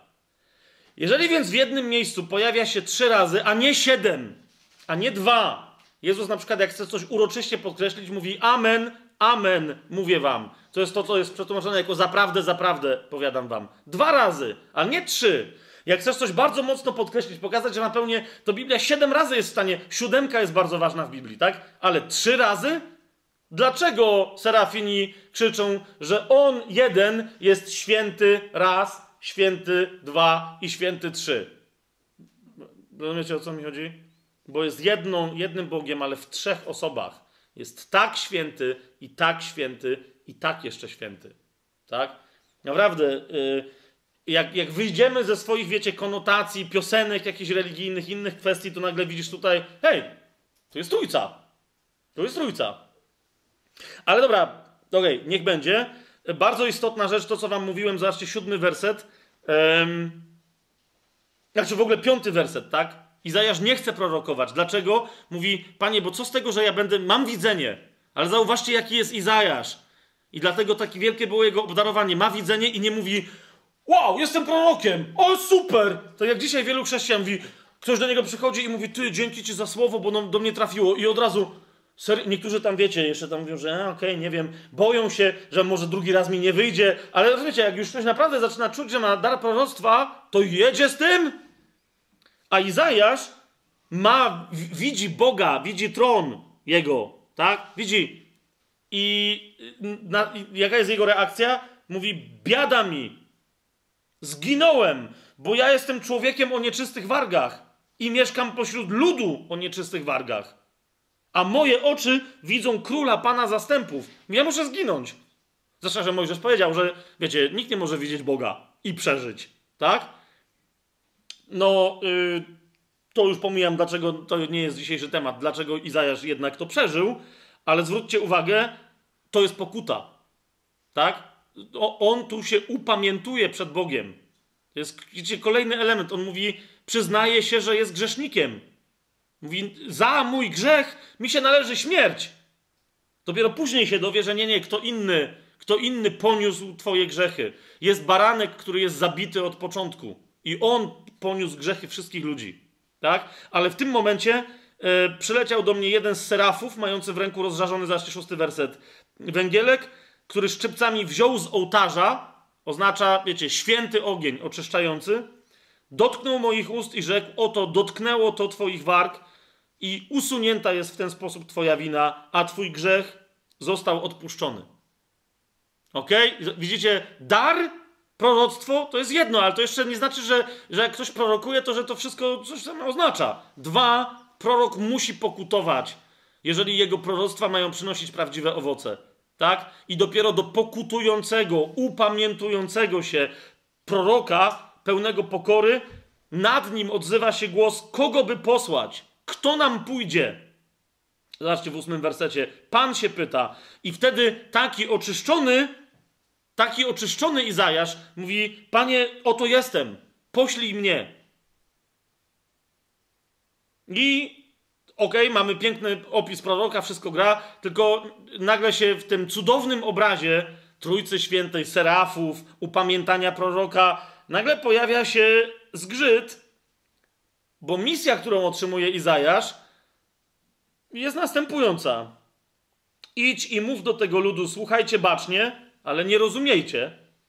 Patrzcie uważnie, ale niczego się nie uczcie.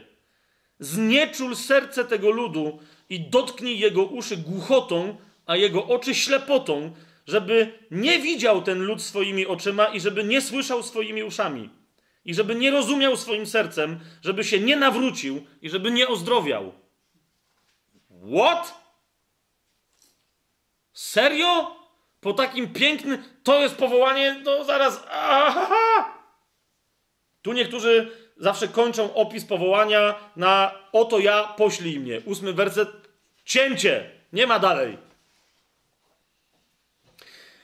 Okej, okay, pierwsza rzecz, pamiętajcie, dopiero co przedstawiliśmy sobie całą księgę Izajasza. Jasne, jasne, to jest o czym mówię? Ona jest objawiająca, ujawniająca. Ona głosi całą dobrą. Możesz naprawdę zgubić Nowy Testament jakimś cudem, znaleźć się, nie wiem, w obozie koncentracyjnym. Jak masz księgę Izajasza, masz całą dobrą nowinę. Jasne? Więc w jakim sensie, o co, o co tu chodzi?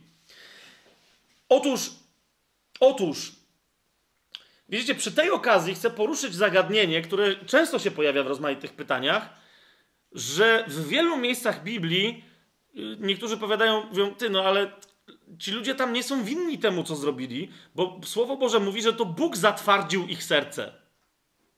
Albo wprost, albo na przykład właśnie tak jak tu kazał prorokowi. Mówi, tak głoś, żeby się nie nawrócili i żeby nie ozdrowieli. No więc wiesz, pamiętacie Faraona, tak? Mojżesz do niego idzie i on mówi, zatwardzisz jego serce, do niego mówi Pan, tak? Potem jest wyraźnie, przecież wjeżdża w Morze Czerwone, jest wyraźnie powiedziane, że Pan zaćmił mu serce i umysł i on tam wjechał po prostu, tak? Jak głupek. No więc mówią, no to co, no to, no to Bóg, co on to robi? Czy Bóg nie chce zbawienia innych ludzi? W ogóle co się dzieje? Ha, halo! Otóż myślę, że to jest tak prosta sprawa, jak wam to opowiem, to nagle powiecie, ej, no właśnie, to jest oczywiste. A teraz możecie sobie zadawać pytanie, no co jest oczywiste? To nie jest oczywiste. Czemu Bóg jest taki ciężki, że zatwardza ludziom serca? Co w ogóle się dzieje? Otóż, kochani, zacznijmy od tego, i Biblia o tym mówi wyraźnie, że każde działanie człowieka, każde działanie człowieka ma swoje konsekwencje.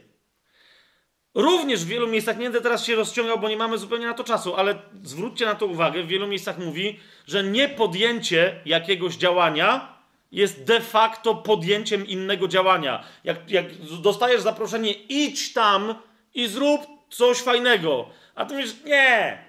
To niektórzy mówią, że no przecież nic nie zrobiłem. Dobra, nie zrobiłem nic dobrego, ale przecież nie zrobiłem nic złego. Serio? Serio? Jeszcze raz, jeżeli podejmujesz w swoim sercu decyzję, to to już jest wynik działania Twojej woli. Ok? I to już jest Twój uczynek. Rozumiesz, jeżeli na przykład postanowiłby sobie, że zabije drugiego człowieka, bierze pistolet, załadowuje, rusza na ulicę, jest ciemno, widzi, że ten gość sobie idzie ulicą, poznają, wie, o, ten zawodnik, tak? Idzie za nim i chce mu strzelić w tył głowy w potylicę odciąga kurek, czy co się tam teraz z pistoletami robi, nie wiem, podchodzi do niego z tyłu i tuż przed tym, jak naciska cyngiel, żeby go zabić, okazuje się, że leży skórka od banana yy, na, yy, na chodniku. Pośli, poślizgnął, poślizgnął się nasz delikwent, wywalił się, strzelił w powietrze. Tak? Ten się przestraszył, co miał być zabity i uciekł. I teraz ten gość leży na ziemi i mówi, ale bym głupio zrobił, jakbym go zabił. Uff, dobrze, że się to nie stało. Rozumiecie o co mi chodzi? Ależ stało się. To, że zamysł Twojego serca nie przekuł się ostatecznie w czyn, nie znaczy, że Twoje serce nie zaciągnęło winy. Jasne, jasne jest to, co mówię? I teraz jeszcze raz, jeżeli więc masz jakiś wybór i twoją decyzją jest na przykład iść w lewo czy w prawo, a twoją decyzją jest, żeby w ogóle się nie ruszać, pamiętaj, to jest nadal decyzja. To nie jest tak, że konsekwencje będą jak pójdziesz w prawo i konsekwencje będą jak pójdziesz w lewo. Nie tymi rękami pokazałem. Jak George Bush to zrobiłem. Nie, no, okej, okay, niech będzie. W każdym razie, jeżeli nie pójdziesz ani w prawo, ani w lewo, tylko powiesz, ok, jeszcze się zastanawiam, to przedłużanie Twojego zastanawiania się zamiast podjęcia akcji jest również wyborem, który ma swoje konsekwencje. Ok? Dlaczego o tym mówię? Otóż pamiętajcie, i, teraz widzicie, tu się zaczyna troszeczkę y, jazda, ale pamiętajcie, bo to jest też nasza odpowiedzialność z tej strony krzyża, że tak powiem. Otóż w momencie, kiedy głosisz dobrą nowinę jakiemuś człowiekowi, jest to ryzyk fizyk. Niektórzy mówią, a no, no najwyżej już nie przyjmie Ewangelii. Jeszcze raz. Zrozum, że jeżeli ty głosisz i na przykład nie głosisz na pełnym natchnieniu, tak? Nie, y, nie chodzi mi o to, że o, mam napalenie, tylko po prostu nie masz pewności w sobie, czy ty masz głosić akurat temu człowiekowi nie wiesz, czy masz mu powiedzieć świadectwo, czy co tam, tak? Tylko tak głosisz z automatu. Wiecie, są różni ewangeliści, tak? Coś czasem pitolą, ktoś ich poruszy, wiecie, jest impreza jakaś, ktoś tam powiedział coś o aborcji i ten nagle myśli, że głosi Ewangelię, a z kimś się tak naprawdę kłóci. Nie głosi w miłości. No o to mi chodzi, rozumiecie, tak? Otóż zrozum, i, i, i potem ci ludzie wychodzą jacyś tam wkurzeni i mówią, no dobrze, ale przynajmniej zasiałem ziarno. Kto ci powiedział, że zasiałeś ziarno? Rozumiesz? Być może ten człowiek miał, nie wiem, załóżmy, tak, pulę 78 szans na usłyszenie Ewangelii i w swoim życiu wykorzystał już 76. A ty mu swoim dziadowskim głoszeniem pff, wypaliłeś 77. Może ma jeszcze tylko jedną w życiu. Ok, ja teraz trochę przeginam, bo nie do końca to tak działa z punktu widzenia Bożego, w takim sensie, że Bóg będzie wysyłał temu człowiekowi głoszących być może i w nieskończoność. Ale sęk w tym, że za każdym razem, kiedy ktoś słyszący dobrą nowinę odrzuca tę dobrą nowinę, to nie jest tak, że jej nie przyjmuje, tylko ją odrzuca, rozumiecie o czym mówię? A jeżeli ją odrzuca, to ma skutki w jego sercu. O to mi idzie, tak? To wtedy się, to jest to, o czym Bóg mówi, do, mówi znieczul serce tego ludu. Dlaczego to? Bóg nie mówi, ty to zrób, bo jak to niby miałby zrobić Izajasz? Że miał szczykawkę ze znieczuleniem i miał walić ludziom? Nie, ale Bóg, ale Bóg mu powiedział, pamiętaj, będziesz głosić dobrą nowinę temu ludowi, ale niektórzy z nich są już w takim stanie, że jeżeli teraz jej nie przyjmą, to się zamulą do końca. Rozumiecie o co mi idzie? Jak jest powiedziane, że Pan e, e, zatwardził serce faraona, to, to oznacza, że najprawdopodobniej do tego faraona wcześniej wielu przychodziło, żeby go nawrócić. Tak? Żeby mu, żeby, żeby mu ogłosić, żeby zmienił swoje postępowanie. Przecież wiecie, e, w pewnym momencie przychodzi do niego Mojżesz, ale Mojżesz, który parędziesiąt lat wcześniej uratował się z absolutnej hekatomby, tak? Przecież nie, nie, do, nie, nie, nie do końca ten sam, ale chodzi mi o to, że to jest ciąg władców takiż właśnie faraon egipski kazał zabić wszystkich żydowskich chłopców, wszystkich bez wyjątku. Tak? No to o czym my mówimy? Nie mówimy tu o ludziach, którzy, wiecie, są e, na rozdrożach i nie wiedzą, czy zrobić coś dobrego, czy coś złego. Tak? Tylko robią rzeczy nieludzkie. Po prostu. Nawet ze zwykłego pogańskiego punktu widzenia. Więc kapujecie, jak przychodzi Mojżesz i zaczyna mówić do faraona, to nadal, wiecie, daje, bo pamiętacie, on mu da, zawsze daje wybór. Pamiętacie, tak? Mówi, słuchaj, zróbże to i to, wypuść mój lud, bo jeżeli nie, to cię będę musiał przymusić, tak? Spadną plagi na Egipt i tak dalej, i tak dalej. Teraz chodzi o to, że widzicie, to nie jest tak, że przychodzi Mojżesz i mówi zatwardzam twoje serce, jestem posłańcem zatwardzenia, a zatwardzam twoje serce, tak? Tylko przychodzi i daje mu ostatnie szanse. Ostatnie z punktu widzenia tego faraona. Przychodzi do człowieka tak już w środku zatwardzonego, że jeżeli jeszcze raz albo jeszcze dwa razy odrzuci propozycję nawrócenia się, to może sam z siebie stracić taką możliwość, być może wreszcie raz na zawsze. Rozumiecie o co, e, o co mi chodzi? E, teraz na potwierdzenie tych moich słów. Po pierwsze, otwórzmy sobie piątą Mojżeszową, żebyśmy to szybko zobaczyli. Że jak Bóg daje ci, mówi ci, wybierz że życie, wybierz błogosławieństwo, ja ci chcę błogosławić, chcę ci zrobić dobrze, to jednocześnie wyraźnie mówi do Izraela: pamiętaj, że jeżeli nie wybierzesz tego, to wybierzesz zło, przekleństwo i śmierć. Dlatego wybieraj dobrze. Nie ma niewyboru, nie ma zawieszenia wyboru. Jeżeli nie wybierzesz dobrze, to znaczy, że się zdecydujesz na to, co złe. Piąta Mojżeszowa, 30 rozdział. Tam jest yy, yy, cała historia, ale chodzi mi zwłaszcza o jedenasty werset. Yy, I następne. Nawiasem mówiąc, yy, to, to jest fragment, na który się powołuje w liście do Rzymian Paweł, żeby powiedzieć, mówi, zbawienie jest proste. Uwierz w swoim sercu, że Bóg wskrzesił Jezusa z martwych i wyznaj, że, jest, że Jezus jest Twoim Panem i będziesz zbawiony. To jest wszystko. I teraz na, jakie, na, na jaki tekst ze Starego Przymierza Paweł się powołuje? Na ten, od 11 wersetu. To przykazanie bowiem, które ja Ci dzisiaj daję, nie jest dla Ciebie ani za trudne, ani za dalekie. Więc nie możesz się wytłumaczyć, ale to nie, muszę się wysilić, nie mam w sobie tyle silnej woli. Co za problem? Przychodzi do ciebie dobra nowina. Czy wierzysz w Jezusa, że Bóg go wskrzesił z martwych? Tak. Czy chcesz, żeby był twoim panem? Tak. Dwa razy tak. Tak? Mówisz, Jezus jest panem. Bum, tarara, zrobione. Nie jest za trudne. Tam jest 12, 13 werset, że, to nie, że nie jest na niebie, żeby trzeba było mówić, kto tam wstąpi do nas i je sprowadzi. 13, że nie jest za morzem i tak dalej. 14 werset, ale bardzo blisko ciebie jest słowo. W twoich ustach i w Twoim sercu, abyś je czynił. Rozumiecie o co mi chodzi? Słowo trafia do każdego. W momencie, kiedy my głosimy Ewangelię, to nie, nie tyle do ludzi trafia słowo przez nas. My głosimy, ale chodzi o to, że w ich sercu Duch Święty już włożył to serce uprzednio, nawet niewyrażone, i ono tam rezonuje. Naszym zadaniem jest chodzić i tak dźwięczeć, żeby to rezonowało ze słowem złożonym w sercach ludzi. Bardzo blisko Ciebie jest słowo, w Twoich ustach i w Twoim sercu, abyś je uczynił. I dlatego Paweł w liście do Rzymian w 10 rozdziale mówi: W sercu uwierz, a ustami wyznaj. To jest wszystko. Nie, całe, nie przestrzeganie 613 praw. To do ciebie przyniesie zbawienie. Pamiętacie, list do Rzymian, 10 rozdział 9-10, tak? I, I, całe tam oko, dookolne wersety. Ale teraz popatrz, bo tam jest ten werset, na, którego, y, na który się Paweł nie powołuje, ale mówi, zobacz, 15, mówi, popatrz, kładę dzisiaj w ten sposób, dając ci takie proste rozwiązanie, kładę dzisiaj przed tobą życie i dobro oraz śmierć i zło. Widzicie to? Teraz nie będziemy tam dalej rozważać y, tych wersetów, co się w niedzielę, tylko przeskoczmy do 19 wersetu, bo tam jest komentarz. Tak? Biorę dzisiaj przeciwko wam na świadków niebo i ziemię położyłem dzisiaj przed Tobą życie i śmierć, błogosławieństwo i przekleństwo. I teraz patrz, wybierz przeto życie, żebyś żył Ty i Twoje potomstwo. 20 werset, miłując Pana, Boga Twojego, słuchając Jego głosu i tak dalej, i tak dalej, i tak dalej. Rozumiecie, o co mi idzie? I Bóg mówi, wybierz to. Dlaczego? Bo jeżeli nie wybierzesz tego, to jest automatyczny wybór tego drugiego.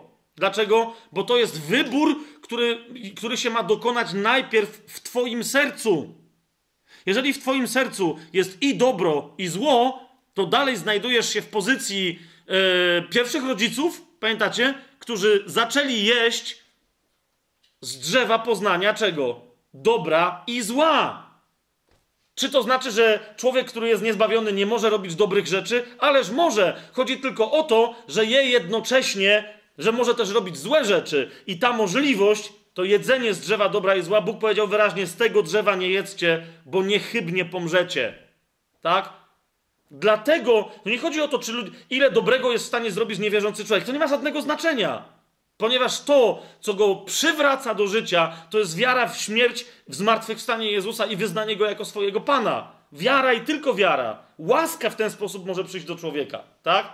Ale za każdym razem, kiedy człowiek staje przed tym wyborem i go nie dokonuje, to automatycznie w nim dokonuje się ten zły wybór, który go kolejny raz, rozumiecie, bardziej zatruwa, skamienia jego serce. Jest to jasne, jest to jasne co, co, co ja teraz yy, mówię? Dobrze. Yy, jak poczytacie w Księdze Przysłów, tam jest wiele na ten temat powiedziane.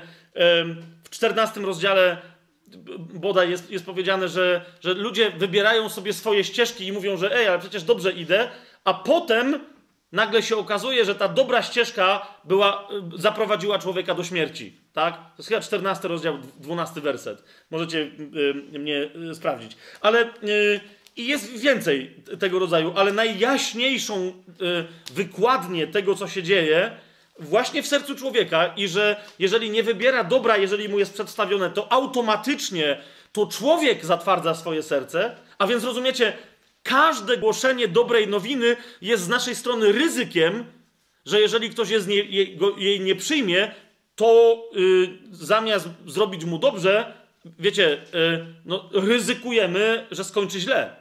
Po prostu.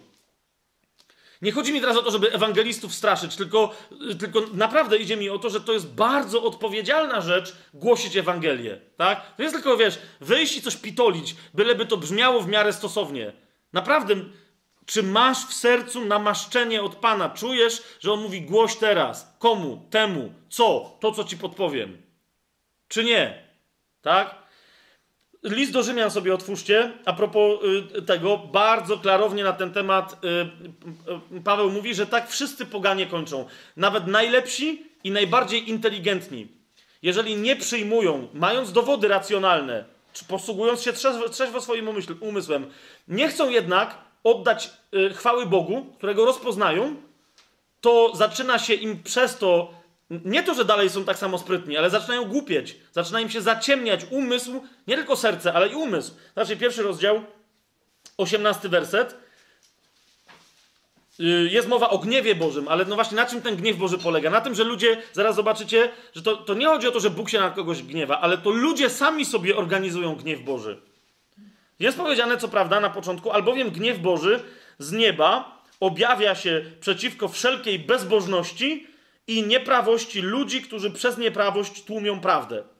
Przede wszystkim zwróćcie uwagę, że gniew Boży, ten autentyczny, jest obrócony nie przeciwko człowiekowi, ale przeciwko bezbożności i nieprawości, a nie przeciwko ludziom. Widzicie to? Niemniej, yy, więc Bóg walczy z nieprawością człowieka. Dlaczego? Ponieważ jeżeli człowiek trwa w nieprawości, to pierwsze co się dzieje, zauważcie, nieprawość tłumi prawdę. Widzicie to? I teraz idźmy do następnego wersetu. Zobaczcie. Ponieważ to, co o Bogu wiedzieć można, jest dla nich jawne, gdyż Bóg im to objawił. Wszystkim ludziom Bóg się objawia w przyrodzie. Każdy człowiek ma moment, kiedy albo logicznie do tego dochodzi, racjonalnie, obserwując przyrodę, jakkolwiek, rozważając sobie, tak jak Arystoteles, który doszedł do koncepcji, że musi istnieć nieruchomy poruszyciel, czyli jeden, jedyny Bóg, tak? Są różne drogi dojścia do tego, ale Objawia się to człowiekowi. I teraz zobaczcie, co się dzieje. 20 werset. Bo niewidzialna jego istota, to jest wiekuista jego moc i bóstwo, mogą być od stworzenia świata oglądane w dziełach i mogą być poznane umysłem, tak iż nic nie mają na swoją obronę, kiedy mówią, że ja nie widzę Boga, ja jestem agnostykiem. Tak? Albo ateistą wręcz. I dlatego zobaczcie, co się dzieje. 21 werset.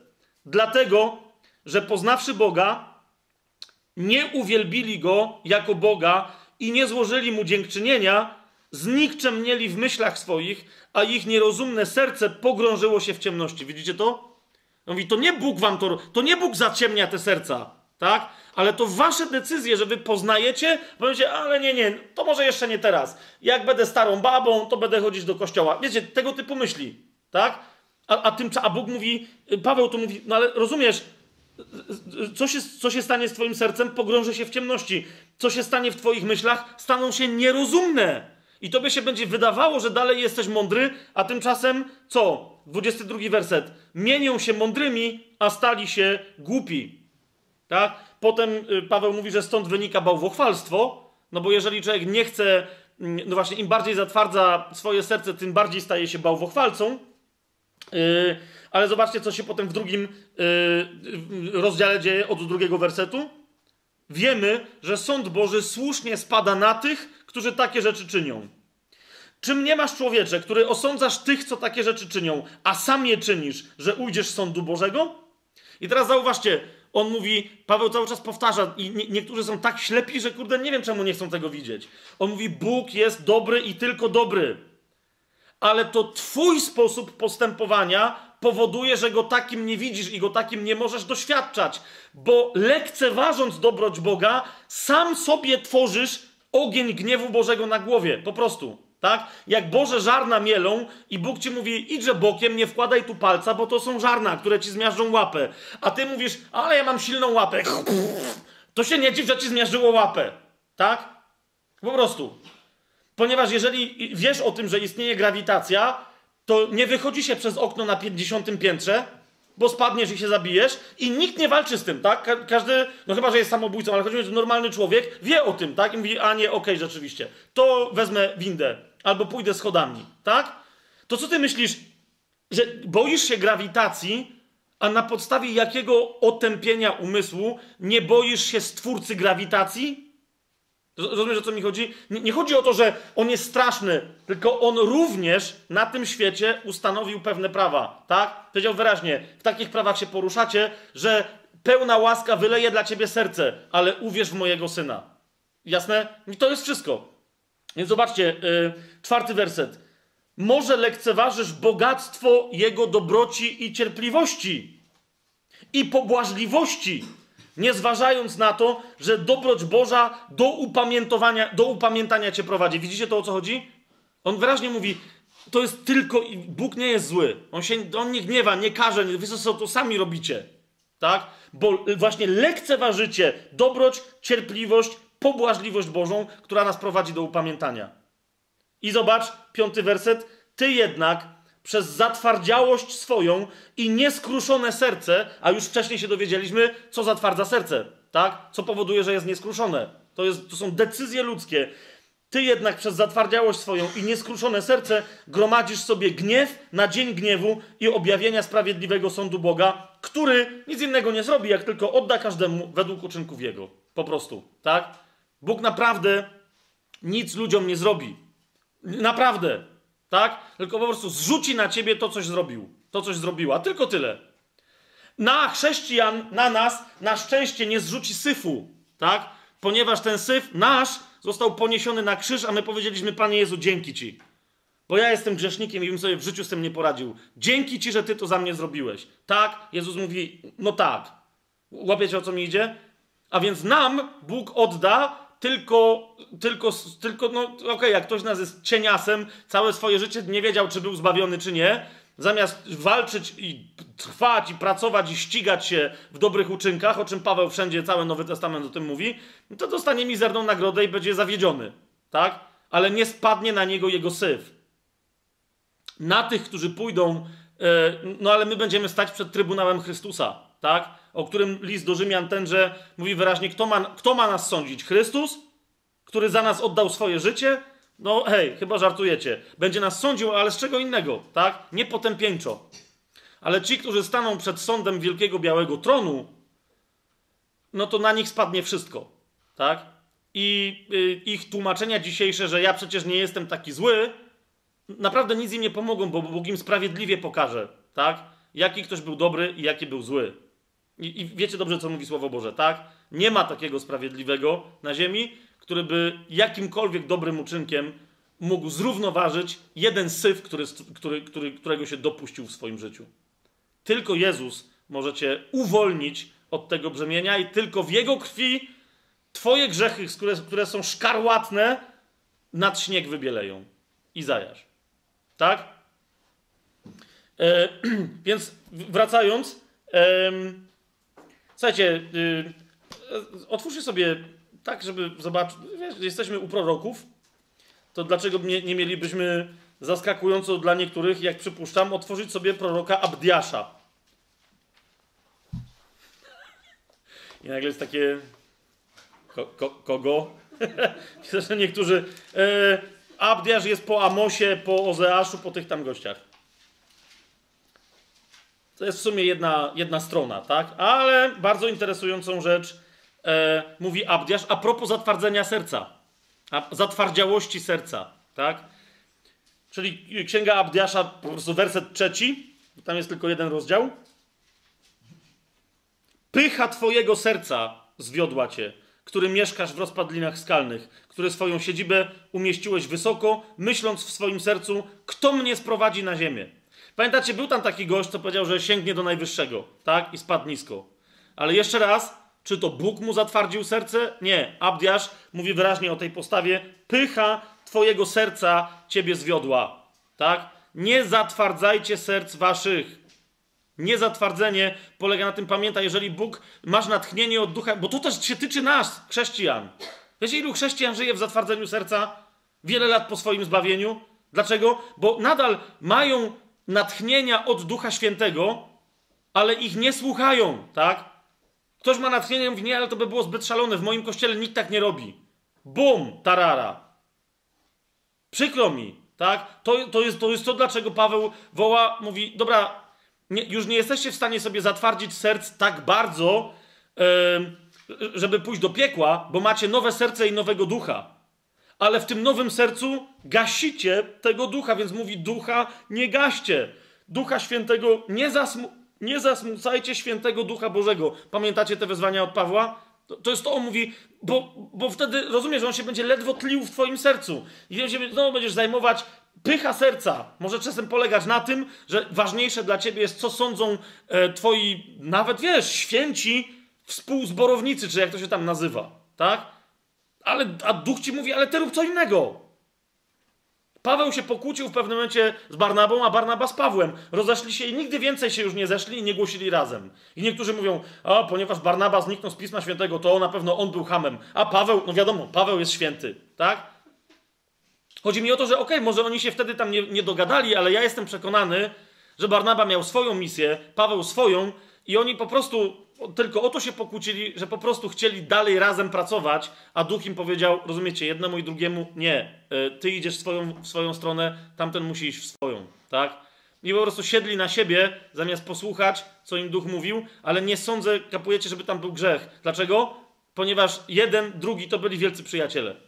Dzieje apostolskie są w, te, w tej kwestii dosyć, dosyć jasne, tak? Barnaba szukał Pawła, tak? Razem posługiwali. Po prostu skończyło się na tym, że się rozeszli, tak? Nie dlatego, że się pokłócili, naprawdę tam nie ma takiego bezpośredniego skojarzenia, tylko pokłócili się, potem przypuszczam, że po prostu roz, roz, rozpoznali to, że słuchaj, ja muszę iść gdzie indziej, a ja gdzie indziej. Okej, okay, no to bye. I więcej się nie zobaczyli, tak? Ale nie, gaś, nie zgasili Ducha Świętego tylko dlatego, że hej, przecież nie może być nic lepszego, jak żeby Paweł głosił z Barnabą. Duch Święty powiedział, no nie, może być coś lepszego. Każdy w swoją drogę. Ty tu, tamten tam. O tym, że naprawdę będąc nawet, że się tak wyrażę, w, w jednym łóżku śpiąc z Panem Jezusem, tak? Że można nadal być cymbałem, naprawdę chrześcijaninem i cymbałem pustym, mówię o yy, yy, hymnie o miłości, tak? Cymbałem pustym i brzmiącym. Otwórzcie sobie Ewangelię Marka i na tym skończymy. Ale niech to będzie naprawdę dla nas ostrzeżeniem Yy, ale okej, okay, ale jasne to jest to, co mówię, tak? Czyli, że te, to, te wszystkie zatwardzenia serca to jest wynik złych decyzji, które ludzie podejmują, wiedząc, co mogło być dobre. Tak? Nie, Bóg w tym sensie tylko jest za to odpowiedzialny i w tym sensie Izajasza powołał, że go ostrzegł, mówi pamiętaj, nie zdziw się, jak się okaże, że twoje głoszenie w, w, w wielu, wiele uszów zatkało do końca i wiele serc zatwardziło. Nie zdziw się, tak? Ale to nie było posłannictwo bezpośrednie, tak? Chociaż, okej, okay, bo Bóg też mógł wiedzieć, że po prostu, jak niektórzy zareagują, bo mogli już być na takim etapie, że po prostu będzie to ostateczne odrzucenie proroka Bożego. Ale zauważcie, co się dzieje. Marek, ósmy rozdział. Y, ósmy rozdział dosłownie zaczyna się od nakarmienia czterech tysięcy ludzi przez Pana Jezusa poprzez cudowne rozmnożenie. Myślę, że nie muszę tego przypominać. Wiecie, co to jest cudowne rozmnożenie chleba, tak? Okej.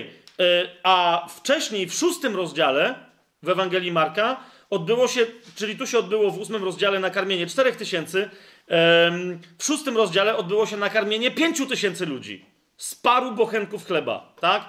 Nie mieli w ogóle chleba i nakarmili no tysiące ludzi.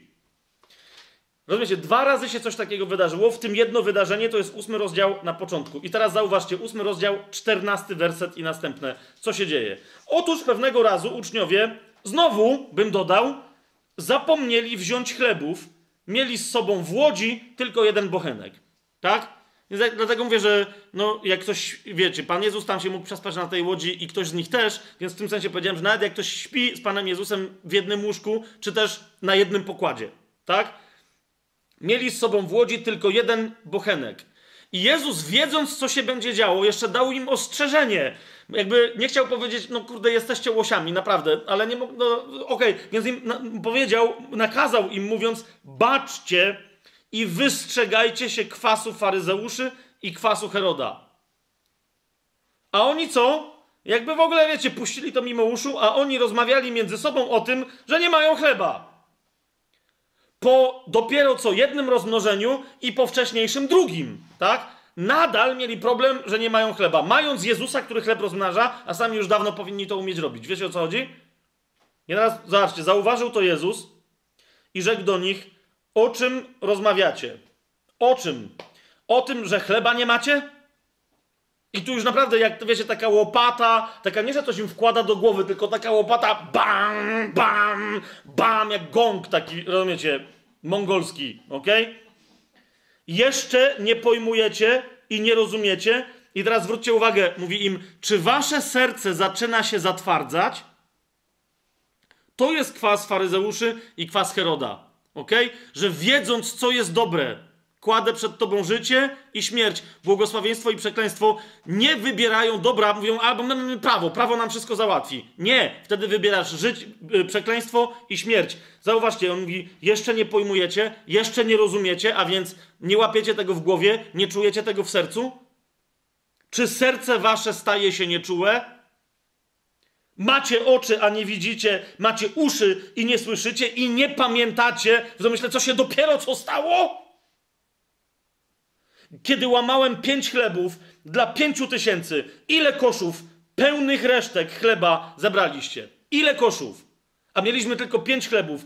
Nakarmiliśmy tyle tysięcy ludzi. Ile zabraliście? Odpowiedzieli mu, rozumiecie, to już był konkret, 12.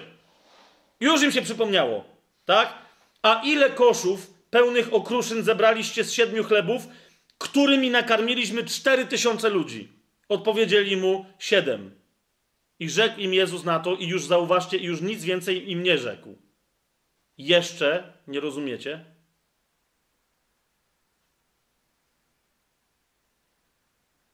Jeszcze nie rozumiecie? To jest dokładnie to samo, co Jezus tu im chce powiedzieć. Mówi, dwa razy braliście udział w tym rozmnożeniu chleba. Nosiliście te chleby do ludzi. Ja je łamałem, ale wy w tym uczestniczyliście. Może wyście też coś tam porozmnażali. Tak? Chodzi o to, znowu, nawet jak tego nie umiecie robić, ja jestem dalej z wami.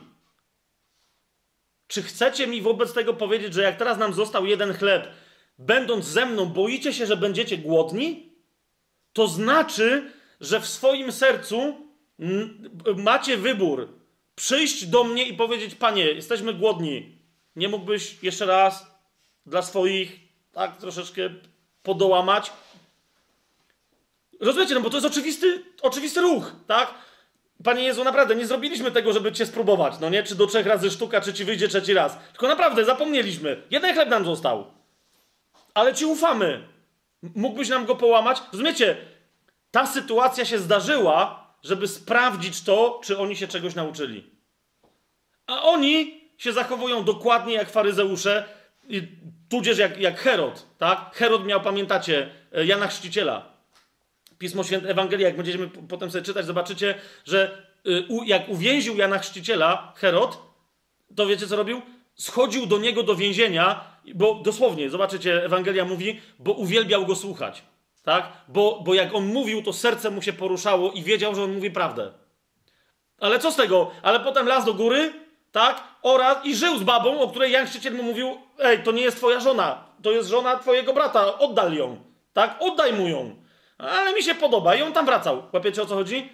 Za każdym razem, kiedy słuchał Jana Chrzciciela i wiedział, co ma zrobić, następnie tego nie robił, to znaczy, że robił coś przeciwnego. Jeżeli nie przyjmował łaski, to znaczy, że przyjmował przekleństwo od twórcy przekleństwa, od szatana. Jasne to jest? I to jest, to jest kwaseroda. Faryzeusze, Jezus im cały czas mówi, czy znacie Pismo? Czy wiecie, jak moc Boża działa? To mówi, to nie, nie widzicie, że to ja jestem? Tam się wypełniło takie słowo, tu się wypełniło takie, tu kolejne, tu kolejne, tu kolejne, tu kolejne. Wszyscy prorocy, którzy na przestrzeni ponad tysiąca lat zapowiadali mnie, zobaczcie, zapowiadali mnie, we mnie wszystkie proroctwa się spełniają. A oni mówią, nie, nie, nie, nie, my nie chcemy tego widzieć. Jeżeli za każdym razem, kiedy odrzucali Jezusa, za każdym razem się pogrążali. Dlatego pamiętacie Psalm 22? Jak Jezus y, zaczyna Eli, Eli, wisząc na krzyżu, odmawia ten psalm. Lma sabachtani, tak? Boże mój Boże, czemuś mnie opuścił. To oni przecież świetnie wiedzą, co jest dalej. Że właśnie na oczy widzą to, tak? Że Rzymianie za krzyżem siedzą i rzucają losy o jego szatę, tak? Że jest przybity. Rozumiecie, y, za czasów Dawida w ogóle nie istniała, oni, nikt nie wiedział w ogóle nic o żadnym Rzymie i, i nie było żadnej koncepcji kary, żeby przybijać kogoś do drzewa, tak? A Dawid z jakiegoś powodu musiał być ostro wstrząśnięty, jak to napisał, pod wpływem Ducha Świętego. Opisał gościa, który wisi na drzewie i umiera przebity, rozciągnięty, duszący się. Tak? Rozumiecie? Faryzeusze stali i mieli to na, na, na ich oczach się to działo. Tak?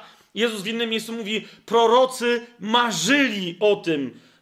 Serce im wyskakiwało, żeby zobaczyć chociaż jeden z dni syna człowieczego, który, który wy widzicie. I oni ich nie widzą, mówi, a wy co? I oni, rozumiecie, na ich oczach umiera Mesjasz, tak? Kto z was nie chciałby dzisiaj, będąc wierzącym, stanąć pod krzyżem? Wiecie, o co mi chodzi? Tam być i, no, nie czytać Izajasza, tak? A oni tam stoją i mówią, nie, to nie, Eliasza woła. Na litość boską, w sensie, rozumiecie, no albo udają przed ludźmi, żeby nie zrozumieli, że to jest psalm 22, albo być może ich serce w tej konkretnej sytuacji jest już tak przez ich wcześniejsze decyzje zatwardzone, że może oni naprawdę, rozumiecie, nie rozpoznali, że to jest psalm 22. Wiecie o co mi idzie? To jest to, czy Bóg im zatwardził serce.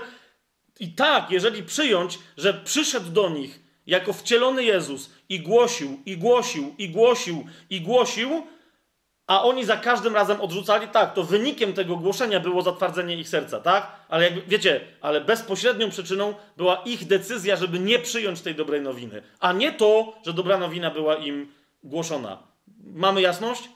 I w takim sensie do takiego ludu nędzników yy, jest posyłany Izajasz. Pamiętacie, jak sobie jeszcze raz przeczytacie Izajasza szósty rozdział, ja już tego nie, nie, nie będę otwierał, ale yy, on tam mówi, że ja jestem człowiekiem o nieczystych wargach, w sensie jestem kompletnym grzesznikiem i mieszkam pośród ludu o nieczystych wargach. Pamiętacie to? A, mówi, a więc po, po, po, prostu jestem grzesznikiem wcale nie lepszym od ludzi, którzy ze mną mieszkają. Tak? Może nawet gorszym. Ale chodzi o to, on mówi, wszyscy jesteśmy źli. I dlatego Bóg mówi, dlatego posyłam cię, yy, żebyś tak głosił, że w wyniku tego głoszenia żeby ono było tak mocne, że albo przyjmą to, co głosisz, albo, albo skończy się to stwardnieniem ich serc, stwardnieniem ich karku, ogłuchnięciem w uszach i ogłuchnięciem e, w, w duchu. Tak? E, Bóg jest dobry, Bóg jest dobry i tylko dobry. I, i, I, zawsze o tym musimy pamiętać. List do Hebrajczyków, 13 rozdział, 5 werset. Po prostu, tak? Pamiętajcie, jak jest mowa o sądzie, o gniewie, o tych wszystkich rzeczach, zawsze interpretujemy z, z tego, co jest podstawową prawdą. Trzynasty e, rozdział, piąty werset. Niech życie wasze będzie wolne od chciwości. Poprzestawajcie na tym, co posiadacie.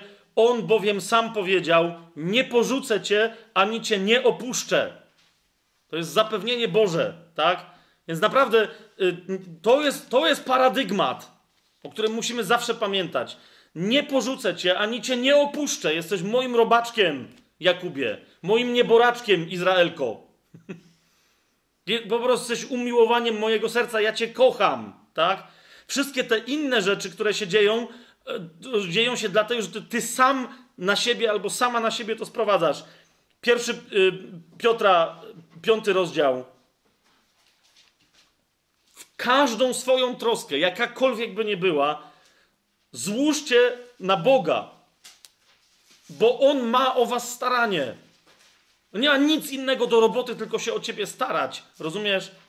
Nie, nie, po co miałby jakieś podstępy organizować w twoim życiu i jakieś inne rzeczy? On nic innego nie robi, jak tylko się o ciebie stara.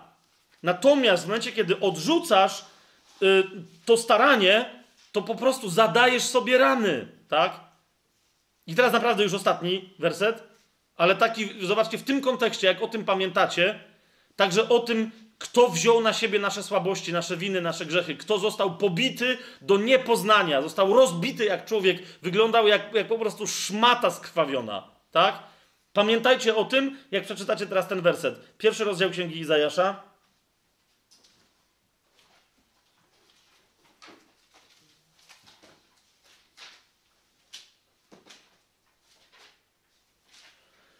od czwartego e, wersetu. Biada narodowi grzesznemu, biada ludowi obciążonemu winą, potomstwu złośników, wyrodnym synom.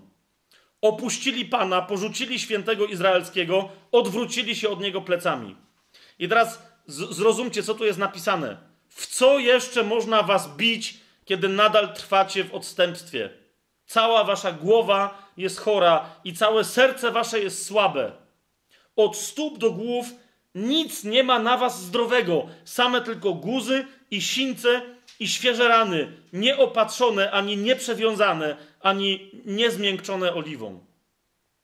Widzicie, jak ktoś ma obraz, tyle, jak ktoś ma obraz jakiegoś dziwnego, wściekłego Boga, to niektórzy czytają no, Stary Testament, to jest właśnie Bóg Stary Testament. Ale rozumiecie, jak masz właściwy ten kontekst, o którym my tu mówiliśmy, tak, to, to za chwilę widzisz, że ojciec posyła swojego syna, żeby był ubity jeszcze bardziej niż to tutaj, tak? Bo tu mówi, że w, co jeszcze można cię uderzyć? Tam nawet nie bardzo wiadomo, w co uderzać, bo jest niepodobny do człowieka, jest tak pobity, tak? Czy ten Bóg miałby bić? On tylko mówi: Nie, sami sobie tę krzywdę robicie. Odwróciliście się ode mnie, porzuciliście świętego izraelskiego. I mówi: Tak wyglądacie. Od stóp do głów kompletnie pobici i poranieni. Ale jeszcze raz, to nie jest dzieło Boga. To jest, to jest jasne. Tak? Bóg tylko nie przeszkadza nam w naszym kretynizmie, ponieważ On chce miłości. A miłość może się zasadzać i wiązać się tylko i wyłącznie z wolnością.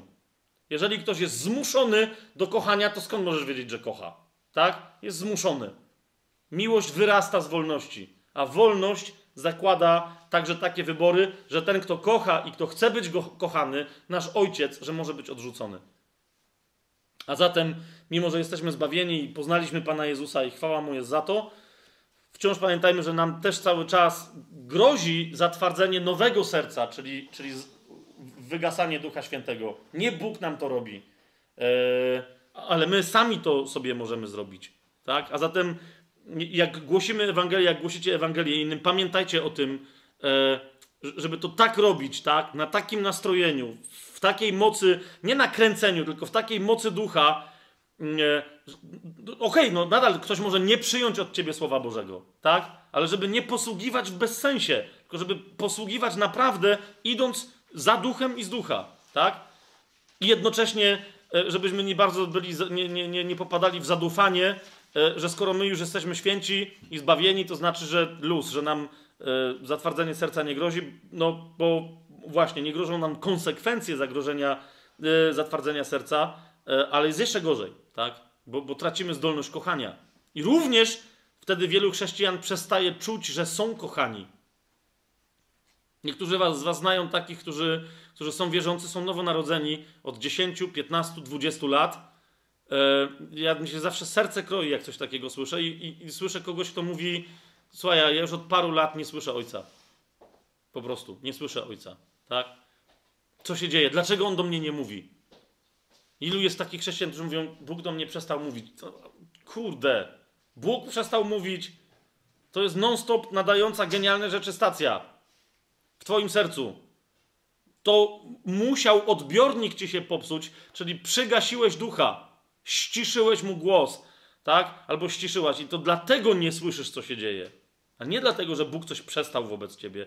On nigdy w swojej miłości do ciebie się nie zmieni, bo miłość się nie zmienia. Miłość jest zawsze taka sama. Amen.